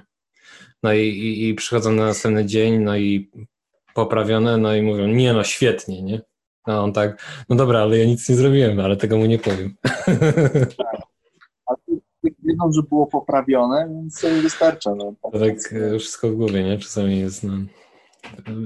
I to jest właśnie taki morał z tego, że jakby ważniejszy jest efekt końcowy, a nie technika, którą się do niego dotarło, nie? Nawet pamiętam sami ci wykładowcy, tak, którzy mieliśmy te ćwiczenia z projektowania, na przykład e, miałeś prowadzącego swojego, potem był przegląd, nie? I, i szedłeś, siedział główny i mhm, przeglądał ci mhm. wszystkie, wszystkie te projekty, a prowadzący, nie? I jakby miał cię bronić, powiedzmy. Albo, dobi- no, albo cię dobija, nie? A pan mówi, że ta łazienka za mała. On mówi, widzisz, widzisz, mówiłem ci, że za mała, nie? Zaraz, facet, ty mówisz, że jest okej, okay, sam to byłem się. No, i, I było tak, że właśnie ten główny tam przyjechał po tym projekcie, ten, no i, i, ten prowadzący potem siadał z tobą i weź tu przegumuj to, wykreś to i zrób, żeby było widać, że coś było robione i tyle, na ci nie skapnie. Takie techniki, no. E, oszczędność czasu, nie? Szanowanie własnego czasu, to, to jest coś takiego. No, dobra. Jak myślisz, kończymy? Jak chcesz. Jak coś, to na zawsze możemy dograć drugi odcinek Dobra. albo coś. Trzymam za słowo. o, ostatnie pytanie i kończymy. Eee, no. Jakie są twoje rytuły jakby na przykład przed rysowaniem, albo co sprawia, że po prostu zaczynasz rysować, albo in, inaczej jakby formułując to pytanie, to co, co pozwala ci wejść w twoje flow? Kręgosłup moralny, tak. nie wiem. Eee, doświadczenie zawodowe mi pozwala wejść. Po prostu wiem, że muszę coś zrobić, nie? Widziałeś przed chwilą, że jak zaczynaliśmy, to cały czas coś tu przychodzi, wiesz, trzeba tam dopompować rower, komuś piłka choda za płot albo coś takiego. E, nie mam, nie mogę mieć takiego podejścia, że wiesz, potrzebuję teraz medytacji, mi nie przeszkadza 20 minut, bo muszę zrobić kawę, ustawić ją e, uszkiem na północ, bo inaczej nie zacznę muzykę mhm. na 6 decybeli, bo jakby już nie ma, nie ma czegoś takiego. Wiem, że muszę coś zrobić, jeżeli wiem, że mam taki dzień, gdzie wiesz, trzeba jechać do sklepu, trzeba skosić trawę, coś tam zrobić, że nie będę miał tego czasu na przykład 5 godzin, żeby się interesować ciągiem, wtedy robię takich rzeczy, wiesz, szkic na przykład, od którego się mogę łatwo oderwać, albo jakieś biurowe rzeczy, wiesz, faktury, jakieś ten, maile uzupełniam. Eee, Albo mam taką robotę na przykład, że jest duża okładka i na przykład jest sześć postaci, muszę każdą po kolei, wiesz, najpierw tą główkę narysować, potem tą główkę. To też jest taka robota, że skończę tą główkę, to mogę iść tam na przykład zrobić obrót. Nie? Tam sobie wrócę, skończę to. Nic się tej ilustracji przez ten czas jakby globalnie nie dzieje, bo ja tak pracuję nad szczególną główką w tej chwili, e, więc jest to taka robota z doskoku można robić. A jak wiem, że mam na przykład kartę do Magica, to wiem, że muszę posiedzieć 10 godzin ciągiem, bo nie mogę jej przerwać bo potem właśnie stracę powiedzmy ten taki flow i nie będę wiedział, o co chodziło.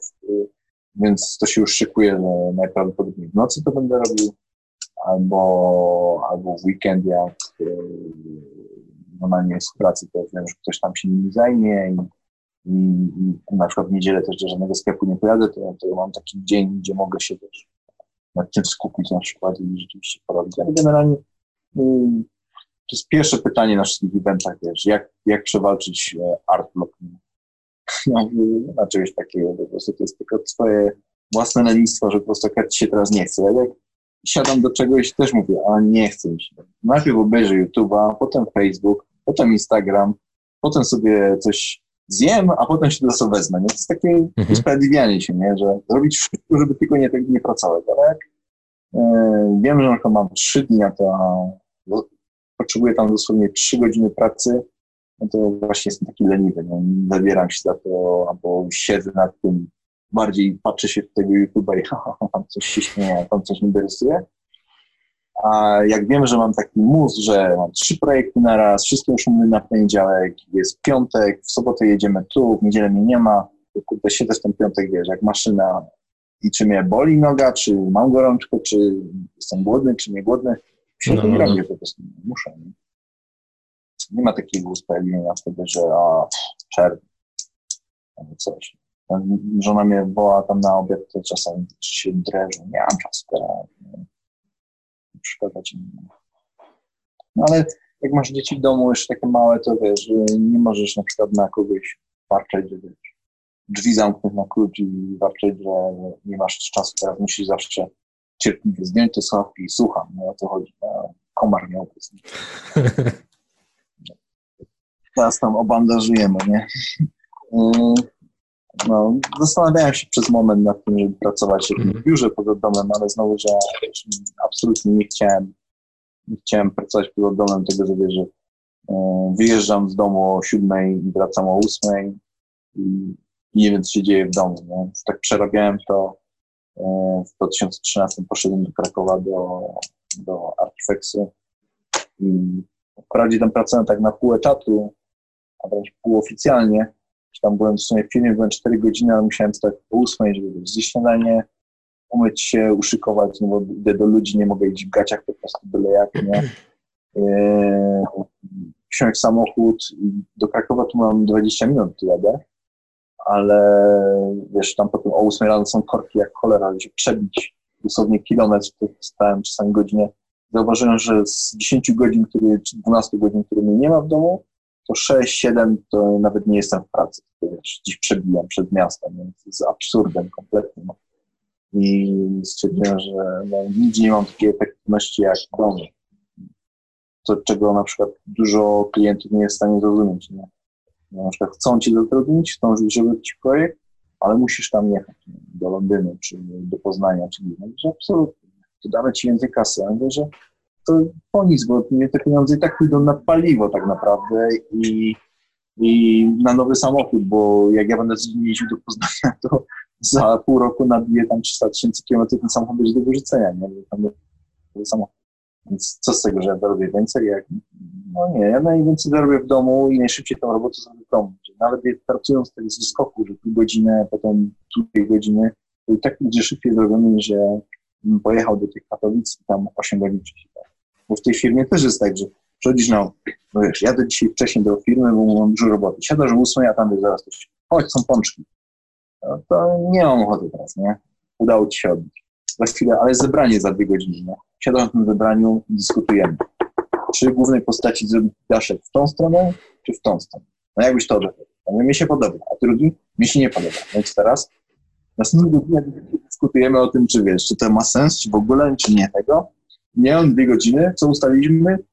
Hmm, generalnie nic, nie? Dwie godziny stracone po prostu.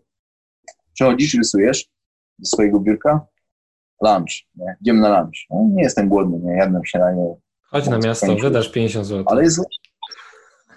No, musisz iść na lunch, bo wszyscy idą na lunch.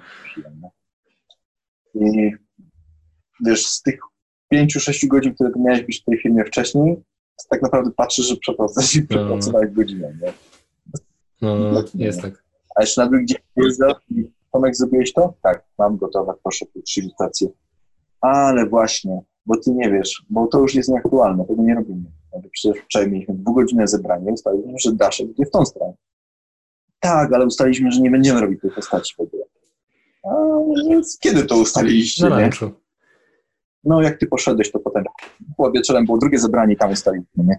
Więc to trzeba było zrobić jakąś wideokonferencję albo coś, nie? Że No, Absurd, absurd, naprawdę. I, I po tym krótkim doświadczeniu, bo to było tylko pół roku na szczęście, po tym krótkim doświadczeniu już jestem przekonany, że nawet gdybym tu siebie we wsi wynajął jakieś biuro, żeby nie pracować w domu, żeby mieć spokój, to i tak by się skończyło tak samo, żebym, wiesz, więcej czasu spędzał, żeby tam dojechać. E, posprzątać tam na miejscu, tu posprzątać. Zjeść Mhm. na mieście, nie? Bez sensu. w domu, wiesz, ogarnę tu rano śniadanie, potem jakiś obiad i, i ten, szybciej mi to wszystko pójdzie niż tam. Ale oczywiście ten, nie mówię, że to jest złe, bo ludzie się też w szkole tam pytali, czy, czy iść do korporacji, czy od razu na finanserkę. Wiesz, uważam, że każdy powinien Mhm. spróbować. Zresztą mówiłem wcześniej, że do CDF-u, jak tam ktoś chce iść, to idzie, e, zobaczy, spasuje mu, to mu spasuje, nie? Że ja też myślę, że jakbym poszedł do Artifexu, jak miałem 22 lata czy 25, to by zupełnie wyglądało, nie? Siedziałbym tam cały dzień, bo i tak nie miałem wtedy nic do roboty w domu w sensie. Yy, Siedziałbym tam cały dzień w tej firmie, bardziej bym się z nimi żył, chodziłbym z nimi na piwo i byłoby fajnie, nie? Zresztą tak w portalu miałem w sumie, w Gliwicach mieszkałem, że praktycznie cały czas siedziałem w firmie i przychodziłem wieczorem tylko rysować do domu. I to byłoby fajne, ale jak ma się tam, jak ja byłem w Artifexie, to byłem, nie wiem, prawie 40 lat, dwójka dzieci w domu, wiesz, tu koło domu, dom świeżo wbudowany, trzeba było, wiesz, błoto ogarnąć, płoty, wszystko, no, było masę roboty. Wiesz, mi nie było tylko pół roku w domu praktycznie, a tu był totalny poligon, nie? Dziecko mogło pójść się nadzieć na pręt zbrojeniowy, który wystaje i nie, miał go czasu kto, kto wyciąć, bo mi nie było cały dzień w domu. Nie? No i nie, nie zdało to egzaminu, jak tylko wróciłem do domu, się wziąłem za wszystko i jakoś to zaczyna wyglądać dopiero, wiesz, są trawniki, jakieś drzewa rosną i jest mi przyjemnie wyjść, nie? Tak jest. Takim, taki z, z własnego wyboru tak wybrałem, że to jest, to, wiesz, dużo, dużo bardziej korzystne Mhm. dla wszystkich. No jest. Mój brat na przykład ma biuro w mieście, bo mówi, że w domu nie jest w stanie pracować, nie? No, są niektóre osoby Tak takiej mają. rutyny, nie? że po prostu muszą wstać o 7.30 i o 8 w pracę, cyk, 16 i potem masz taki, wychodzisz z pracy 16 i po prostu twój mózg się automatycznie czyści, nie? Z tego, że po prostu w ogóle No to tego, tego też ludzi zazdroszczę, że wiesz, idą do pracy na 8, przychodzą o 16 i potem wyłączają temat praca i zajmują się No. czymś zupełnie innym, nie? Mam tak, że jak skończę rysować i idę na przykład kosić, to też myślę o tym, co muszę No, zrobić no. na przykład, nie? Jedziemy na przykład do kina, to ja też mówię, że wrócę, to muszę jeszcze ogarnąć to, jutro faktury, to, No, no. to, to. niekończący się, nie? Młyn. Cały czas trybik tam chodzi w głowie, nie? No jest tak. Dlatego jak, jak słyszę, że e, ten, że mam jechać na wakacje, to weźmiesz sobie tablet, będziesz sobie rysował. Ja. To jest jedyny frag, frag czasu, kiedy możesz sobie odpocząć. na wakacje to siedzieli na plaży, ja siedziałem wiesz, w zatęchłym domku i wiesz, rysowałem. Nie? Patrzyłem przez okno. Ja mówię, tak samo mam w domu, nie? Świeci słońce za oknem i siedzę i rysuję, a dzieci tam bawią. I pojechałem nad morze, na drugi koniec Polski po to, żeby siedzieć wiesz, i patrzeć przez okno, jak, jak morze szło, nie? Po prostu dramat, nie? Dlatego jak jedziemy, to mówię, nawet nie biorę tego tabletu i nic, wiesz, żeby, broń Boże, nie rysować. No, no. się totalnie wyłączyć, wtedy rzeczywiście może odpocznę. A tutaj też tak mogę, wiesz, teraz sobie jest ciepło, to skończę robotę, sobie widzę chociaż na te pół godziny czy na godzinę przed mną, posiedzę trochę z nimi, to wiesz, czuję się jak na wczasach i odpoczynam. Nawet wolę tak, bo wiem, że jest, wiesz, jestem u siebie w domu, nie muszę się jeszcze stresować, to mówię, teraz z tym maski nosić, wiesz, tam na ciebie napluje albo że cię, wiesz, zbanują cię na, na, na jakiejś granicy, wiesz, z tymi walizkami, z tymi dziećmi na lotnisku, jesteś uziemiony no. sensu. Także dziękuję, dziękuję Ci bardzo za, ten, za taką długą rozmowę. Ja jestem w szoku, że tyle miałeś czasu, że tutaj jest, e, komiksy mają się tworzyć, a, a są przesuwane na jutro. No, nie, no, to podcast, to ci obiecałem, no wiesz, to jest część roboty, jest to na liście rzeczy, które mam zrobić i no. mam to zrobić, nie? no właśnie na tej zasadzie. Samo komiksy są na liście do zrobienia, ale tak jak mówię, na to musi przyjść odpowiedni czas, bo ja nie chcę tego robić dlatego, że wiesz, teraz mam dwa dni wolnego, to zacznę komiks robić. Nie, no teraz wiesz, nie chcę się zabierać do to, bo w którymś momencie będę musiał przerwać, a wiem, że nie będzie, będzie mi przykro mhm. przerywać. No ja muszę mieć spokojnie dwa, trzy dni. Dlatego to tyle trwa, bo ciężko jest znaleźć tygodnie. Ale kiedyś mówię, przyjdzie taki moment, będzie ok. Nie pali mi się. Jeżeli tyle lat to noszę, wiesz, w głowie, to nie, wy, nie uleciało tak, tak łatwo, nie? ciężko, ciężko będzie to wy, wyrzucić, nie? Z grafika. Tak, jeszcze o mnie usłyszy. Tak jest. No. Tak, także jeszcze raz dziękuję Ci bardzo. No, muszę Ci powiedzieć, że te Twoje podcasty są naprawdę wyjątkowe. Jeśli słucham tego dużo na internecie i bardzo fajnie się z tym gada. I właśnie pytam o takie techniczne i praktyczne rzeczy, ale tak w luźnej rozmowie nie są takie pytania. Pytanie trzecie, wiesz, ile, ile zrobiłeś projektów w tym tygodniu? Mm -hmm. I koniec rozmowy, nie wiem, co tu no, więcej no. powiedzieć. No wiesz, no na przykład jak tak. powiedzmy ja, ja, ja Ciebie kojarzę od 2008 roku albo nie wiem od kiedy, to to, to jest kawał czasu, nie? Trochę. Zarażające, bo jak ja nie podpisuję właśnie, no nie, nie, nie dlatego przestałem podpisywać swojej pracy, ale jak podpisywałem pracę, to tak wiesz, 18, 19.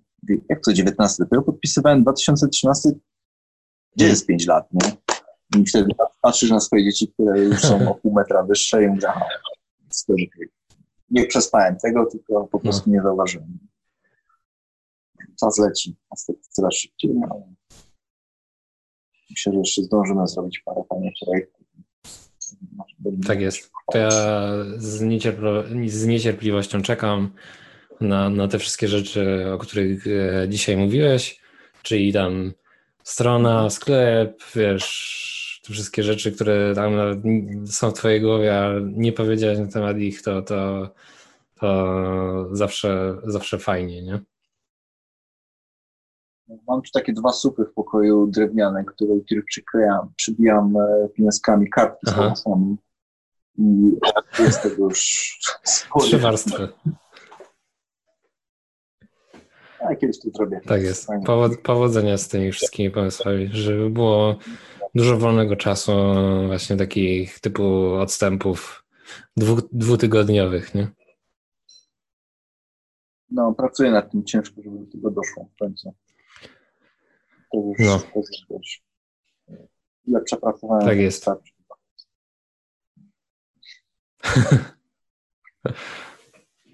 Czyli to to potwierdzasz, że już najwyższy czas, trzeba sobie dać czas pomyśleć o, o, o tym, o emeryturze, nie? To znaczy? Aha, że, że po prostu, żeby przestać prac pracować dla kogoś, tylko dla siebie. No niektórzy robią takie okresy, żeby w ogóle sprawdzić, czy ta emerytura w ogóle będzie fajna, nie? Czyli sobie przesunąć rok emerytury wcześniej i powiedzieć, kurczę, czy faktycznie mi to pasuje, czy ja może wolę pracować do końca życia, nie? A, a nie być na emeryturze, nie? do końca życia, tylko jest właśnie kwestia, wie, można robić fajne rzeczy, a można do końca życia tyle mhm. dla kogoś, nie? Więc, a można robić trochę tego i trochę tego, no. To jest taki zawód, że póki będę widział jeszcze na to oko i w miarę rękami ruszał, to myślę, że do 80 spokojnie mhm. mogę takie zrobić. A to zobaczymy. Zresztą na tym, jak jeżdżę na Grand Prix Magicowe, to tam tam taki, taki, wiesz, naprawdę seniorów już, już muszą co 5 minut iść do ubikacji, ale podpisują te karty mm -hmm. i rysują. Praktycznie ręka zostaje. On się może cały na przykład trząść lekko, że starszy pan, ale wiesz. Podpis jak, jak 15-latek. Także, optymistycznie patrzę w przyszłość, że jak mi starczy sił, to... Tak jest. I, i, i tak e, to tobie życzę, e, żeby, żebyś e, miał 80 lat i dalej mógł spokojnie robić podpis bez problemu, nie? tak jest, że dało się rysować, nie? Bo to jak ktoś zabiera nam coś, co kochamy, to jest jedna z smutniejszych rzeczy, nie? Która może człowieka spotkać, nie? No, ale tak, naprawdę są jeszcze w życiu inne rzeczy, które się kocha i tu nie można tak mówić, tylko wiesz, też się często zastanawiam, co by się stało, gdyby mi rękę urwało, wiesz, pewnie rysował nogą, albo może bym robił mm -hmm. coś innego, nie? To jest, to jest pasja, ale bez przesady znowu? Jak, jak na przykład jedziemy gdzieś na wakacje i dwa tygodnie nie rysuję, to nie dostaję szału, także nie jest takie, że za wszelką cenę? Po prostu robię to, bo lubię, dzięki Bogu jest tak, że mogę, wiesz, robić to jako pracę, więc Jestem bardzo zadowolony, że się to udało tak zrobić, bo dawniej to nie było takie proste, żeby się tak mhm, przebić mm -hmm. na rynek, nie? Internet, internet trochę w tym pomógł, maile, praca na dystans, co się da zrobić dzisiaj, ale no mówię, gdyby coś nie daj Boże stało, nawet ten COVID spowodował to, że nie miałbym pracy, to bym, nie wiem, układał kostkę brukową coś. Coś tam zawsze można robić. Tak jest. Dobra, to jeszcze raz dziękuję Ci bardzo. Bardzo miło było poznać e, face to face e, wszystkie, wszystkie rady i tak dalej. I, I do zobaczenia być może w przyszłości znowu na kolejnym odcinku, tak jak mówiłeś, że jeszcze nie wszystko powiedziałeś, co chciałeś powiedzieć. No tak, miał tylko pomysł na nowy odcinek. Dobra, dobra. Dziękuję bardzo jeszcze raz i, i do zobaczenia i na żywo, i gdzieś tam jeszcze przez internet. Tak jest. w kolorze. No dobra. Pozdrawiam. No, cześć. Cześć.